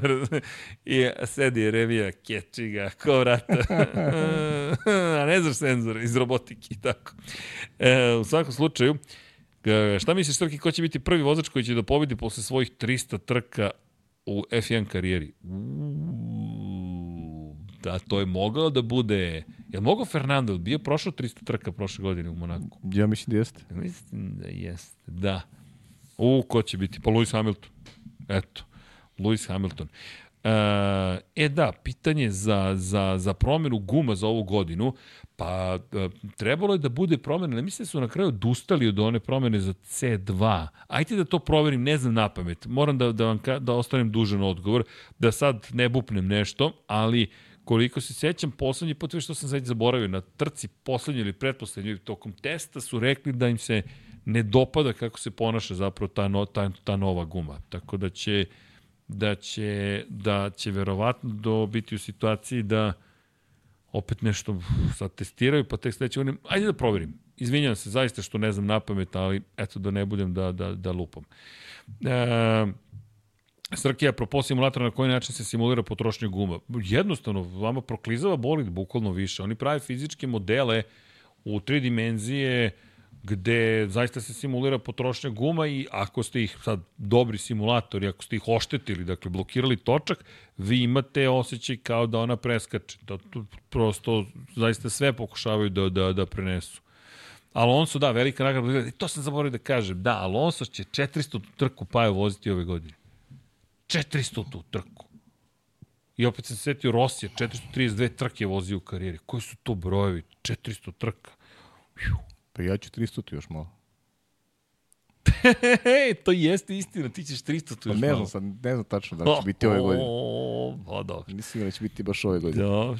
Treba da se izbrojiti. E, inače, a Slavko Hrci kaže pitanje Srke i Pavla u vezi Naskara, Tony Stewarda i Joey Logana. Ima velika priča među njih i, na, i najbolji villain story u Naskaru. Može odgovor ispričati, zanima me. Između njih dvojice, kako Šta? to, Mislim- e, da su, ko je tu loš, ko je dobar, Tony Stewart i Joey Logano. Ko je loš, ko je dobar? Da, da. Pa dobro, nema, nema reputaciju Joey Logano. Ja, onako, to je Srki, ja smo izabrali onako spletom okolnosti, ovaj, za koga ćemo da navijamo. Ja sam izabrao Logana, ali Logano nema baš dobru reputaciju. Da ne, Tako da, znaš, ne, ne važi za, za vozača koji je omiljen. Ovaj. Ne, pa to villain story, on je kao Da. zlikovac. Da, a ne znam kako je, ne mogu setiti sa Tony Stewart, kako je Tony Stewart imao reputaciju kao vozač. E, Veći je šampion svakako, bolja karijera Tonija Stewarta. Mada nije ni Joey daleko. Mislim da je Tony završio karijeru sa tri titula, a Joey ima dve. e, pa, Ali sa reputacijom se ne sjećam kako je imao reputaciju Tony. Ne znam, pa Toni, Toni, sad ne mogu da kažem, on, to mi zanimljivo sad ova priča, moram da priznam da da, da, Ja je ne znam, ja, ja, ja, se, ja uopšte se nisam Da. primetio da ima postoje poređenje na relaciji Tony Stewart, Joey Logano u tom nekom pogledu. Ali znam da je Joe imao stvarno mnogo ovaj, i sukoba, ima ih i danas. Imao je, čini mi se, u Clashu da imao neki sukob isto. Ovaj. Pa, od priče koje se ja sećam je Joey Logano, evo, ti si te rad, čak ja mislim da si ti radio tu trku, kad je Sa Kylom Bushom kad se pobio. Ili, ne, pobio, ali Hamlina je u poslednjem krugu izbacio iz sta, sa staze, jel tako A znam, beše? ali, ali ti imaš, imaš, pravi, imaš istoriju. Istoriju Im- toga. Imaš, imaš Njega su izbacivali sa staze, a imaš, takođe. to, to je uh, Matt Kenseth. Da, Matt Matt Kenseth. Kenseth mu uzeo titulu, bukvalno mu uzeo titulu Jest. tako što ga je u play-offu, on, on prvi ulazi u finale, treba mu pobed uđe u finale i ovaj, on ga izbaci sa staze sa, sa 17 krugova za ostatka. I dobio je trku, dobio je zabranu, dve trke nije vozio Matt Kenseth, to se redko, redko dešava, dobiješ takve zabrane. Tako da, ali opet, Matt Kenseth je rekao da je to uradio jer je zapamtio, jer je njega Joe Logano negde isto i tako da stvarno Joe ima mnogo toga ovaj što što što ovaj ide u prilog da da da da važi za jednog bad guya da Da, ali Joey vozi ljudi od svoje 18. godine i on... Pa on je najmlađi pobednik uh, trke isto- Naskara, u istoriji da, Naskara. on je, da. on je sa, ne znam, 19 godina, ne znam da li ima punih Pa 19 godina projektovan kao pobedio. veliki talent, da. Projektovan kao veliki talent. Dve titule su super, ali su neka javnost u Americi očekivala od njega da, da, da u ovim godinama ima i više. Pa po kako je došao do, do, do NASCAR i kako je ušao i način na koji je vozio u nižim kategorijama, kojom brzinom je stigao do kup serije, Tako je. Je nešto što je go- govorilo u prilog tome da će to biti zaista velikan. Dobro, ali Joe ima i nekih zdravstvenih problema.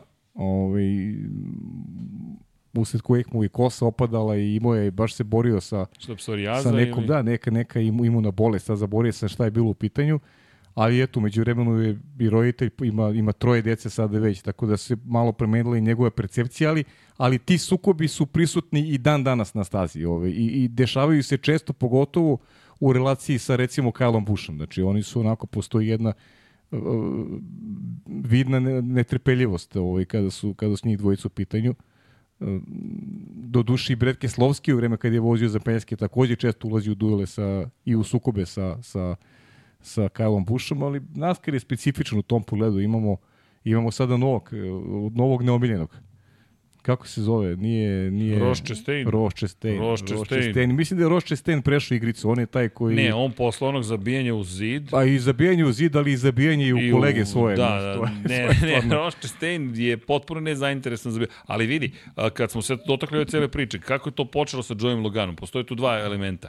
Joey dolazi iz bogate porodice i to neko, tačno. nekih ljudi nikada nije bilo preterano prihvatljivo, jer to je eto, samo izgovor za sileđije da budu sileđije. Kao, Mm. dolaziš iz bogate porodice, pa šta je, šta, krive što Da. se rodi u bogatoj porodici. E, S druge strane, je bio čovek koji nije uzvrćao na sve te poteze prljave u igri. Mislim, prljave, to je uobičajeno u Naskaru i njemu su čak govorili, neće dečko naučiti dok ne uzvrti udarac. Šta se obično desi s ljudima koji nisu baš vični tome da uzvrte udarac? Oni pri- primene prekomernu silu. I onda od nekoga ko ne reaguje, dođe do čoveka koji ekstremno reaguje I to je to su to su teške situacije binarno nula jedinica, nema 0,5, nema reagovao sam dovoljno. A da, ne, ti, ti si došao, znaš, ti, ti ne možeš bez bumpiga da pobediš, recimo, neku, neku, neku bitnu trku, znaš. Ne. Bumpig je le, legalan potez u NASCAR. Jeste, i da- klubski kolege ga izvode jedni protiv I drugih. klubski kolege, ma kad je veliki ulog u pitanju i klubski kolege, nema tu, nema sentimentalnosti. Pa ovde, Daytona, možda stignemo ovaj, kućama da kućama pogledamo te, finiš. mogli bismo i da, da, da To će, stignemo. to, to će da bude, to će Da, haos, da, haos. haos će da bude I u naravno- posljednjih krugova. I svi čekaju the big one. 124. krug je od 200. Ma da, ima tu još, ima vremena koliko hoćeš. I haj, taman pajče. Ko- Sindrik je prvi treba. Austin. Pred Busha i Blaney-a.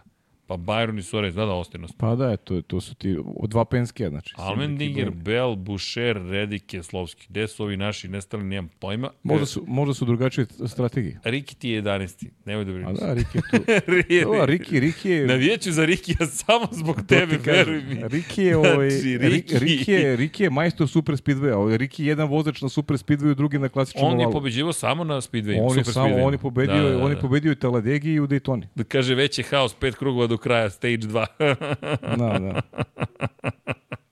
A znaš šta su možda? Možda su, možda su Joy i, i Martin na, na drugačije strategije, znaš. pa moguće. A bitno je biti u vodećima kad počne treći ovaj Ljudi, stage, i da znaš. pogodite koliko guma menjate. Da li dve, da li četiri, da li nekog Pa ne, preskačete pa ne, na šta kraju. Pa ne, u, u Daytoni. Nekad i ne menjaju gume.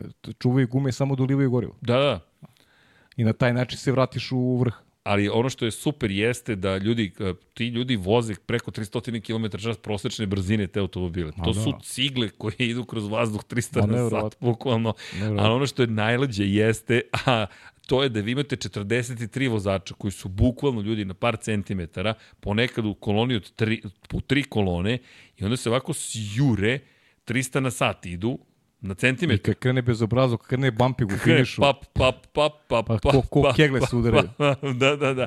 I, ali, i, I tu imate i celu taktiku kako to, to, ej, sad je godišnica, baci kosko, četiri časa da pozdravimo Miksu, Tokija i Dekija, četiri časa grobnika, prošle godine se A, vozila. da, bravo. Da, da, vidio sam stvari Da, neki da, da, da, nešto da, neki, da, da, vidio sam. 19. februar, mnogo lepo. I tu nas je Miksa učio, kaže, ljudi, tu naravno niko, ja nisam nažalost vozio tu trku, vozio deke, kaže, nisam se usudio nekom da, da, da uđem u branik. Gde ti zapravo, šta se događa? Vi ste na čelu kolone i vi pružate zavetrinu mm. i ovaj iza vas ide brže. Sad, pošto on ide brže, čista fizika, on vama se prestoni na branik i počinje da vas gura. Sad vi dalje njemu otvarate vazdušni džep, jer vi, on nema otpor vazduha, on i dalje može da ide sve brže i brže i brže i brže i to što vas gura minorno utiče na njegovu brzinu, on i dalje ima snagu da vas pogura i čak i u Twingo kupu jedini način da pobediš je zapravo da radiš bumping u suštini. da, da. I sad zamislite samo bumping na 300 na sat na Daytoni. tu, tu često se dešavalo, znaš, red koji uhvatiš, imaš dva reda uglavnom. I ako, ako si prvi u redu, i ako nemaš podršku vozača iza, ako, ako nemaš bumping, nema guranje, To je to. ti ispadaš, ispao si iz trke, gotovo. Ispada. I ko gleda NASCAR, izvinjam se, obratite pažnju na promenu kolone. Nikad ne menjate kolonu. Kad se vidi da neko menja kolonu, ili da preuzima čelo kolone, to je mnogo hrabre. Zašto? Vi ste sada iza nekoga i vi kažete, e sad ću da skočim u kolonu ovde i ovo iza vas vas samo ostavi na cedilu. Pa da. Kaže, nećete gura. Gotovi ste. I vi samo ako počnete tonete, tonete, tonete i on se skloni u, U kolonu desno i u Daytoni ćao. sa prvog padneš na 20. mesto u roku od 10 A sekundi. bukvalno, i samo vidiš kao da ga je neko isključio. I mi kad smo Isključio ga prvi i put- saobraćaj. Isključio ga i saobraćaj. I kad smo prvi put radili te neke stvari nesvat i bočna zavetrina. Kako znaju da okrenu jedni drugi. Kako? Priđemo ovde ovako, ovako kako da, idu. pa sam- Priđe ovde poletiš. i pošto, jel te, nailazi vazduh ovde, on će da gurne vazduh ovde. Vrlo jednostavno. I on zavetrina se stvara, ali na pogrešnu stranu. On samo gurne i Ode u samo ovako. Ode, Ode u zid i pokupiš još šestoricu. komada.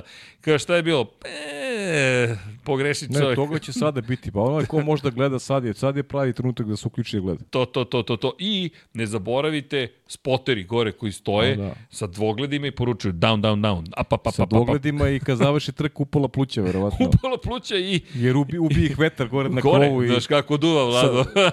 misliš da je 30 stepeni, oni sa kapama gore ovi 4 sata. Evo, kaže, trenutno su u koloni tri vozila i stižu Lugana za krug. Ma ni to ništa ne znači, verujte. Ništa, ma. Stignu i onda mu neko kaže, vrati se u krug sa vodećima. I on se vrati, bude 43. i 30. 27. Bude neki haos, evo ga, 12. Kad ste 12. Pa da, to je ako, već... ako si prvi ispod crte, ovaj, ovaj, Pa onda ti se se vraćaš u vraćaš krug, u krug tako je. prilikom, prilikom sledeći košena, tako da. Da, evo, Blaney pobednik drugog, druge etape. Dobro. Da, da. Dobro. Aktuelni šampion.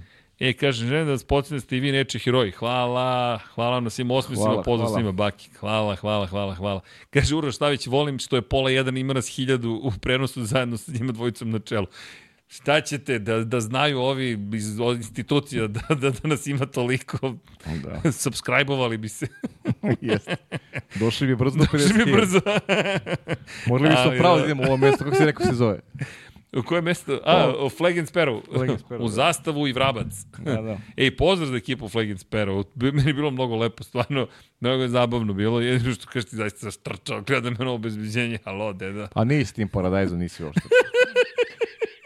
Ја кад го сум изаѓал, ja bez парадајз nisam više нигде. Ja, краставци. I luk. Smeta mi, krastavac mi smeta. Krastavca, vada, teško ti pada na stomak. Teško varimo, da, da. Mada, ako imaš krastavac, to ubaciš u gin tonic. Tako je. Paradajz ne možeš. Pa Krastavac paradajz- skroz ide. paradajz Možda ubaciš samo u želudac. Direktno. E, kaže, dede, dođemo u biblioteku, evo, javit ćemo vam, ali verovatno ćemo to, nešto ćemo da napravimo, ko zna. Pa imamo, Javit ćemo, ček, da. imamo naš prostor, bre, ono liki, svaki je ni alca, biblioteci, da. mi pričamo. Svemirska biblioteka, svemirska Svemirska. biblioteka, to treba da bude Pod nas... koje teče reka. ok, počeli smo se odbacamo Rime, vreme je da se Idemo, odjavljujemo. idemo. Vreme je da se ide kući. Oga, Darko pita teška pitanja, Srki platio večeru. Nije. Nije, biće polako. Biće, A nije, biće, nije, nije, biće. nije moment sada da... Kaže Ivan Vojsinović, čuo sam za Paradajz turisti, ali ne i za Paradajz klabere. Sjajno. Dođeš sa friđom, razumeš, frižiderčić, la, otvoriš i dok klabuješ Paradajzić, nasečeš je. drugarima, malo da ima... I kaže, konobar, Konobar. ili ima neke pršute možda? Kaže, Paradajz imam. kaže, kaže Marko, z- svi prave martini sa maslinom, samo srki s paradajzom. A, Red Bull više novi Pink Mercedes i odmah ide tužba. E, ja, Znam čoveka koji je u, ovaj, u lokalu stavio vodu i tražio četiri čaše od konobara. To ne, A, jako, ne postoji, jako, ne postoji, ovaj, ne postoji ništa gore.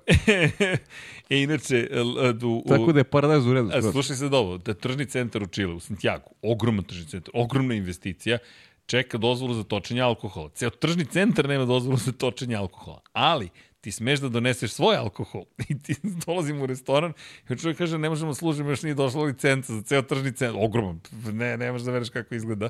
I mi se kao, ok, šta ćemo raditi? Ništa, otišli u prodavnicu, kupili vino i doneli svoje vino. U redu? Pa naravno da je u redu. Ja vam prodam hranu. Tako da, eto. To ti je, to sam slušao ovaj, a, običaj, recimo Da. u Gruziji. Znaš, Stvarno? pošto oni imaju, maltene svaka porodica ima svoju, svoje A, vino pravi. Znaš. okej, okej. I kad idu u, u lokale, oni donose svoje vino. I to, i, i, to, i, i to i mnogi restorani znaš, dozvoljavaju da to rade. Znaš. Ti doneseš svoje vino, ti ne znam, ti uzmeš, jedeš nešto, naručiš, ali piješ svoje vino. Zanimljivo. Donosiš od kuće, jer manje više sve porodice imaju neko, imaju neko gazdinstvo u smislu prave svoje vino, oni su poznati po, po, po A vinu. ja gajim baš je paradajz. interesantna priča. A ti si, da, ti si poznat po zato sam paradajzu. doneo paradajz. Tako je, da. Kaže, spreman si za Bloody Mary. Da, A, dobro. Viktor Šumanovski kaže, inače, kaže Vehić Se- Šehić, veliki pozdrav sa Floride i hvala za sve što radite za nas. hvala Pozdrav ljudi veliki. vama, veliki pozdrav za Floridu. To, Flo, Florida, Florida, baš smo pričali Burazir i ja. Panthersi. I Panthersi i Pa dobro, ja sam- tam, ja sam ne, hokejaš. Panthersi su ti ne, ne, to su Panthersi su od Karolina severna. A tvoji su Panthersi Da, hokejaši. Flo- hok- e, ne, Florida, ja mislim da jesu, da. Aha, ne, o, Severna Karolina je, su Panthersi u, u NFL-u, Karolina Panthersi, ali imaš Tampa Bay Buccaneerse na Floridi, Miami imaš Dolphinse i imaš Jacksonville Jaguarse. Tri ekipe su sa Tam- Floride. Tampa je i u hokeju Da, da. bila šampion dve godine za redom, ozbiljna ekipa. Pa, to, pa i tad, ekipa. i oni su objedinili titul. Jesu, jesu, Oni su da, objedinili da, jesu. NHL i NFL. Jesu, jesu. Da, to je ta čuvena godina. Da, da, jesu. E, kaže, sad baš tražim stream za Daytonu. E, ne znam da li ima stream za Daytonu. Ne znam, ljudi, e, ima, meni je, meni je Deki Andrić mi je poslao nešto. A, ajde mogu da kažem ovaj, samo da, samo da uzmem. Deki Andrić mi je poslao, sad imamo kako se to zove, mogu, mogu i tebi Srki da pošaljem.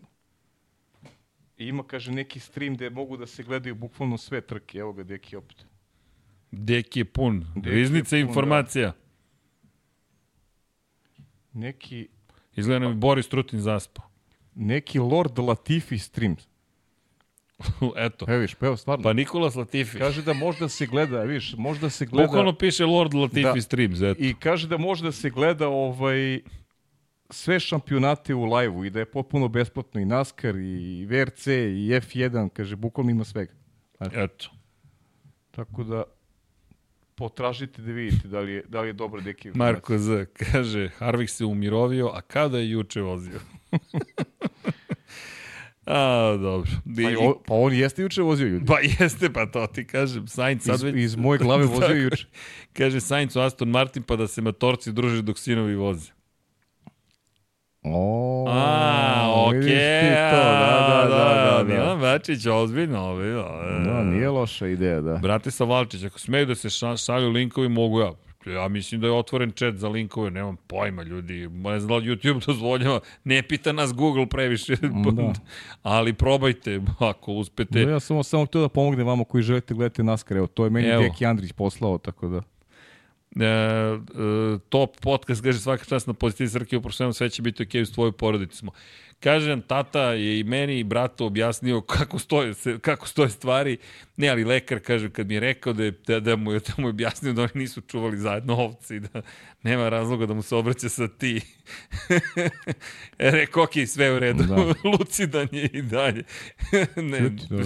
bukvalno, ne, čovjek izgleda, ali izlazi s poštovanjem. Kaže, moram da vam priznam, vaš otac je lucidan čovek. Se šta je sad bilo sunce ti poljubim. U čemu se ogleda, ogleda ta lucidnost? lucidnost. A ne, već znam da ide, da u nekom smeru će otprilike da ode, da. samo nisam bio siguran na koju stranu. I kad mi je rekao i Ćali koji gleda Burazir, kao, pa šta ti trebaš, što ti nisi u Majami? Ta, pošto Burazir treba da ide nešto poslom u Majami. I Ivan kao, pa sledeće nedelje, bukvalno, šta sad? I, i tako da nešto, navijaš za čoveka i, Ma, i to je to. I on me poslao nazad i tako, sećam se i nažalost kad su baka i deka preminuli, kako je tata to isto posmatrao. Sine, život, ciklus, idu krug, sve. Ne spava Boris. Daj, Boris? daj taj link. Prozvali smo ga, daj prozvali link. smo ga. Čekaj, Borise, sad će, nemoj posle bude. Kaže, tata, Erce bude... Bill Beličik fazon. E, jeste Bill Beličik, još, još je veliki navijač New England Patriots, tako da eto da je tata baš, da, da je tata baš, baš taj. da, uh, Empa najveći transfer ikad u sportu je prelazak Vejna Greckog, oh, the big one, Wayne Gret, uh, iz uh, Edmonton Oilersa u LA Kings. Jest, jest. Po svim parametrima. To je jest. baš bio, jeste je transfer. Gretski... E, ima, ima film o tome, ljudi, koga, pošto ja, ja hokej obožavam i evo, ja sam sad pratio, pratio se šta je Detroit radio u hokeju sad dok smo, dok smo pričali. Jer volim Red Wings i volim, ovaj, volim hokej i, i stvarno je to bilo jedno od najvećih polskih priča. Ima dokumentarac sjajno urađen na tu temu kako je mm, kako da. je Wayne odlučio ovaj, da, da napusti Edmonton i da, i da ode u LA. Da, to, to, su, to su stvarno ne, neverovatne priče. Iako je za mene najveći ovaj, svih vremena Mario Lemieux, ali e, to je sad možemo da polemišemo. J.R. Smith, izvini, poslao sam na Lab 76, nisam poslao poruku, imam pitanje za MotoGP podcast, predugo je za YouTube. JR pogledat ću kad se završi ovaj podcast, pa ćemo da, da, da to proverimo. Jel može? Pozdrav najboljim komentatorima, da li nekad možemo očekiti vlog iz kabine i kako sve izgleda iza kulisa? Ko, Kosma i pita. Pa mislim, što da možemo da probamo. Da, da pričamo neku akciju, ovaj, nešto ćemo, to.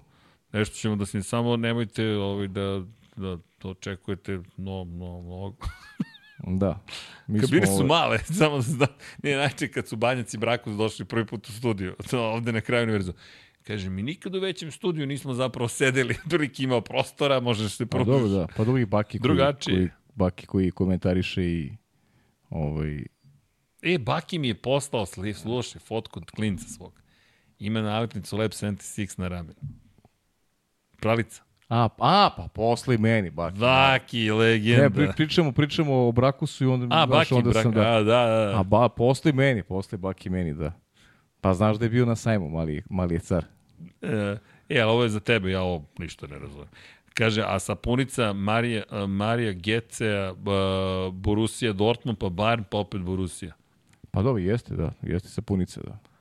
Jeste, menio je. Baš tako je išlo. Otišao iz Borussia u Bayern, vratio se nazad u Borussia. Kaže de Banda da gledamo kako paja Tonin iz stolicu kad Max povede u prvoj krivini. to neće to nužno da se desi sada, ono, početak je sezone. Ne, za da, kamere ćemo se smeškati. da, da. Početak je sezone, tako sve će biti prihvatljivo, ali ako se to bude ponavljalo i postane učestalo, e onda... Ako i do Japana budemo u istoj e, situaciji, onda, da. a ako tek od Japana i dalje budemo u istoj situaciji... Mada vezat ćemo sad ove pekarske termine. Pa jo, spremi vreću za spavanje. Da. Nismo dugo bili u toj, u toj poziciji da, da se vezuju. Pa da, nismo bili. A nismo bili Nije ovako... bilo Kine, nije bilo Kine, onda su razdvojeni, bile jeste, Australija i Japan. Jeste, sad se sve spojilo. Da, da. Ja, to ko oktober. Ko oktober. Ti luli, luli, luli. Nema veze. Biće brzog spavanja. Nema veze. Inače, pitujte za rezultate Juventusa u zadnje vreme. Pa ljudi, ja to očekivano, mislim, za mene očekivano. Mislim da Inter najbolji i, ovaj, Juventus je pao jer nema kvalitet i, to je to. Drugo mesto ili ti ulazak u ligu šampiona, to je stvarno top. Ali bih volao da se promeni trener. Eto. Ko mi je trener sada? Nemam pojma. Max Allegri već je on onako dugo. Dobro. Čisto pitam, nemam, Da, da. nemam, ništa, da, nemam ništa da dodam u celoj priči. E, samo jedna stvar, čekaj, nešto sam video. Da, Figo iz Barse u Real, to isto bio veliki transfer. Pa bilo je, je bilo mislim, bilo je transfera, da, Figo, da, svinjska glava koja je letela, da. Događali su ga svinskom glavom. da, ne mogu da A verujem. da, da. Vlada se seća, verovatno. Vlada se smeje, seća se. Svinskom glavom su ga gađali. Da, da, to su te emocije. Kad odu na neku suprotnu Navijačke. stranu, navijačke, Pa da, to da. je, navijači su svuda isti, univerzalni, znaš. To, to je ta Nema strast. tu, pa to je ta strast, znaš. Kad te izda neko za koga misliš da je, ovaj, ali to mi je fascinantno, znaš, kad očekuješ vernost od nekog stranog igrača, znaš, to je, znaš, Portugalac u Španiji, koje njega emocije vezuju i za, i za Real i za A Barcelonu. ne, najbolje, ne, Šta ga briga, znaš šta je razumeš? najsmešnije? Što, ali kad to kad... urade ti lokalni momci, kad Da, da, urade, da, znaš, da. to je onda onako baš, ovaj, mora ti reći da ne podržavam. Ovaj, znaš. Mislim da ne bi mogu nikad da uradim tako nešto, ali opet Pa da. to je sve stvar, stvar izbora. Znaš. Razumeju, znaš ali kako? kad odeš u stranu zemlju i kad ti menjaš, mislim, ne razumem zašto neko očekuje strance da bude ovaj, da pokaže neki, šta znam, neku Pa vernost čemu? Nešto, Pa da. ne, nešto je više meni. Što, što svi imaju potrebu da izražavaju večnu vernost. Ja ću ovde za ove ostati, ovo je najbolji klub, ja ovo najviše volim. E, potpisao sam za Real Madrid. A, molim. Pa da. Pa da. Znaš, više je to, isto kao ono što si ti pričao za romantične filmove. Ne znam šta ću ja sad sebi da uradim. Nema ništa da uradiš, čoče, nađi drugu devojku. Pa da. Nema ti ništa, šta više da radiš. Nešto Reci, tako. žao mi je što je tako ispalo i idemo dalje. Ili on, ili ona, sve jedno. Nebitno ko je, da. da. Nevažno. I tako. Pajče, pa mislim da smo obradili, gruzijski I- i više, alkohol smo obradili, vidi, nisam očekio da ćemo pričati o gruzijskom vinu, Pa ali eto, znaš, namestilo se. Šta, šta ti namestilo kažeš? se, to su, to su te emocije, to su ta iskustva. Ne, sad ne znam da li te pitam kako ti to znaš, ali to je sad sve u redu. Pa čito sam. Te, pa da, u biblioteci si redovno, pa da, puno Čitao. knjiga prošlo kroz tvoje ruke. Pa jeste, ja Pa stvarno, jeste. Ja volim da čitam ovaj, mnogo i, ovaj, i evo sad ću da preporučim recimo za To, kraj, daj nešto za kraj. da preporučim, čitajte knjigu od, od uvaženog ovaj, profesora doktora Gorana Milešinovića, Formula, ova, Vinča. Da. U njegovoj knjizi je snimljen film Dragana Bilo- Bilogrlića i, ovaj, i pročitajte eto tu knjigu. Ovaj, eto, sa, sa zadovoljstvom je preporučujem, pogotovo što ako Goran je jedan divan čovek i, i ovaj, lepo obradio jednu temu o kojoj se onako, da kažem, malo i znalo. E, Ja ću da se držim moje, ali jel te nekih stvari, Burazir, ja smo nešto u poslednje vreme spominjali zapravo 2001. Pa ako nije pročitao Artura Clarka, topla preporuka, zašto? Zato što je zapravo knjiga napisana po filmu i ne obrnuto i zato što je to remek delo i mislim da ga vredi pročitati ponovo. Malo nedostalo da kupimo prava za tu knjigu. Bukvalno, kad sam poslao upit da li postoje da je neko kupio prava, kaže pre tri mjeseca smo prodali prava, ali to se događa jer sam hteo čisto da imamo t- tako naučnu fantastiku u, u, u našoj biblioteci i da odgovorim na pitanje za, za, za zmajice. Da zmajice nam stižu u četvrtak ili najkasnije petak, tako da znate, da, naručene su i na vreme i sve, međutim uvek neki praznik nešto se praznuje, tako da se praznovalo, pa eto čekamo malo. I tako da znate da stižu i kreće akcija isporuka i svega stižu i Nippon duksevi, to isto bilo pitanja.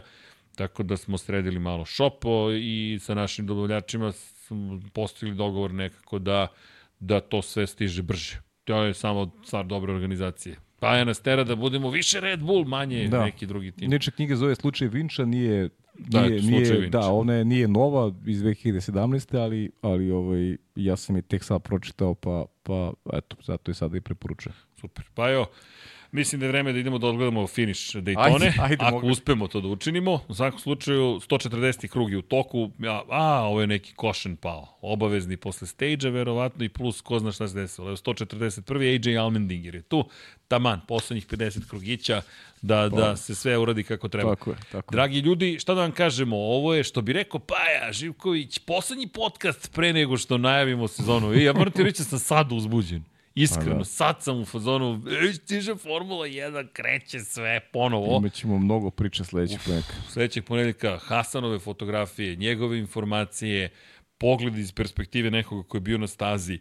Do, naravno, analize na tehničkom nivou, šta smo to videli, mislim da ćemo to opet da odvojimo neki drugi podcast, da, da ovde možemo da ispričamo iz perspektive toga šta sve te tehničke izmene ili zaključi znače, a tehnički aspekt da ostavimo za one koji baš vole da se bave tim vrstnim detaljima i Y250 Vortex, da ne kažem vrtlog, analiziramo ne, nezavisno od cele, cele, cele priče koja se tiče naravno svega što dolazi iz Formula 1. Nadam se da ste uživali, shop.infinitascos.com, posetite, šta god da kupite, to je nama gorivo, pomažete nam, baš nam ozbiljno pomažete, onda smo mi nezavisni, na taj način ekipa cepa dalje, patreon.com kroz Infinity Lighthouse, ko može, super ljudi, za sve, like, share, subscribe, sve nam znači, zato što u krajnjem slučaju sve te reklame koje vas gnjave, nama donose prihod, jer kad vi pogledate reklamu, to negde registruje se da je, jel te, gledalac pogledao i neko plati mi dobijemo 70% od toga, ostatak ide nekom drugom. U svakom slučaju, i tih 70% je više nego nula, što bi rekli Alan Fordu, i, jel te, 70%, ne, 50%, smanjit će ti plaću 90%, 90% od ništica i dalje ništica. E, ovde nije ništica, ali, jel te, 70%, to je za stariju generaciju koja se seća kako je to sve najbolji, izgledalo. Najbolji iz svih vremena. Apsolutno, Bob Rock i kompanija.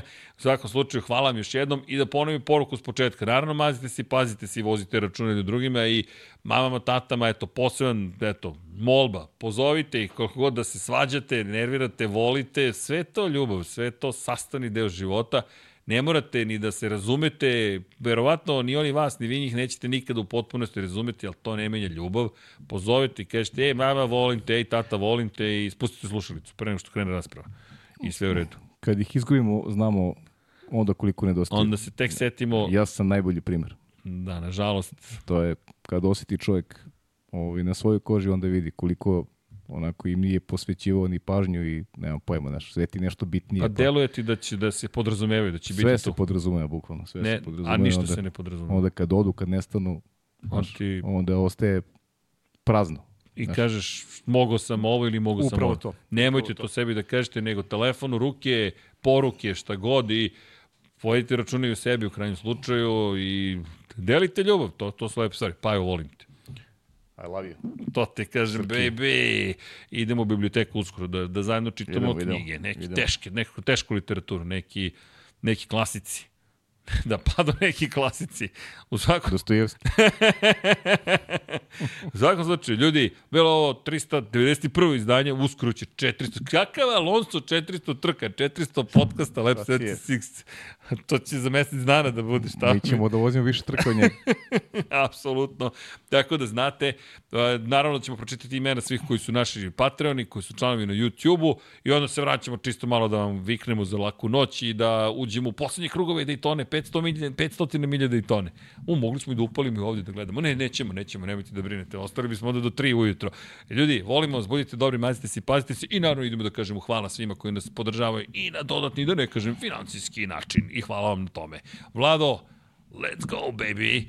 Dakle, hvala Bata Brada, Miloš Rosandić, Simović Sarajevo, Vladan Miladinović, Jasmina Pešić, Stefan Janković, Ivan Maja Stanković, Stefan Milošević, inače ovo uživo, Branislav Kovačević, Mihovil Stamičar, Ivan Rečević, 391. izdanje, Alen Vuletić, Dušan Delić, Branko Bisački, Alen Stojčić, Aleksandar Mitrović, Danijela Ilić, Darko Trajković, Marre, Igor Vučković, Novica Badrljica, Nedim, Šmele, Vladimir Mutić, Ivana, Aleksandar, Stevan Zekanović, Ljiljana Milutinović, Lazar Hristov, Stefan Stanković, Bojana Zrnić, Dimitar Vasilev, Ivan Toškov, Mihajlo Krgović, Ivan Panajotović, Nemanja Jeremić, Jugoslav Ilić, Borko Božunović, Luka Klaso, Marko Mostarac, Crnogorski džedaj, Gloria Edson, Bahtjar Abdurmanov, Monika Erceg, Nikola Milosavljević, Miloš Vuletić, Bogdan Mitrović, Zoran Cimeša, Aleksandar Milosavljević, Aleksa, Marko Trkulja, Đerman, Srđan Sivić, Vladimir Uskoković, Vladidov Dave, Nikola Stojanović, Zorana Vidić, Jelena Veljković, Dejan Vujović, Ivan Cigir, Vukašin Vučenović, Matija Rajić, Bogdan Uzelac, Stefan Nedeljković, Aleksandar Bobić, Đorđe Radojević, Ljubo Đurović, Dušan Ristić, Robert Čolić, Jeca and Stefan, Vojin Kostić, Marko Marković, Vuk Korać, Dorijan Kablar, Nemanja, Traktorka, Boris Gvozden, Ivan Čule, Vladimir Stojadinov, Ivan Sović, Dejan Đokić, Andrija Todorović, Mario Vidović, Jovan Đodan, Jelena Mak, Aleksandar Jurić, Miroslav Cvetić, Dejan Janić, Blufonac, Ognjen Marinković, Milan Nešković, Đorđe Đukić, Žorž, Životić, Jovan, Nikola Marinković, Đorđe Milanović, Luka Manitašević, Vanja Radulović, Ognjen Grgur, Bojan Markov, Stefan Ličina, Marina Mihajlović, Sava Dugi, Andrea, Veselin Vukićević, Emir Mešić, Borislav Jovanović, Dragan Matić, Ivan Rebac, Bojan, Kovačević, Omer, Tina i Ilija, Ognjen Ungurjanović, Milan Paunović, Aleksa Lilić, Mario Jelena Komšić, Ivica, Nebojša Živanović, Dimitrije Mišić, Hrvoje Lovrić, Milan Kića, Luka Martinović, Nedole Panović, Kristina Ratković, Inzulin 13, Predrag Simić, Andrej Bicok, Sean Hing, Živojin Petković, Grgo Živaljić,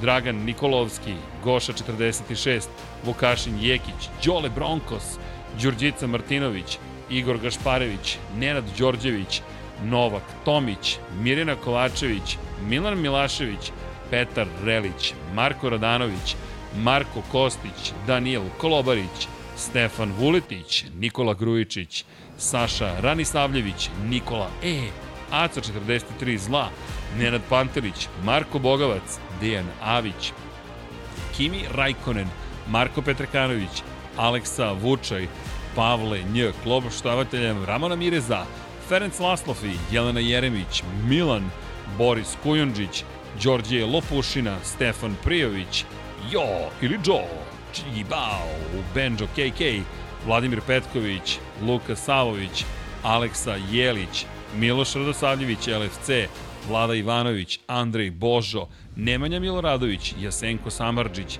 Mladen Mladenović, Đole Cheesehead, Kristijan Šestak, Matija Binotto, Miloš Todorov, da žena ne sazna, Milan Ristić, Strahinja Blagojević, Bojan Bogdanović, Zoran Baka, Mladen Tešić, Igor Jankovski, Branimir Petronijević, Klara Gašpar, Antonio Novak, Aleksandar Antonović, Stefan Radosavljević, Toni Ruščić, Andreja Miladinović, Aleksandar Radivojša, Miloš Prodanović, Dušan Petrović, Miloš Banduka, Šefko Ćehić, Danka, Miloš Rašić, Deus Nikola, Nikola Beljić, Jugoslav Krasnić, Sead Šantić, Đorđe Andrić, Nedim Drljević, Predrag Pižurica, Strahinja Brajanoski, Ćole QB4, Damljan Veljanoski, Marko Horg, Peđa Janković, Admir Dedović, Mirina Živković, Nenad Simić, Armin Durgut, Vladimir Jovanović, Ivan Maksimović, Stefan Vidić, Aleksandar Banovac, Anonimus Donatorus, Laslo Boroš, Lj. Đurović, Stefan Lešnjak, Zoltan Mezeji, Ivan Simeunović, Nemanja Labović, Milan Apro, Nikola Božinović, Marko Blagojević, Ivan Milatović, Vambli Sapa Art, Mladen Krstić, Denis Špoljarić, Safet Isljami, Andreja Branković, Anonimus Donatorus, Roko Marović, Dario J, Branislav Milošević, Aleksandar Anđelić, Anonimus Donatorus, Neđo Mališić, Matej Sopta, Marko Kozić, Boris Radović, Branislav Dević, Miloš Broćeta, Ivan, Zlatko Vasić, Renata Neš, Martin Gašpar, Tijana M, Armin, Branimir Kovačev, Ružica Stefanović, Marin Antunović, Davor, Filip, Salim Okanović, Boris Erceg, Borislav Vukojević, Josip Kovačić, Vladimir Filipović, Aleksa Valter, Vučinić Miroslav, Bojan Mijatović, Dejan Avić, Petar Nujić, Katarina, Nemanja Zagorac, Mlađan Antić, Luka, Aleksandar Čučković, Bojan Majstorović, Marko Ćurčić, Zoran Majdov, Nenad Ivić, Lazar Pejović, Stefan Dulić, Zoran Šalamon, Branimir Rijavec, Lukas, Ertan Prelić, Kosta Ivanov, Ante Primorac, Nemanja Miloradović, Resničanin, Ramzes Rama, Ivan Vincetić, Milan Herceg, Zoran Baka, Amar Taso, Domagoj Kovač Rajkov, Bojan Markov, Milorad Reljić, Konstantin Linarević, Nemanja, Pavle Lukić, Zoran Mladenović, Vladimir Vujičić, Eldin Polovina, Uroš Čuturilo, Saša Stevanović, Pujo, Karting centar Jagodina, Nikola Hrnjaković, Slaven 84, Vojislav Tadić, Aleksandar Jokić, Goran Mrđenović, Ivor M, Future Graciano Rossi, Jovan Bojanić, Marko Jevtić, Ada Sokolović, Deni Fejzić, Škundra, Milanka Marunić, Drago Veković, Alen Jesenović, Vlada Ivanović, Mrča, Omer Sarajlić, Miloš Zed, LFC, Milan Knežević, Kromid, Miloš Rašić, Nikola Vulović, Nikola Grđan, Stefan Škrbić, Edin Ustavdić, Bojan Stanković, Marko Lučić, Vladimir Bulatović, Nikola Adamović, Luk Williams, Igor Ninić, Tatjana Lemajić, Igor Ilić, Ejhel, Vuk, Mateo Miholić, Aleksandar Kockar, Dejan Janić, Ivan Magdelinić, Lunatic Soul, Nemanja Cimbaljević, Aleks Volović, Predrag Zec, Toni Soni 76, Blago Jačevski, Vladimir Subotić, Igor Vranić, Pancer, Stevie G8, MM93, Vladan Đurić, Aleksandar Stojković, Ivan Novaković, Filip Knežević, Armedin Ahmetović, Alvedin, Dejan Plackov Plackov, Dinstero, Zlatko Marić, Bruno Jurić, Nikola Božović, Ivan Hornjak, Nikola Grujičić, Jovan Bajić, Branko Rašević, Petar Bjelić, Nikoleta Minić, Žika Su, Josip Buljovčić, Jelena Jeremić, Srđan Ćirić, Miloš Stanimirović, Marakos, Galeksić, Uroš Ćosić, Josip Daničić, Oliver Nikolić, IP, Ivan Božanić, Vladan Miladinović, Tomić, Miloš, Ivan Vujasinović, Aleksandar Egerić, Bojan Gitarić, Vlado Jurčec, Mateja Nenadović, Krorobi 00, Bakadu, Đera 7, Anonimus, Donatorus, Đorđe Janjić, Nemanja Bračko, Aleksandar P, Marko Bogavac, Mensur Kurtagić, Peja MD, Mirko Novaković, Nedžad Mrakić, Andreja David, Katarina Stepanović, Almir Vuk, Aleksandar Radivojša i Marina. Mada, Đorđe Pajović Vujković je poslednji. Opa, ispala mi glava. Ček, moram sedne malo više. Otišla mi glava. Vrati negde. glavu. Vrati Srki u glavu. Dragi ljudi, šta da vam kažemo, eto i top listu nadrealisnu smo spominjali večeras, gde smo sve odlutali, ali nadam se da ste oživjeli, da ste se lepo zabavili. Srki, znaš da smo četiri sata. Četiri. Ercik, drago mi je. o, ajmo da završavamo. Bilo je du, a, ima još, ali dobro, još se vozi Daytona. Tako da je sve u redu. Makar se nadam da se vozi. Elem, ljudi, 391. izdanje. Zabavili smo se, nadam se, poslednji podcast u 2024. Pre nego što počne sezona Formula 1, sutra Moto Grand Prix testovi su u toku, to je predposlednji podcast pre nego što počne Pa ne, sezona o- Moto Grand Prix. Poslednji, o, o, poslednji je e, u kojoj neće biti najava. O, Sledeći je ne, najava. posle pre najave, ja sam već otišao, Da, da, to je da, već da. sezona, Pajo. Tako da, sledeće nedelje se družimo za najavu, večeras šaljemo puno ljubavi, mazite se i pazite se i naravno vozite računa da je drugim 1, 2, 3, 4, 5. Ćao Ćao svima!